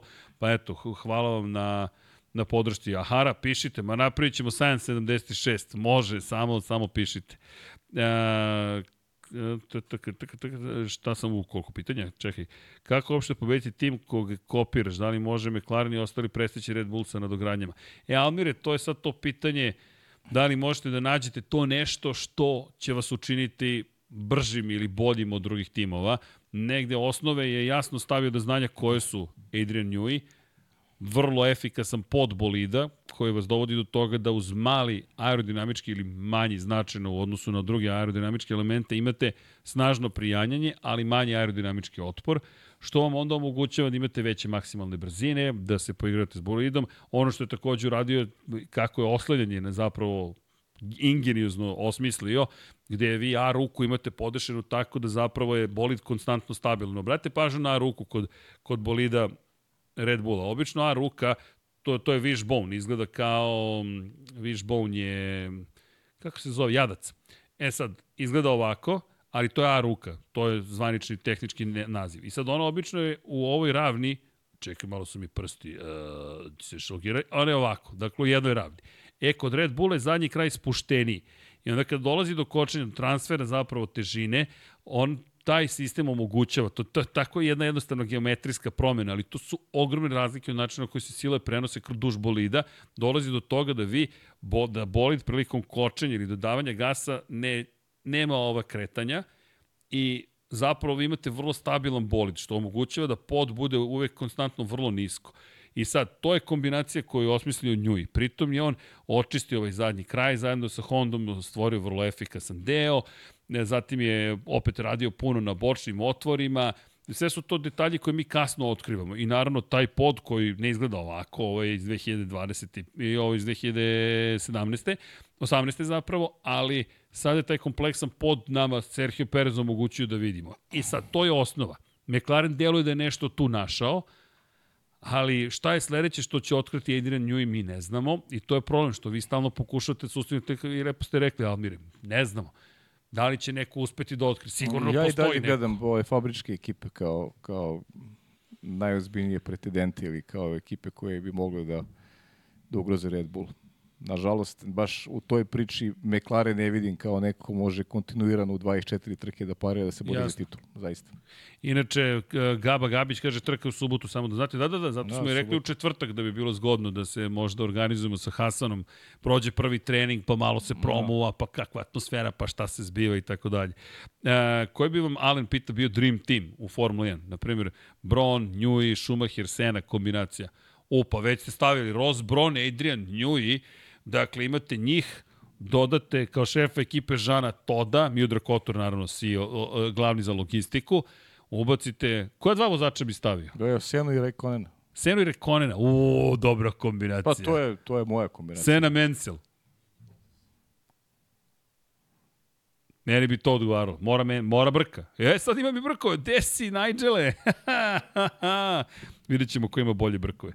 E, Međunarodni sajranski sajam knjiga biće održan od 17. do 22. aprila 2024. godine. Eto. Almire, onda to to. mislim da se, mislim, we have a deal, ja bih rekao. Da, evo, dosta diskusije oko toga kada će biti m, zapravo Ajde ovako, da vam kažemo po lokalnom vremenu u Las Vegasu kada će biti održana trka da rešimo to pitanje. Dakle, imamo ovako Las Vegas, Las Vegas, Las Vegas. Viva Las Vegas. Viva Las Vegas. Trka je na programu 22 časa uveče, dakle 22 časa po lokalnom vremenu. Kvalifikacije su od ponoći. Trening broj 3 je od 20 časova 30 minuta. Trening 2 je od ponoći i trening broj 1 je od 20.30. To je bukvalno noćna trka, midnight run, još samo Robert De Niro da se pojavi, kao neće se pojaviti, svi će se pojaviti. Dakle, kvalifikacija u ponoć. Ajmo sada da vidimo... Po, po našem vremenu. Las Vegas, ne, ne, ne, ajmo da vidimo Las Vegas danas, oko ponoći. Koja je temperatura danas?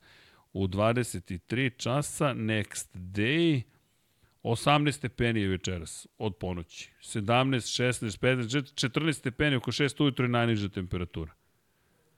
Dakle, To je ljudi ono što mi ovde prikazuje zvanična to to, prognoza. to to.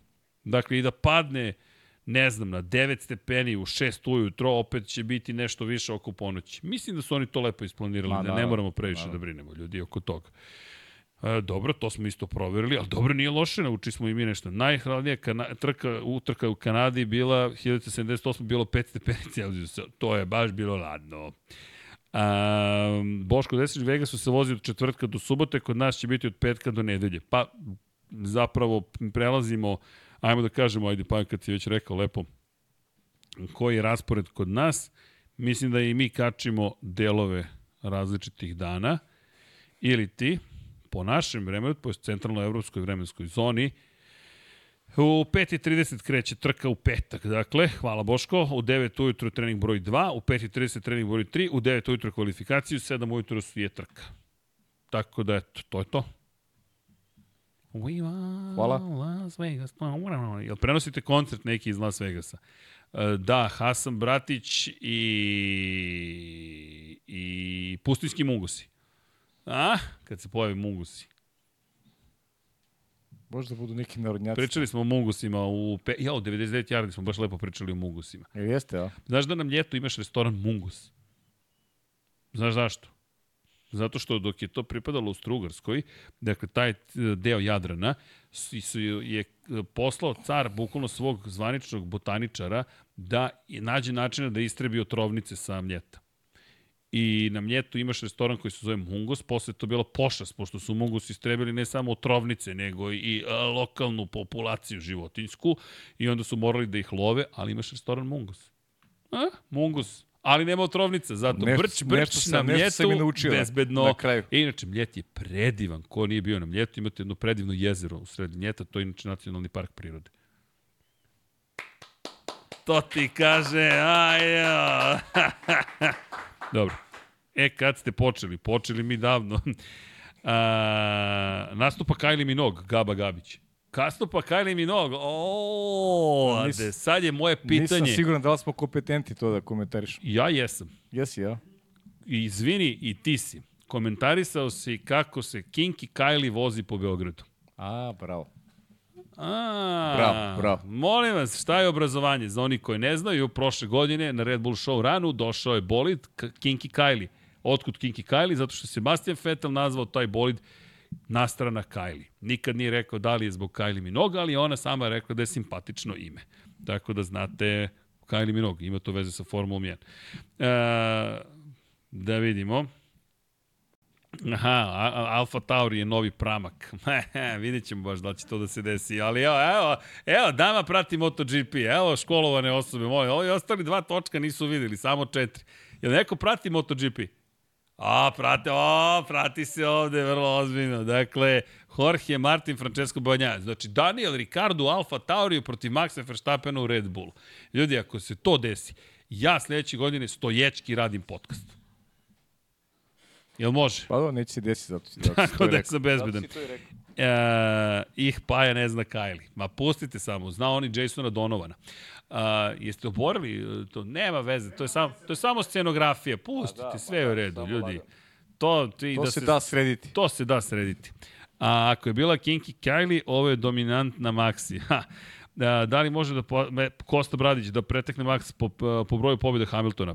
Ja sam ubeđen da je to cilj zapravo. Bukvalno da im je to negde upisano 103 da stoji trenutno Ja nisam i da ga je gađaju. to cilj uopšte. Ali ja mislim da je to da je to za, za, za Red Bull cilj, iskreno.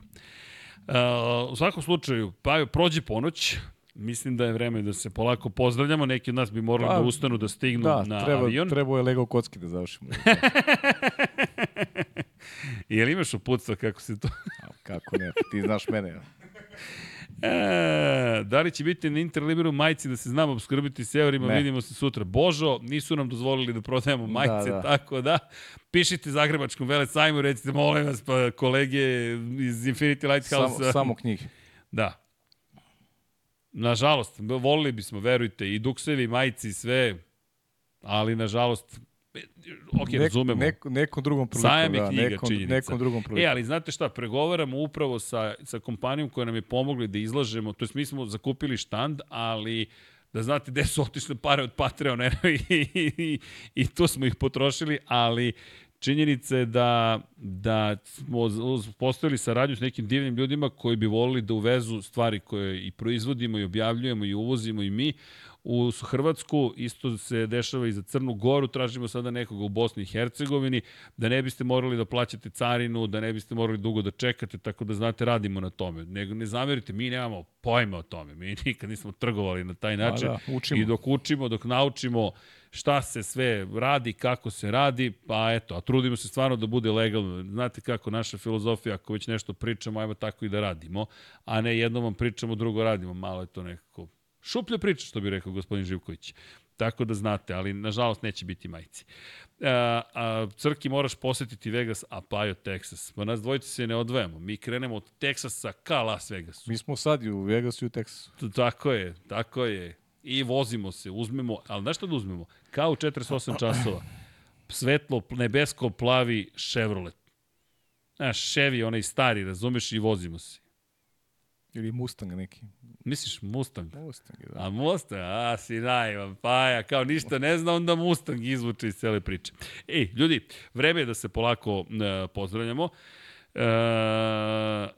Srki, volio bih vam pokloniti F1 2019 zato da Paja može voziti cenim bolid, naravno ako želite. Hvala Marko, uh, mislim da možete Ajde da vidim da li imamo u kolekciji 2019. zato što mislim da imamo legendarno to izdanje, a da ako vi želite da poklonite onda nekom detetu.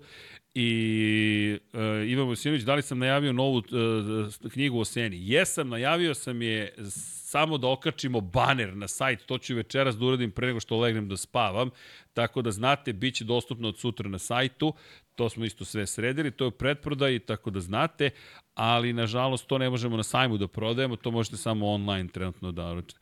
Pa nije gotovo prosto, tako, tako da, ne, ne fizički, fizički, tako je nemamo tako, rukama. Ali ne, ne, da, ide u pretprodaju na sajt. Pretprodaju ide, da. Tako je. Pa ne, Branislav misli, sad, misli sad i za Zagrebački sajam. Ne? E, mislim da je, da je ovo generalno pitanje. Uh, Kaže Andrija Savić, ja mislim da ponovo Barrio rekao da po broju pobjeda u sezoni sledeće godine i broj vezanih pobjeda ponovo od toga se nastavlja. Polako, pa, Andrija, nije, ne, ne. Nije, nije nemoguće. Nije nemoguće, ali nadamo se. Boško kaže, svašte Srkjović, jesam, ali ispunjavam, malo sporije, ali ispunjavam. U svakom slučaju, ko voli Kajli u petak u 7 ujutru po našem vremenu. U svakom slučaju, daćemo pa i da vozi Senin bolid, nisam siguran koliko se pa raduje ulazku u ovu, u ovu foteljicu, ali što da ne.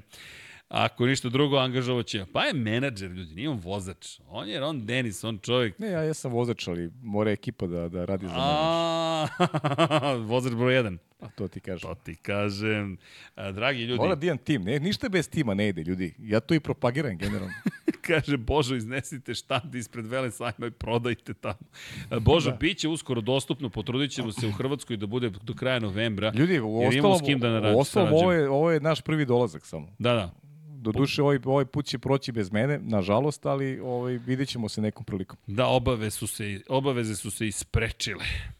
Ali dobro, naš plan je da, da se družimo još dugo, pa eto, držite nam palčeve, mi se uskoro se vidimo svakako ko bude sutra u Zagrebu, ako ništa drugo, makar da su ljudi upoznamo i malo. Dobro, ajde, ajde sad kažemo, tamo si utorak, sreda, sreda četvrtak, četvrtak u, do neke, recimo dva sata je Pa, na primjer, tako, dva, Su, tri. Sutra, sutra i u sredu je, je Srki tamo cijel dan. dan. Cijel dan sam na sajmu. Tako da, eto.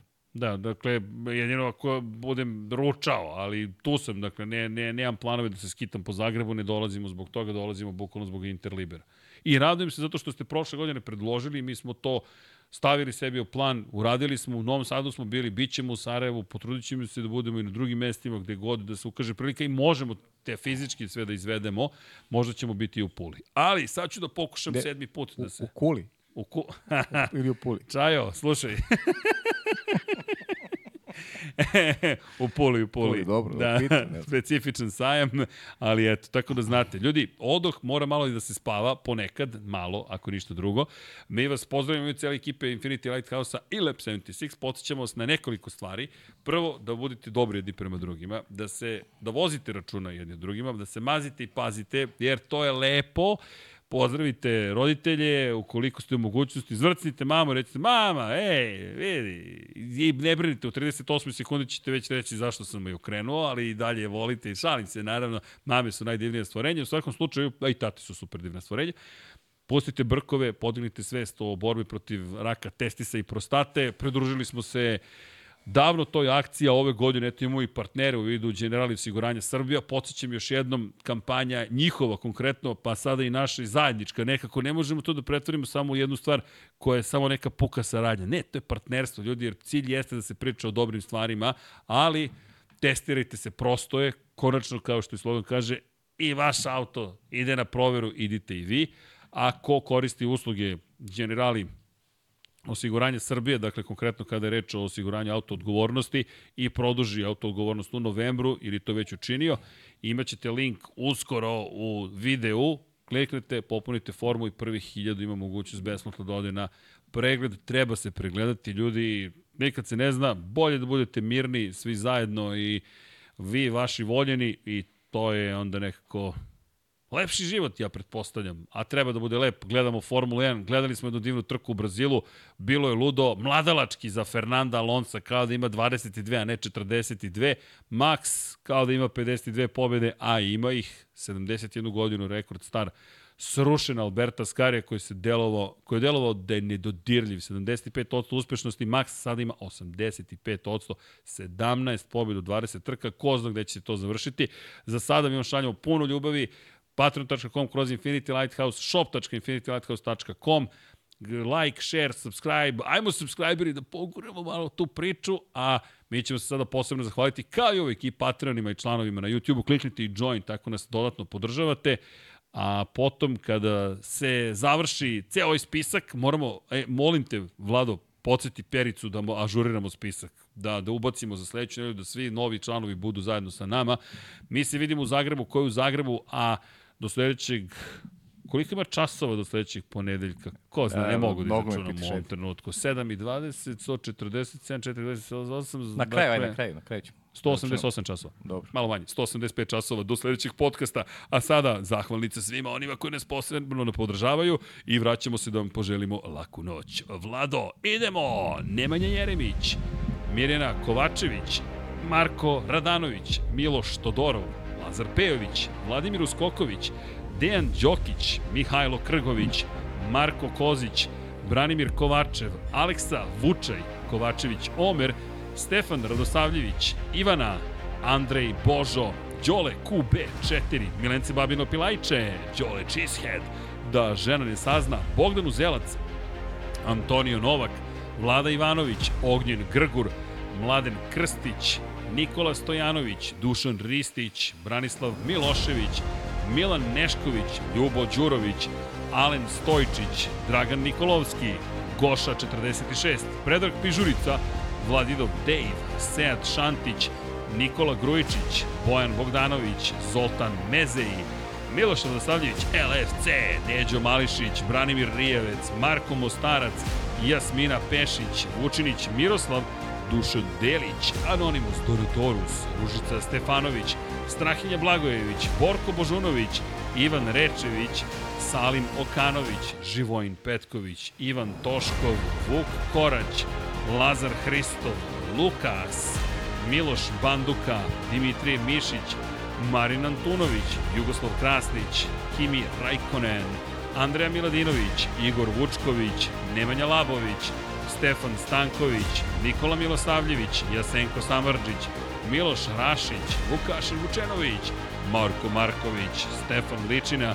Luka Klaso, Jeca N, Stefan Nemanja Zagorac, Aleksandar Mitrović, Šefko Čehić, Crnogorski džedaj, Milan Apro, Bojan Mijatović, Vladimir Filipović, Deus, Nikola, Jovan Đodan, Safet Isljami, Matija Binotto, Veselin Vukićević, Predrag Simić, Ivan Maksimović, Danijela Ilić, Nenad Pantelić, Stevan Zekanović, Sava Dugi, Josip Kovačić, Aleksandar Milosavljević, Marko Kostić, Zorana Vidić, Vukašin Jekić, Ognjen Marinković, Monika Erceg, Đorđe Radojević, Peđa Janković, Nikola E, Miloš Rosandić, Igor Jankovski, Simović Sarajevo, Ivan Cigir, Tijera Vidanović, Branislav Kovačević, Milan, Miloš Broćeta, Branislav Marković, Zoran Šalamun, Boris Golubar, Renata Neš, Đorđe Andrić,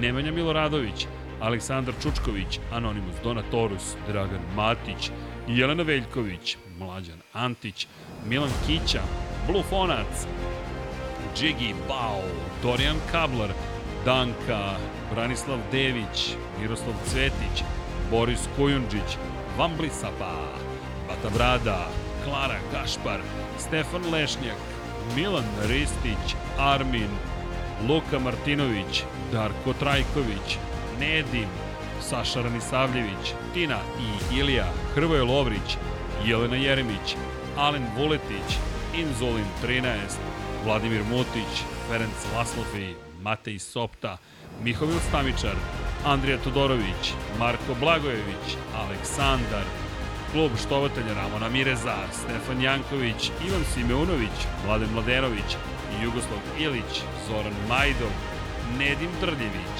optimist Josh Allen Fan, Ivan Rebac, Benjo KK, Armin Durgut, Miloš Vuletić, Srđan Sivić, Ante Primorac, Aleksandar Anđelić, Stefan Prijović, Marko Ćurčić, Đole Bronkos, Novak Tomić, Nikola Marinković, Andreja Branković, Aleksandar Antonović, Aleksa Valter, Stefan Milošević, Đerman, Katarina, Toni Ruščić, Ivica, Dejan Vujović, Nenad Đorđević, Andreja, Branko Bisački, Gloria Edson, Aca Vizla, Dejan Avić, Daniel Kolobarić, Ognjen Ungurjanović, Milan Milašević, Đorđe Đukić, Boris Erceg, Luka Savović, Stefan Nedeljković, Dejan Janić, Šmele, Vladan Miladinović, Ivan Milatović, Nemanja, Vanja Radulović, Vojin Kostić, Mladen Tešić, Aleksa Jelić, Luka Manitašević, Damjan Veljanoski, Luka, Stefan Vuletić, Bogdan Mitrović, Stefan Dulić, Zlatko Vasić, Aleksandar Bobić, Boris Gvozden, Nenad Simić, Sean Hing, Đorđije Lopušina, Mario Jelena Komšić, Stefan Vidić, Marko Petrekanović, Borislav Vukojević, Anonimus Donatorus, Laslo Boroš, Bojan Majstorović, Đurđica Martinović, Petar Relić, Boris Radović, Životić Jovan, Lj. Đurović, Dušan Petrović, Vladimir Stojedinov, Zoran Cimeša, Pavle Nj, Dejan Avić, Marko Horg, Milan Paunović, Nenad Ivić, Martin Gašpar, Ivan, Matija Rajić, Aleksandar Banovac, Nebojša Živanović, Emir Mešić, Jelena Mak, Vladimir Petković, Kristijan Šestak, Ivan Panajotović, Aleksandar Jurić, Denis Špoljarić, Aleksa Lilić, Petar Nujić, Nikola Božinović, Nedo Lepanović, Žarko Milić, Strahinja Brajanoski, Žorž, Borislav Jovanović, Ertan Prelić, Grgo Živaljić, Marko Bogavac, Marina Mihajlović, Bojan Markov, Bahtjar Abdurmanov, Mirjana Živković, Aleksandar Radivojša, Vladimir Jovanović, Igor Gošparević, Mario Vidović, Filip, Marko Trkulja, Andrej Bicok, Ivan Maja Stanković, Ada Sokolović, Ivan Ujasinović, Igor Ilić, Sadam Mehmedović, Nemanja Miloradović, Dinstero, Aleks Vulović, Bojan Markov, Vladan Đurić, Bruno Jurić, Tomić Miloš, Đorđe Janjić, Marko Lučić, Ejhil, Blagoj Ačevski, Milan Knežević, Ivan Božanić, Anonimus, Donatorus, Tatjana Lemajić, Zoran Baka, Future Graciano Rossi, Ivan Hornjak, Marko Stojilković, Uroš Ćosić, Vladimir Subotić, Aleksandar Kockar, Zlatko Marić, Nikola Božović, Marko Jevtić, Oliver Nikolić, Vlada Ivanović, Jovan Bojanić, Ivan Magdelinić, Nikola Grujičić, Resničanin, Petar Bijelić, Toni Soni 76, Branislav Dević, Vukašin Vučenović, Kro Robi 0-0, Milorad Reljić, Nikola Vujović, Milanka Marunić, Alen Jesenović, Dejan Plackov, Plackov, Vladan Miladinović, Penđer, Žika Su, Ivan Doko, Uroš Čuturilov, Vladimir Bulatović, Branko Rašević, Vojislav Tadić, Nemanja, Drago Veković, Dejan Janić, Mensur Kurtagić, Bojan Gitarić, Kornjačin Vrač, Omer Sarajlić, Slaven 84, Saša Stevanović, Aleksandar Nikolić, Nedžad Mrakić, Marina, Bojan Stanković, Luke Williams, Ivan Vincetić, Đera 7, Almedin Ahmetović, Mateja Nenadović, Mrča, Bakadu, Pavle Lukić, Jelena Jeremić, Miloš Stanimirović, Ivana Vesković, Galeksić, Edin Ustavdić, Nikola Adamović, Miloš Zen, LFC, Srđan Ćirić, Nemanja Cimbaljević, Predrag Zec, Marko Bogavac, Mađar 007, Vuk, Domagoj Kovač, Stefan Škrbić, Igor Ninić, Nikola Niksi, Aleksandar P, Škundra, Ujo, Nikola Grđan, Aleksandar Stojković, Almir Vuk i Nemanja Bračko. Mačko. Opa! Dobro, dobro, Čika Pajo. Malo za kraj. Malo za kraj zabave, pošalice i dobre, dobre energije. Ajmo ljudi da malo plešemo, niko ovde u studiju ne čuje pa mi izgledamo kao potpuni šašavi ljudi koji čuju nešto u svojim ušima, glavama i tako dalje, ali mi čujemo lepotu trkanja. Nadam se da ste uživali, bila je ovo emisija broj 359 Lab 76, više se ni ne sjećamo koje nismo snimili, ali tu ste vi da nas podsjetite, a ako ne, snimit ćemo ih ponovo, čak i ako budu duple, a pustit ćemo i neke iz istorije. Ko zna šta zima donosi, osim hladnoće, donosi i radost. Lab 76, mi vas pozdravljamo još jednom u ime cijela ekipa Lab 76, svi koji su studiju, svih vas, volite se, mazite se, pazite se, budite dobri jedni prema drugima, vozite računa i u sebi i u drugima i naravno 1, 2, 3, 4, 5, 6, 7, 8, 9, 10 Zagreb. Ćao